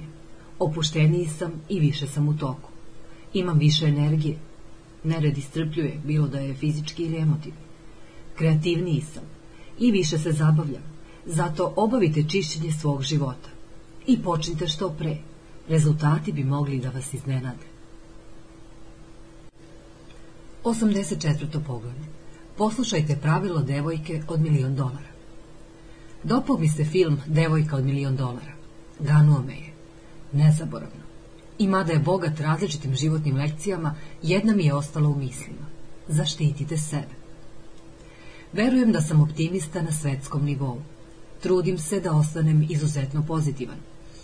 Posvetio sam se tome da u svakoj situaciji vidim najbolje i dobro u svakome koga upoznam. Od života zaista očekujem najbolje. Ali spreman sam i za najgore. Za mene to ima smisla. Život nije bajka. Moram da vam kažem da nije lako održati ravnotežu između toga da očekujete najbolje i toga da, ste, da se spremate za najgore. Ali mislim da je bitno da radimo na tome dok stremimo ka svom obliku lične veličanstvenosti. Zato imajte ljubavi prema drugima, brinite o njima, definitivno. Dajte sve od sebe i pomozite onima oko sebe najviše što možete, bez sumnje. Postanite jedan od onih posebnih ljudi iza kojih drugi ostanu bolji nego što su bili. Ali predložit ću vam i da ne postanete mučenik.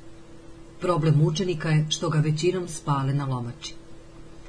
Postignite ravnotežu između toga da budete dobri i saosećajni prema drugima i da budete dobri i saosećajni prema sebi. Postignite ravnotežu između toga da ulažete svoju energiju, da podstaknete druge i da obnavljate sebe da biste i sami ostali u pokretu. Nađite tananu ravnotežu između toga da volite druge i da volite sebe. Postavite granice, znajte za svoja ograničenja, ne prelazite meru, zaštitite sebe. 85. poglavlje Zemlja je mala. Mnogi naši klijenti pričaju o knjizi Zemlja je ravna, Tomasa Friedmana. Ona govori o globalizaciji i sravnjivanju terena zbog novih ekonomija. Izvrsna knjiga.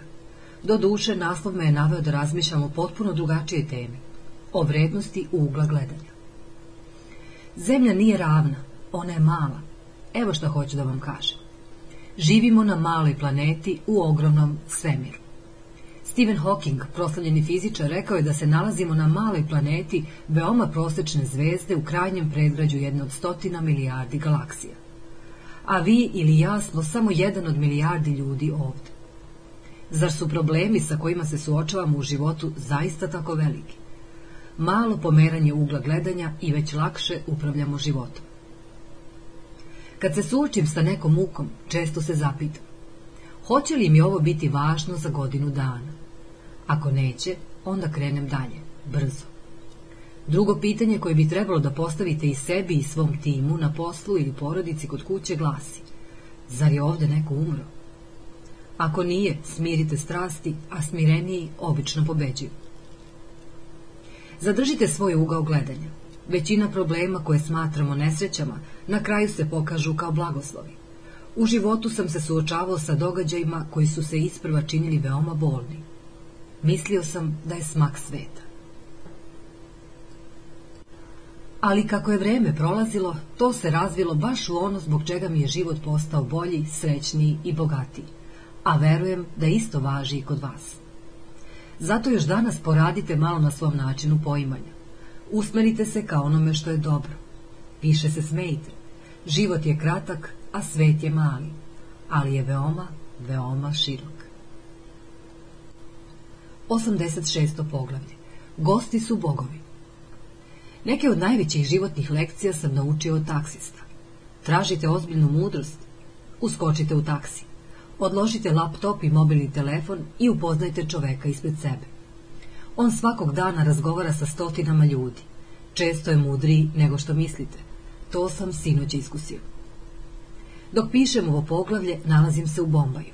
Došao sam da održim jednodnevni seminar, a zatim uveče još jednu prezentaciju organizacije mladih predsednika. Sviđa mi se ovde, sviđa mi se hrana, sviđa mi se energija, sviđaju mi se ljudi. Taksista se zove Rameš Šarma. Video je moje ime na rezervaciji za taksi. Robin Šarma, odakle vam je otac?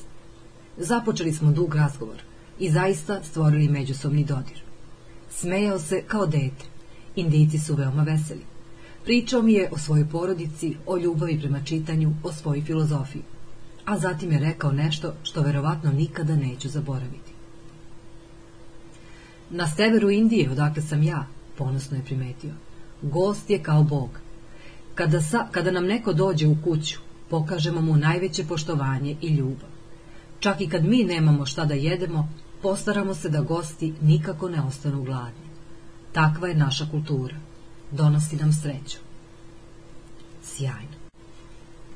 Da li vi u svom životu ili na poslu goste posmatrate kao bogove? Da li je to deo vaše lične kulture i kulture u vašoj firmi? Da vas pitam i ovo. Kako bi vam izgledao profesionalni život kada biste svakog ko vam dođe u goste ili naiđe na vas posmatrali kao Boga? Kako bi vam izgledao profesionalni život kada biste svojim mušterijama ukazali poštovanje i divljenje? Dostigli biste svetski nivo. Bili biste uspešniji, bili biste srećniji, dostigli biste veličanstvenost. Zato još danas izađite s posla 30 minuta ranije. Uskočite u taksi i povezite se. Nemojte poneti ni novine, ni telefon. Samo ponesite bistru glavu. I upoznajte čoveka koji je sa vama u kolima. Možda će vam se dopasti to što ćete čuti. 87. poglavlje. Lepota vremena. Vreme je predivna roba. Deo je opreme za život. Ono što sa njim radite, po mnogo čemu vam oblikuje život. Nisam ja guru, to već znate ali postao sam prilično dobar u tome da život koristim kako treba. Protraćeno vreme je izgubljeno vreme, a velika misa o vremenu je da se ono ne može vratiti. Nedavno sam pročitao da John Templeton, proslavljeni finansijer, nikada nikud nije krenuo bez knjige u torbi. Tako može, kada se nađe u drugom redu, da iskoristi to vreme za čitanje, učenje i razvoj. Takođe sam pročitao u časopisu Rolling Stone da Madonna nikako ne voli da gubi vreme. Nekada je nosila knjigu kad god bi pošla u noćni klub da pametno iskoristi vreme kad ne igra. Takvi su i klijenti koje ja obučavam, a imaju značajan život zahvaljujući tome što su veoma verni organizovanju vremena. Da razjasnimo, uopšte ne kažem da svaki minut svakog vašeg dana, nedelje i meseca treba da bude isplaniran.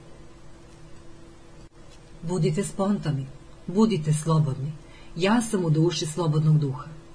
Jednostavno, utvrdio sam da oni koji imaju najviše vremena za zabavu znaju najbolje da isplaniraju i iskoriste svoje vreme. Sudeći po mom iskustvu, stres najviše trpe i uvek žive kao pod uzbunom oni koji žive, život prepuste slučajnosti i ne nađu vremena da naprave raspored, odrede ciljeve i osmisle život. Uznemirenost nastaje usled nedostatka kontrole, organizacije, priprema i dela. Primetio je mislilac David Kekić. Moćna misla. 88. poglavlje. o planinama i uspešnim promenama. Nedavno sam, dok sam potpisivao svoje knjige, upoznao jednog čitaoca. Bio je ciničan, čak i pošto je pročitao moju knjigu. Bez brige, nisu svi spremni za moje reči, a ja nemam nikakvu potrebu da budem u pravu. Samo iznosim filozofiju koja se meni čini istinita. Ako se neko sa tim ne slaže, pa ni kafu ne vole svi. Različita mišljenja daju zanimljivost životu. Međutim, ovaj čitalac je bio ljubazan. Rekao je da mu se knjiga zapravo dopala, samo nije verovao da će mu i pomoći. Hm. Vera zaista pomera planine, a ako ne verujete da će neka ideja uspeti, nema šanse da radite na njoj. Misao je majka delanja, a vaša verovanja zaista mogu da se ostvare. Dosta sam razmišljao o komentaru tog čitaoca. Da sam imao priliku da ga ponovo sretnem, upotrebio bih metaforu o penjanju na planinu da mu pomognem da shvati kako ljudi zaista mogu ostvariti trajne promene. Pružit ću i vama uvid u svoje misli na ovu temu. Imam tri jasne misli koje će vam pomoći da ideje već iznete u ovoj knjizi uklopite u svoj život, tako da vidite prave i trajne rezultate. Definišite kako izgleda vrh planine. Predlažem vam da na papiru napišete kako vi vidite uspeh. Primetite šta to u životu morate da promenite da biste se osjećali neverovatno uspešno i šta će se desiti ako se ne popravite. A zatim zapišite ciljeve za sve ključne delove svog života. Zapišite kako želite da vam stvarnost izgleda za pet godina. Popišite vrednosti za koje se zalažete. Jasnoća dolazi pre uspeha, a svest pre promena. Počnite da se penjete. Velika se moć krije u započinjanju. Jedno delo koje sada uradite pokreće sile, razvija inerciju, a uz delanje osjetit ćete i pozitivne rezultate. Time se započinje pozitivna povratna sprega. Više delanja, više rezultata. A to za, zauzvrat postiče samopouzdanje. Idite malim koracima. Ne možete se popeti na Everest tako što ćete skakati uz planinu. Do vrha planine stiže se postepeno. Korak po korak dovešće vas do cilja. Svakim korakom bliži ste cilju. I život je takav. Svakodnevni mali koraci s vremenom će vas dovesti do veličanstvenosti. Zašto? Zato što dani zaista prerastu u nedelje, nedelje u mesece, a meseci postanu godine. Do kraja života stići ćete svakako. Zašto onda ne biste tamo stigli kao izuzetan čovek? 89. poglavlje. Šta se dogodilo sa molim vas? Upravo sam bio u Starbucksu da kupim kafu sa sojinim mlekom. Žena pored mene uzima kafu od konobara i kaže Mogu li da dobijem poslužavnik? Nije to rekla neljubazno, samo to nije bilo tako učtivo. Zamislio sam se. Šta se to desilo sa molim vas? Meni, molim vas, znači poštojem vas. Hvala vam znači cenim vas. Lepo vaspitanje dobro pokazuje ljudima oko vas da vam je stalo. Sviđa mi se rečenica Frenkija Berna. Poštovanje i ljubav u običnoj odjeći. Koliko puta se desilo da ste kupili nešto u prodavnici ili naručili nešto u restoranu i prosto poželili da vidite malo lepog vaspitanja na delu. Pravi uspeh nije komplikovan.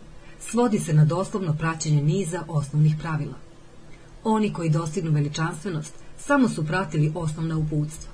Malo po malo, dan po dan, mnogo meseci i godina. Uopšte nije teško. Potrebna je samo mala svakodnevna disciplina u nekim važnim stvarima. Ali kada se to radi duže, postižu se neverovatni rezultati. Najbolji među nama samo rade ono što svi uglavnom znamo da treba da radimo, kako bi nam život bio neverovatan. A oni to rade stalno. Jedan od ključnih postupaka je da često govorite molim vas. Lepo vaspitanje je stepenik ka tome da postanete izuzetni, bilo kao majka, otac, prodavac ili direktor. Time zaista pokazujete drugima da ih poštujete. Da, normalno je da budete lepo vaspitani, ali kao što je francuski filozof Volter jednom rekao, normalno je sve, samo ne normalno. A ako je sve to tako očigledno, zašto ljudi uglavnom to ne rade? 90. poglavlje. Bon Jovi i moć usmerenosti. Neko mi je nedavno rekao da Bon Jovi voli knjigu Kaluđer koji je prodao svoj Ferrari. Zanimljivo. Ja sam se njemu uvek divio zbog strasti i muzike. Jutro sam čuo njegovu pesmu u kojoj kaže Kad mi se svi ispreče na putu, ja im poželim prijatan dan. To me je navrlo da razmišljam Bon Joviju, njegovoj dugotrajnoj karijeri i o tome zašto je i dalje tako živ posle toliko godina. Velika se moć krije u tome da se usmerite kao onome što želite. Ovo zaista zvuči kao nešto vrlo očigledno, ali većini promakne. Snovi mogu da se ostvare. U svojoj karijeri možete dostići, dostići mesto gde piše izuzetno. Možete naći ljubav veću nego što ste zamišljali. Možete dostići životnu snagu na svetskom nivou i zaista se osjećati ispunjeno. Ali morate da se usmerite. Onaj ko sve pokuša, ništa ne završi. Ljudi uglavnom pokušavaju da svima budu sve. Zato na kraju nikome nisu ništa. Konfučije je to lepo rekao. Onaj ko juri dva zeca, ne uhvati ni jednog. Velika misa. Raste ono čemu se posvetite. Srećete ono u što se udubite. Razmislite o toj rečenici. Posvetite se finansijskom uspehu i vidjet ćete poboljšanje u svom ekonomskom životu. Posvetite se tome da pružite više ljubavi, pa će vam se veza poboljšati. Posvetite se fizičkom vežbanju i dobroj ishrani, pa će vam se zdravlje popraviti. Posvetite se. To rade najbolji među nama. Ograniče se na najveće ciljeve. Oni se drže malog, radije nego da raspršuju svoju genijalnost. Pre nekoliko meseci išao sam na večeru sa jednim svojim klijentom, milijarderom. Pitao sam ga šta je najbolje što je uradio da bi postao tako uspešan.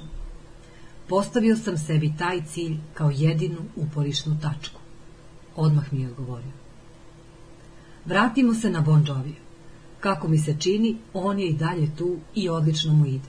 Zato što je imao predstavu o tome kakva bi njegova muzika mogla da bude i na koju bi stranu mogao da je povede, a zatim se posvetio tom zadatku.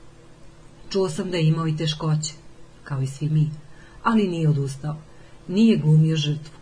Ostao je jak, nije skrenuo sa puta. Ostao je veran svojim obožavaocima i sebi. 91. poglavlje Sastavite spisak 101 stvar koju ću uraditi pre nego što umrem. Ovo je moćna ideja. Sinula mi je pošto sam pročitao jedan članak Teda Leonsica, podpredsednika kompanije AOL. Pre nekoliko godina se našao u avionu za koji se činilo da će pasti. Nije pao, ali iskustvo bliske smrti je promenilo Tedu pogled na život i sam život. Čim je izašao iz aviona, rešio je da živi sa više strasti, ciljeva i brzine. Zato je uzeo parče papira i sastavio spisak od 101 stvari koju apsolutno mora da uradi pre nego što umre. Posluživši se njegovim primerom, uradio sam isto. Delovalo je neverovatno. Uvek se zapanjim kad uvidim koliko je moćno zapisivati ciljeve. Pitajte svakog ko to svakodnevno radi. Leonsis, na čijem se spisku našlo sve od zasnivanja porodice do posjedovanja sportskog tima, ostvario je dve trećine zapisanih ciljeva. Jasnoća zaista dolazi pre uspeha, a uz veću svest o onome što je najvažnije, dođu i mudrije odluke. Što se mene tiče, ja i dalje jurim svoje snove. Toliko sam ciljeva sa svog spiska već dostigao. Između ostalog, osnovao sam dobrotvorno društvo koje deci sa teškoćama pomaže da postanu vođe. Posmatrao zalazak sunca sa malenog grčkog ostrva Santorinija i pokazao Mikelanđelovog Davida svojim klincima. A tek sam počeo. Tako treba i vi da uradite.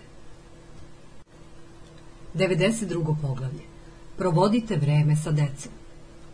Malo je onih koji na kraju života žale zbog toga što nisu zaradili mnogo novca. To se jednostavno ne dešava. Ono za čim zaista žalimo su mesta koje nismo posetili, prijateljstva koje nismo sačuvali, rizici koje nismo preuzeli i sve ono što nismo uradili sa onima koje volimo. Hoću da istaknem sledeće. Provodite vreme sa decom. Ja volim to što radim. Naravno da ima mnogo aviona. I dalje se osjećam kao dete kad god polećam mnogo velikih događaja na zanimljivim mestima, mnogo razgovora sa zanimljivim ljudima iz svih sfera života. mnogo predivnih prilika da svoju poruku prenesemo onima kojima je potrebna. Ali ništa mi, i zaista tako mislim, nije važnije od toga da budem odličan otac. Radio sam sa mnogo poslovnih ljudi koji su na putu do vrha izgubili ono što im je bilo najvažnije. U ljudskoj je prirodi da one koji nas vole uzimamo zdravo za gotovo. Ne kažem da je to dobro, kažem da su ljudi jednostavno takvi. Moramo da se odupremo svojoj prirodi i razvijemo jasan osjećaj zahvalnosti zbog porodice. Nemojte biti jedan od onih koji moraju da dožive gubitak da bi se probudili i shvatili koliko su srećni. Viđao sam to, stalno to viđam, kod ljudi širom sveta. Da vam je ostalo 30 minuta života, posegnuli biste za telefonom da kažete svojim najbližima koliko ih volite. Zatim biste otečali kući, pruživši im srce na dlanu i iskreno govorili o ljubavi koju osjećate. Samo se setite tragedije 11. septembra. Još uvek se sećam telefonskih poziva ljudi zarobljenih u kulama. Potresno. Znam da ste zauzeti. Imate gomilu obaveza. Morate svašta da obiđete i da upoznate razne ljude. Ali zastanite nakratko, ovde i sada, da okrenete jedan broj. Recite svoje deci koliko brinete. Recite supruzi ili suprugu, mami ili tati, bratu, sestri ili najboljem prijatelju šta osjećate prema njima. Nikada se nećete pokajati, verujte mi. 93. poglavlje. Budite blesavi na poslu. U čemu je svrha da radite nešto što vam nije zabavno? Život je prekratak da biste se stalno osjećali loše. Slažete li se? Najbolje firme su zabavno okruženje. Jasno je da zahtevaju izuzetan trud, neprestane novine i savršen rad. Ali one istovremeno postiču zabavu. Kad ste na poslu srećni, kad se smete, time pospešujete saradnju, kreativnost i predanost. Kompanija koja se zabavlja ostaje na okupu a zabava je na posledku dobra, jer ljudi vole da posluju sa onima koji vole da posluju. Hajde sada da popričamo o vašem životu. Da li se zabavljate? Ja sam u svojim 20. i 30. bio ozbiljan. Veoma ozbiljan. Svrha života je život sa svrhom. Ubeđenje je kojim sam se vodio. Želeo sam da promenim svet, a to sam radio poslušnim predvođenjem. Mnogo sam radio, malo se zabavljao. Tek nedavno sam shvatio koliko zaista vredi zabava na putu kroz život. Sada sam drugačiji. I dalje ne ispuštam iz vida vrh planine, ali se daleko više trudim da uživam u penjanju. Stalno se blesavim sa decom, skijam sa prijateljima. Produžit ću svoje poslovno putovanje za jedan dan da bih posjetio neku galeriju, kao pre nekoliko nedelja kada sam bio u Londonu. Zato što je život mnogo bolji kada se provodite i daleko zabavniji. 94. poglavlje. Cenite dobar dizajn. Dok pišem ovo poglavlje, opet se nalazim na Frankfurtskom aerodromu. Pošto sam u Nemačkoj, ne mogu da ne primetim da je u ovoj zemlji dizajn bitan. Držači papira za brisanje ruku rade savršeno i genijalni su. Automat za kafu u čekaonici kao da mi čita misli. Kolica za prevoz prtljaga ne samo što su funkcionalna, već su i lepa. Nemci su shvatili, dizajn je bitan. Ford se postavio kao dizajnerska firma koja prodaje kola. Sviđa mi se. U ovom svetu gde potrošači imaju veći izbor nego ikad, dobar dizajn je najbolji način da vi i vaša firma iskočite iz gomile i privučete pažnju. Pogledajte Apple iPod, jedno od najseksipilnijih spravica koje ćete ikada videti. Jasno je da je super imati 10.000 pesama u džepu, ali u njega smo se zaljubili baš zbog dizajna. Pogledajte Apple laptop. Zapravo, pogledajte bilo šta što ta kreativna i hrabra kompanija pravi, pa ćete shvatiti kako izgleda dizajn na svetskom nivou. Potražite na internetu Filipa Starka, genija dizajna. Pogledajte šta je radio sa partnerom Janom Šragerom da bi stvorio butik hotele pre više od 10 godina i doveo do toga da se ljudi zapanje kad uđu u neki njihov hotel. St. Martin's Lane u Londonu i Hudson u Njujorku i dalje su mi omiljena mesta na kojima prespavam. To je dejstvo dizajna. Ili uložite novac u Bodumov francuski bokal za kuvanje kafe. On pravi odličnu kafu. Dobro izgleda u mojoj kuhinji. Savršen dizajn me je naveo da svima pričam o njemu. Odličan dizajn daje ljude koji hvale proizvod. Poslovni ljudi ne treba bolje da razumiju dizajnere. Oni moraju da budu dizajneri. Primetio je Roger Martin, dekan fakulteta za menadžment Rotman u Torontu. Evo moćni misli da je ponesete sa sobom. Ljudima je potrebna misterija da bi bili srećni u životu. Ako vodimo ustaljen život, ne doživljavamo radost. Dobar dizajn donosi tu misteriju. Daje zanimljivost životu. Povezuje nas sa umetnikom koji se krije u svakom od nas. Iznenađuje nas. A za iznenađivanje drugih nije jedan od glavnih ciljeva u poslovanju i postizanju izuzetnog života. 95. poglavlje O vodi Evijan i vama kao velikom sanjaru. Ako se ljudi ne smeju vama i vašim idejama, barem jednom nedeljno, onda se ne trudite dovoljno. Eto, rekao sam, morao sam. Dosadilo mi je da gledam dosadne poslove i ljude koji se boje da pođu putem kojim se ređe ide. Ono što nas plaši uglavnom se ne ostvari. Zašto biste onda dozvolili da vas to sputava? Veliki ljudi trče prema svojim ograničenjima i igraju se na samoj ivici života. Velike kompanije provode daleko manje vremena poredeći se sa drugima, jer stvaraju nove načine da svojim potrošačima pruže neverovatne novine. Zašto? Zato što svetu ne treba bolji klon. Ne treba nam više plagijatora. Svetu su potrebni ljudi i poduhvati koji će nas zapanjiti, koji će nas prodrmati. Svetu je potrebno još velikih ideja koji se još niko nije setio da nam obogate potrošače, poprave društvo i uzdignu planetu. Svetu je potrebno još vizionara, sanjara i otvorenih revolucionara. Sviđa mi se ono što je rekao Tom Chappell, osnivač firme Toms of Maine. Uspeh je kada dopustite da vas konkurencija oblikuje. Umesto toga morate sami sebe da oblikujete prema svojim ubeđenjima. Predivno. Jedan klijent mi je nedavno rekao da je baš hrabro od mene i mog tima što se na našoj novoj internet stranici nalazi moja slika kako zatvorenih očiju držim golubicu. Šta će pomisliti svi vaši veliki klijenti, Microsoft, IBM, Nike, FedEx? Pitao je. Te kompanije se zalažu za obnavljanje i inovacije, odgovorio sam. Mislim da će pozdraviti hrabar potez. Dizajner moje nove multimedijalne prezentacije mi je rekao da sam odabrao rizične boje zato što to nisu standardne kor korporativne boje.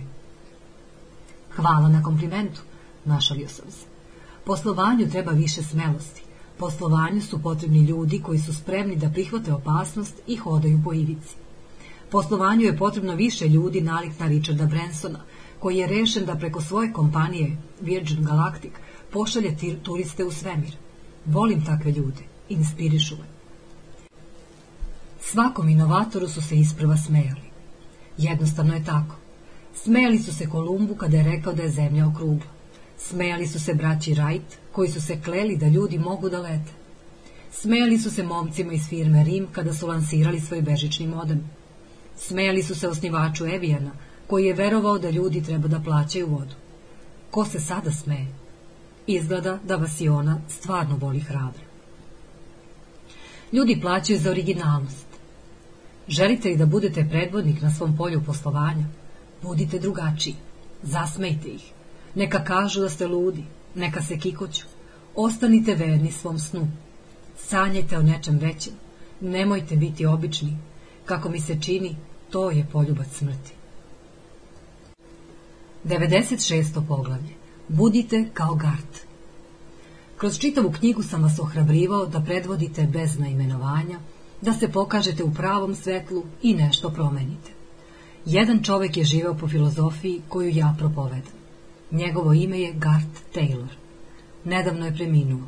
Želim da mu odam čast.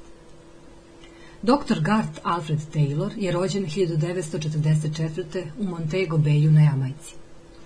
Bio je talentovan očni hirurg, porodični čovek i pre svega humanitarac. Jedna od njegovih omiljenih izreka glasi Došao sam na ovaj svet bez ičega, a kad odem poneću samo svoju savest. Cenim da je tako i uradio. Doktora Taylora sam prvi put zapazio zbog svog brata Sanđaja, koji je i sam talentovani očni hirurg. Gart je bio Sanđajev kolega i ljubitelj mojih knjiga. Zato sam jednog jutra potpisao nekoliko knjiga i poslao mu ih. Čuo sam da je bio veoma srećan zbog toga. Gartov utica je bio tako bitan jer se on nije samo bavio medicinom, on je živeo za nju. Više od 20 godina putovao je po svetu u zemlje u razvoju, nesebično pomažući ljudima da sačuvaju vid. Kako je sam rekao, svoju nirvanu sam našao pre 23 godine, tako što sam lečio slepilo koje se može izbeći. Ljudima se nije vraćao samo vid, već i samo pouzdanje. Pošto mu je bilo stalo, a imao je i hrabrosti da nešto uradi, blagoslovio je život hiljada ljudi. Sanđa je išao na njegovu sahranu. Crkva je bila prepuna, pa su ljudi stajali na ulici. Kako se bližite kraju ove knjige i kraju našeg druženja, pozivam vas da mislite o istinama koje sam vam preneo. Razmišljajte kakav će biti vaš uticaj u onome za što se zalažete a zatim se setite reči doktora Garta Taylora. Sve dok dišem, nastavit ću ovo da radim, jer verujem da sam odabran. Ne zbog novca, ne zbog nadoknade, već samo da bih popravio život drugim ljudima. 97. poglavlje. Ne predajte se. Sedim u svojoj radnoj sobi i pišem ovo. Pijem kafu i razmišljam. Ne sanjarim, ne gubim vreme, ne brinem, jednostavno razmišljam. Jedna od mojih najboljih navika. Uglavnom razmišljam o tome koliko je važno imati osjećaj neke misije, a zatim tome ostati veran. Ali nije to lako. Shvatio sam da što je veći san, tome čeka više prepreka. Moja misija u životu je prilično jasna. Želim da pomognem ljudima da postanu izuzetni, a organizacijama da se popnu na svetski nivo. Imam strast da ostvarim taj san i da dam svoj doprinos da ovaj svet postane bolji. To nije samo moj posao, to je moj poziv. A što dalje budem tražio, to me čekaju veća iskušenja. Zvuči vam poznato. Ali izazovi su dobri. Kroz njih rastemo. Najviše živimo usred opasnosti. Papa Valenda, čuveni akrobata na žici, tako je lepo rekao. Život se živi na žici. Sve ostalo je samo čekanje. Najmudriji među nama, istinske vođe, nasmejani su preteškoćama. Njima je jasno da život iskušava velike sanjare, strastvene revolucionare. To veoma liči na proces strebljenja. Samo jaki i najbolji mogu da žive osluškujući svoje srce. Zaista mi se dopada ono što je osnivač kompanije Amazon.com Jeff Bezos rekao. Znao sam da se neću kajati ako ne budem uspeo, ali sam bio siguran da bih se kajao ako ne pokušam. Zato ću ja preskočiti svaku prepreku na koju budem naišao. Neću skidati pogled sa svog sna. Ostaću veran svojoj poruci i misiji. Jer ovaj svet pripada nama sanjarima, vama i meni. A bilo da na kraju uspemo ili ne, barem smo nešto promenili. Za mene je to dovoljno dobro. 98. poglavlje. Brinite o sebi. Predvodništvo počinje iznutra. Predvodništvo u organizaciji kreće od ličnog predvodništva. Ne možete biti odlični na poslu sve dok se ne osjećate odlično. Ne možete postići da neko ceni sebe ako vi sami sebe ne cenite. Ne možete biti izvor pozitivne energije ako nemate energiju. Vrata uspeha se otvaraju ka spolja, ne ka unutra. Kad sljedeći put budete putovali avionom, slušajte stjuardesu. Pre nego što pokušate da pomognete nekom drugom, prvo sebi stavite masku za kiseonik na usta. Logika je jasna. Ako ne možete da dišete, beskorisni ste onima oko sebe. Lepa metafora za lično predvodištvo. Nađite vremena da zbrinete sebe. Dostignite dobru kondiciju. Čitajte dobre knjige o poslovanju i nadahnjujuće autobiografije. Planirajte i usavršavajte svoje sposobnosti. Radite sa nekim. Provodite dobro vreme sa onima koje volite. Družite se sa prirodom. Uživajte u životu dok jurite za uspehom. Vodite računa o sebi, pa ćete moći više da pružite drugima. Kada se budete uverili da ste na pravom putu, bit će vam osiguran uspeh kao vođi. A kada nađete vremena da uživate u životu, okolina će više uživati u vama. 99. poglavlje. Pogodite ko mene nadahnjuje. Dok sam pre neki dan potpisivao svoje knjige, neki čovek je ustao i pitao. Robine, šta vas pokreće? Šta je izvor vaše energije? Ko vas nadahnjuje? Svi su se nasmijali zbog mog odgovora. Rekao sam, vi. Skoro sve što radim proističe iz moje ljubavi prema vama, čitaocima mojih knjiga ili klijentima sa kojima imam čast da radim. Duboko me gane kada čujem da su vam moje ideje pomogle da uspete na ličnom i poslovnom planu. Kao ona žena na potpisivanju koja je rekla kako je knjigu Kaluđer koji je prodao svoj Ferrari čitala svom mužu koji je umirao od raka, da bi bio srećniji u posljednjim trenucima života. Ili onaj poslovni čovek koji je pročitao knjigu Biseri mudrosti Kaluđera koji je prodao svoj Ferrari i ne samo što je povećao dobitak, već je i počeo da poštuje ljude. Ili 18-godišnjakinja koju je knjiga Ko će plakati kad umrete toliko dotakla da je započela svoj posao i sada živi svoje snove. Osjećam da sam neverovatno blagosloven. Zašto? Zato što mogu da koristim svoje vreme da pomažem drugima. Zato hvala vam. Ne možete ni zamisliti koliko sam vam zahvalan. Obećavam da ću nastaviti da pišem i govorim ako vi nastavite da čitate i slušate. Stoto poglavlje. Kako živeti večno? Smrt ćete prevariti tako što ćete živeti u mislima i srcu pokolenja koje će doći posle vas. Besmrtnost ćete naći kada svojim predvodništvom i nastupom nešto promenite. Ako trajno promenite drugima nešto u životu, bit ćete šampion na poslu, odličan roditelj kod kuće ili veliki vođa u svojoj zajednici. Živećete večno. Uticaj je jedna od mojih omiljenih reči ovih dana, kao i zaveštanje. Veličanstvenost dođe kad započnete nešto što se ne završava sa vama. Zato prestanite da brinete zbog smrti. Više brinite o životu. Šta ćete danas stvoriti? Kakav će vaš doprinos biti danas? Koga ćete danas slaviti? Koji ćete strah danas prebroditi? Koje ćete dobro delo danas učiniti? Koju ćete društvenu boljku danas izlečiti? Koju ćete nepravdu danas ispraviti? Volim ove reči nadbiskupa Desmonda Tutua. Nema situacije koja se ne da promeniti. Nema onog ko je beznadežan. Nema situacije koju ljudi ne mogu da preokrenu svojom prirodnom sposobnošću za najdublju ljubav. Da parafraziram lik Mela Gibsona iz filma Hrabro srce, inače jedan od mojih omiljenih filmova. Svi ćemo mi umreti, ali malo nas zaista živi. Savršeno. 101. poglavlje. Prihvatite veličanstvenost. Okrivite ili prihvatite. Svi mi svakodnevno imamo taj izbor. Okrivite nešto što ne uspeva ili prihvatite poklon u najzgled nepovoljnoj situaciji. Svetu treba još heroja, a heroji svoje vreme troše loveći najbolje. U teškoćama vide ono najbolje. Vide ono najbolje u drugima. Traže ono najbolje u sebi. Oni prihvataju svoju veličanstvenost, a time i žive najbolje što se može. Izuzetan život nije dostupan samo odabranoj manjini, ljudima koji imaju savršene zube i kraljevski pedigre. I vama i meni zapisana je veličanstvenost. Suđeno nam je da živimo divnim životom. To nam je utkano u gene. Ali u ostvarivanju takvog života moramo da učestvujemo. Odluku po odluku, korak po korak. Mali uspesi na kraju dovedu do ogromnih rezultata. Život zaista želi da uspemo, samo treba da odigramo svoju ulogu.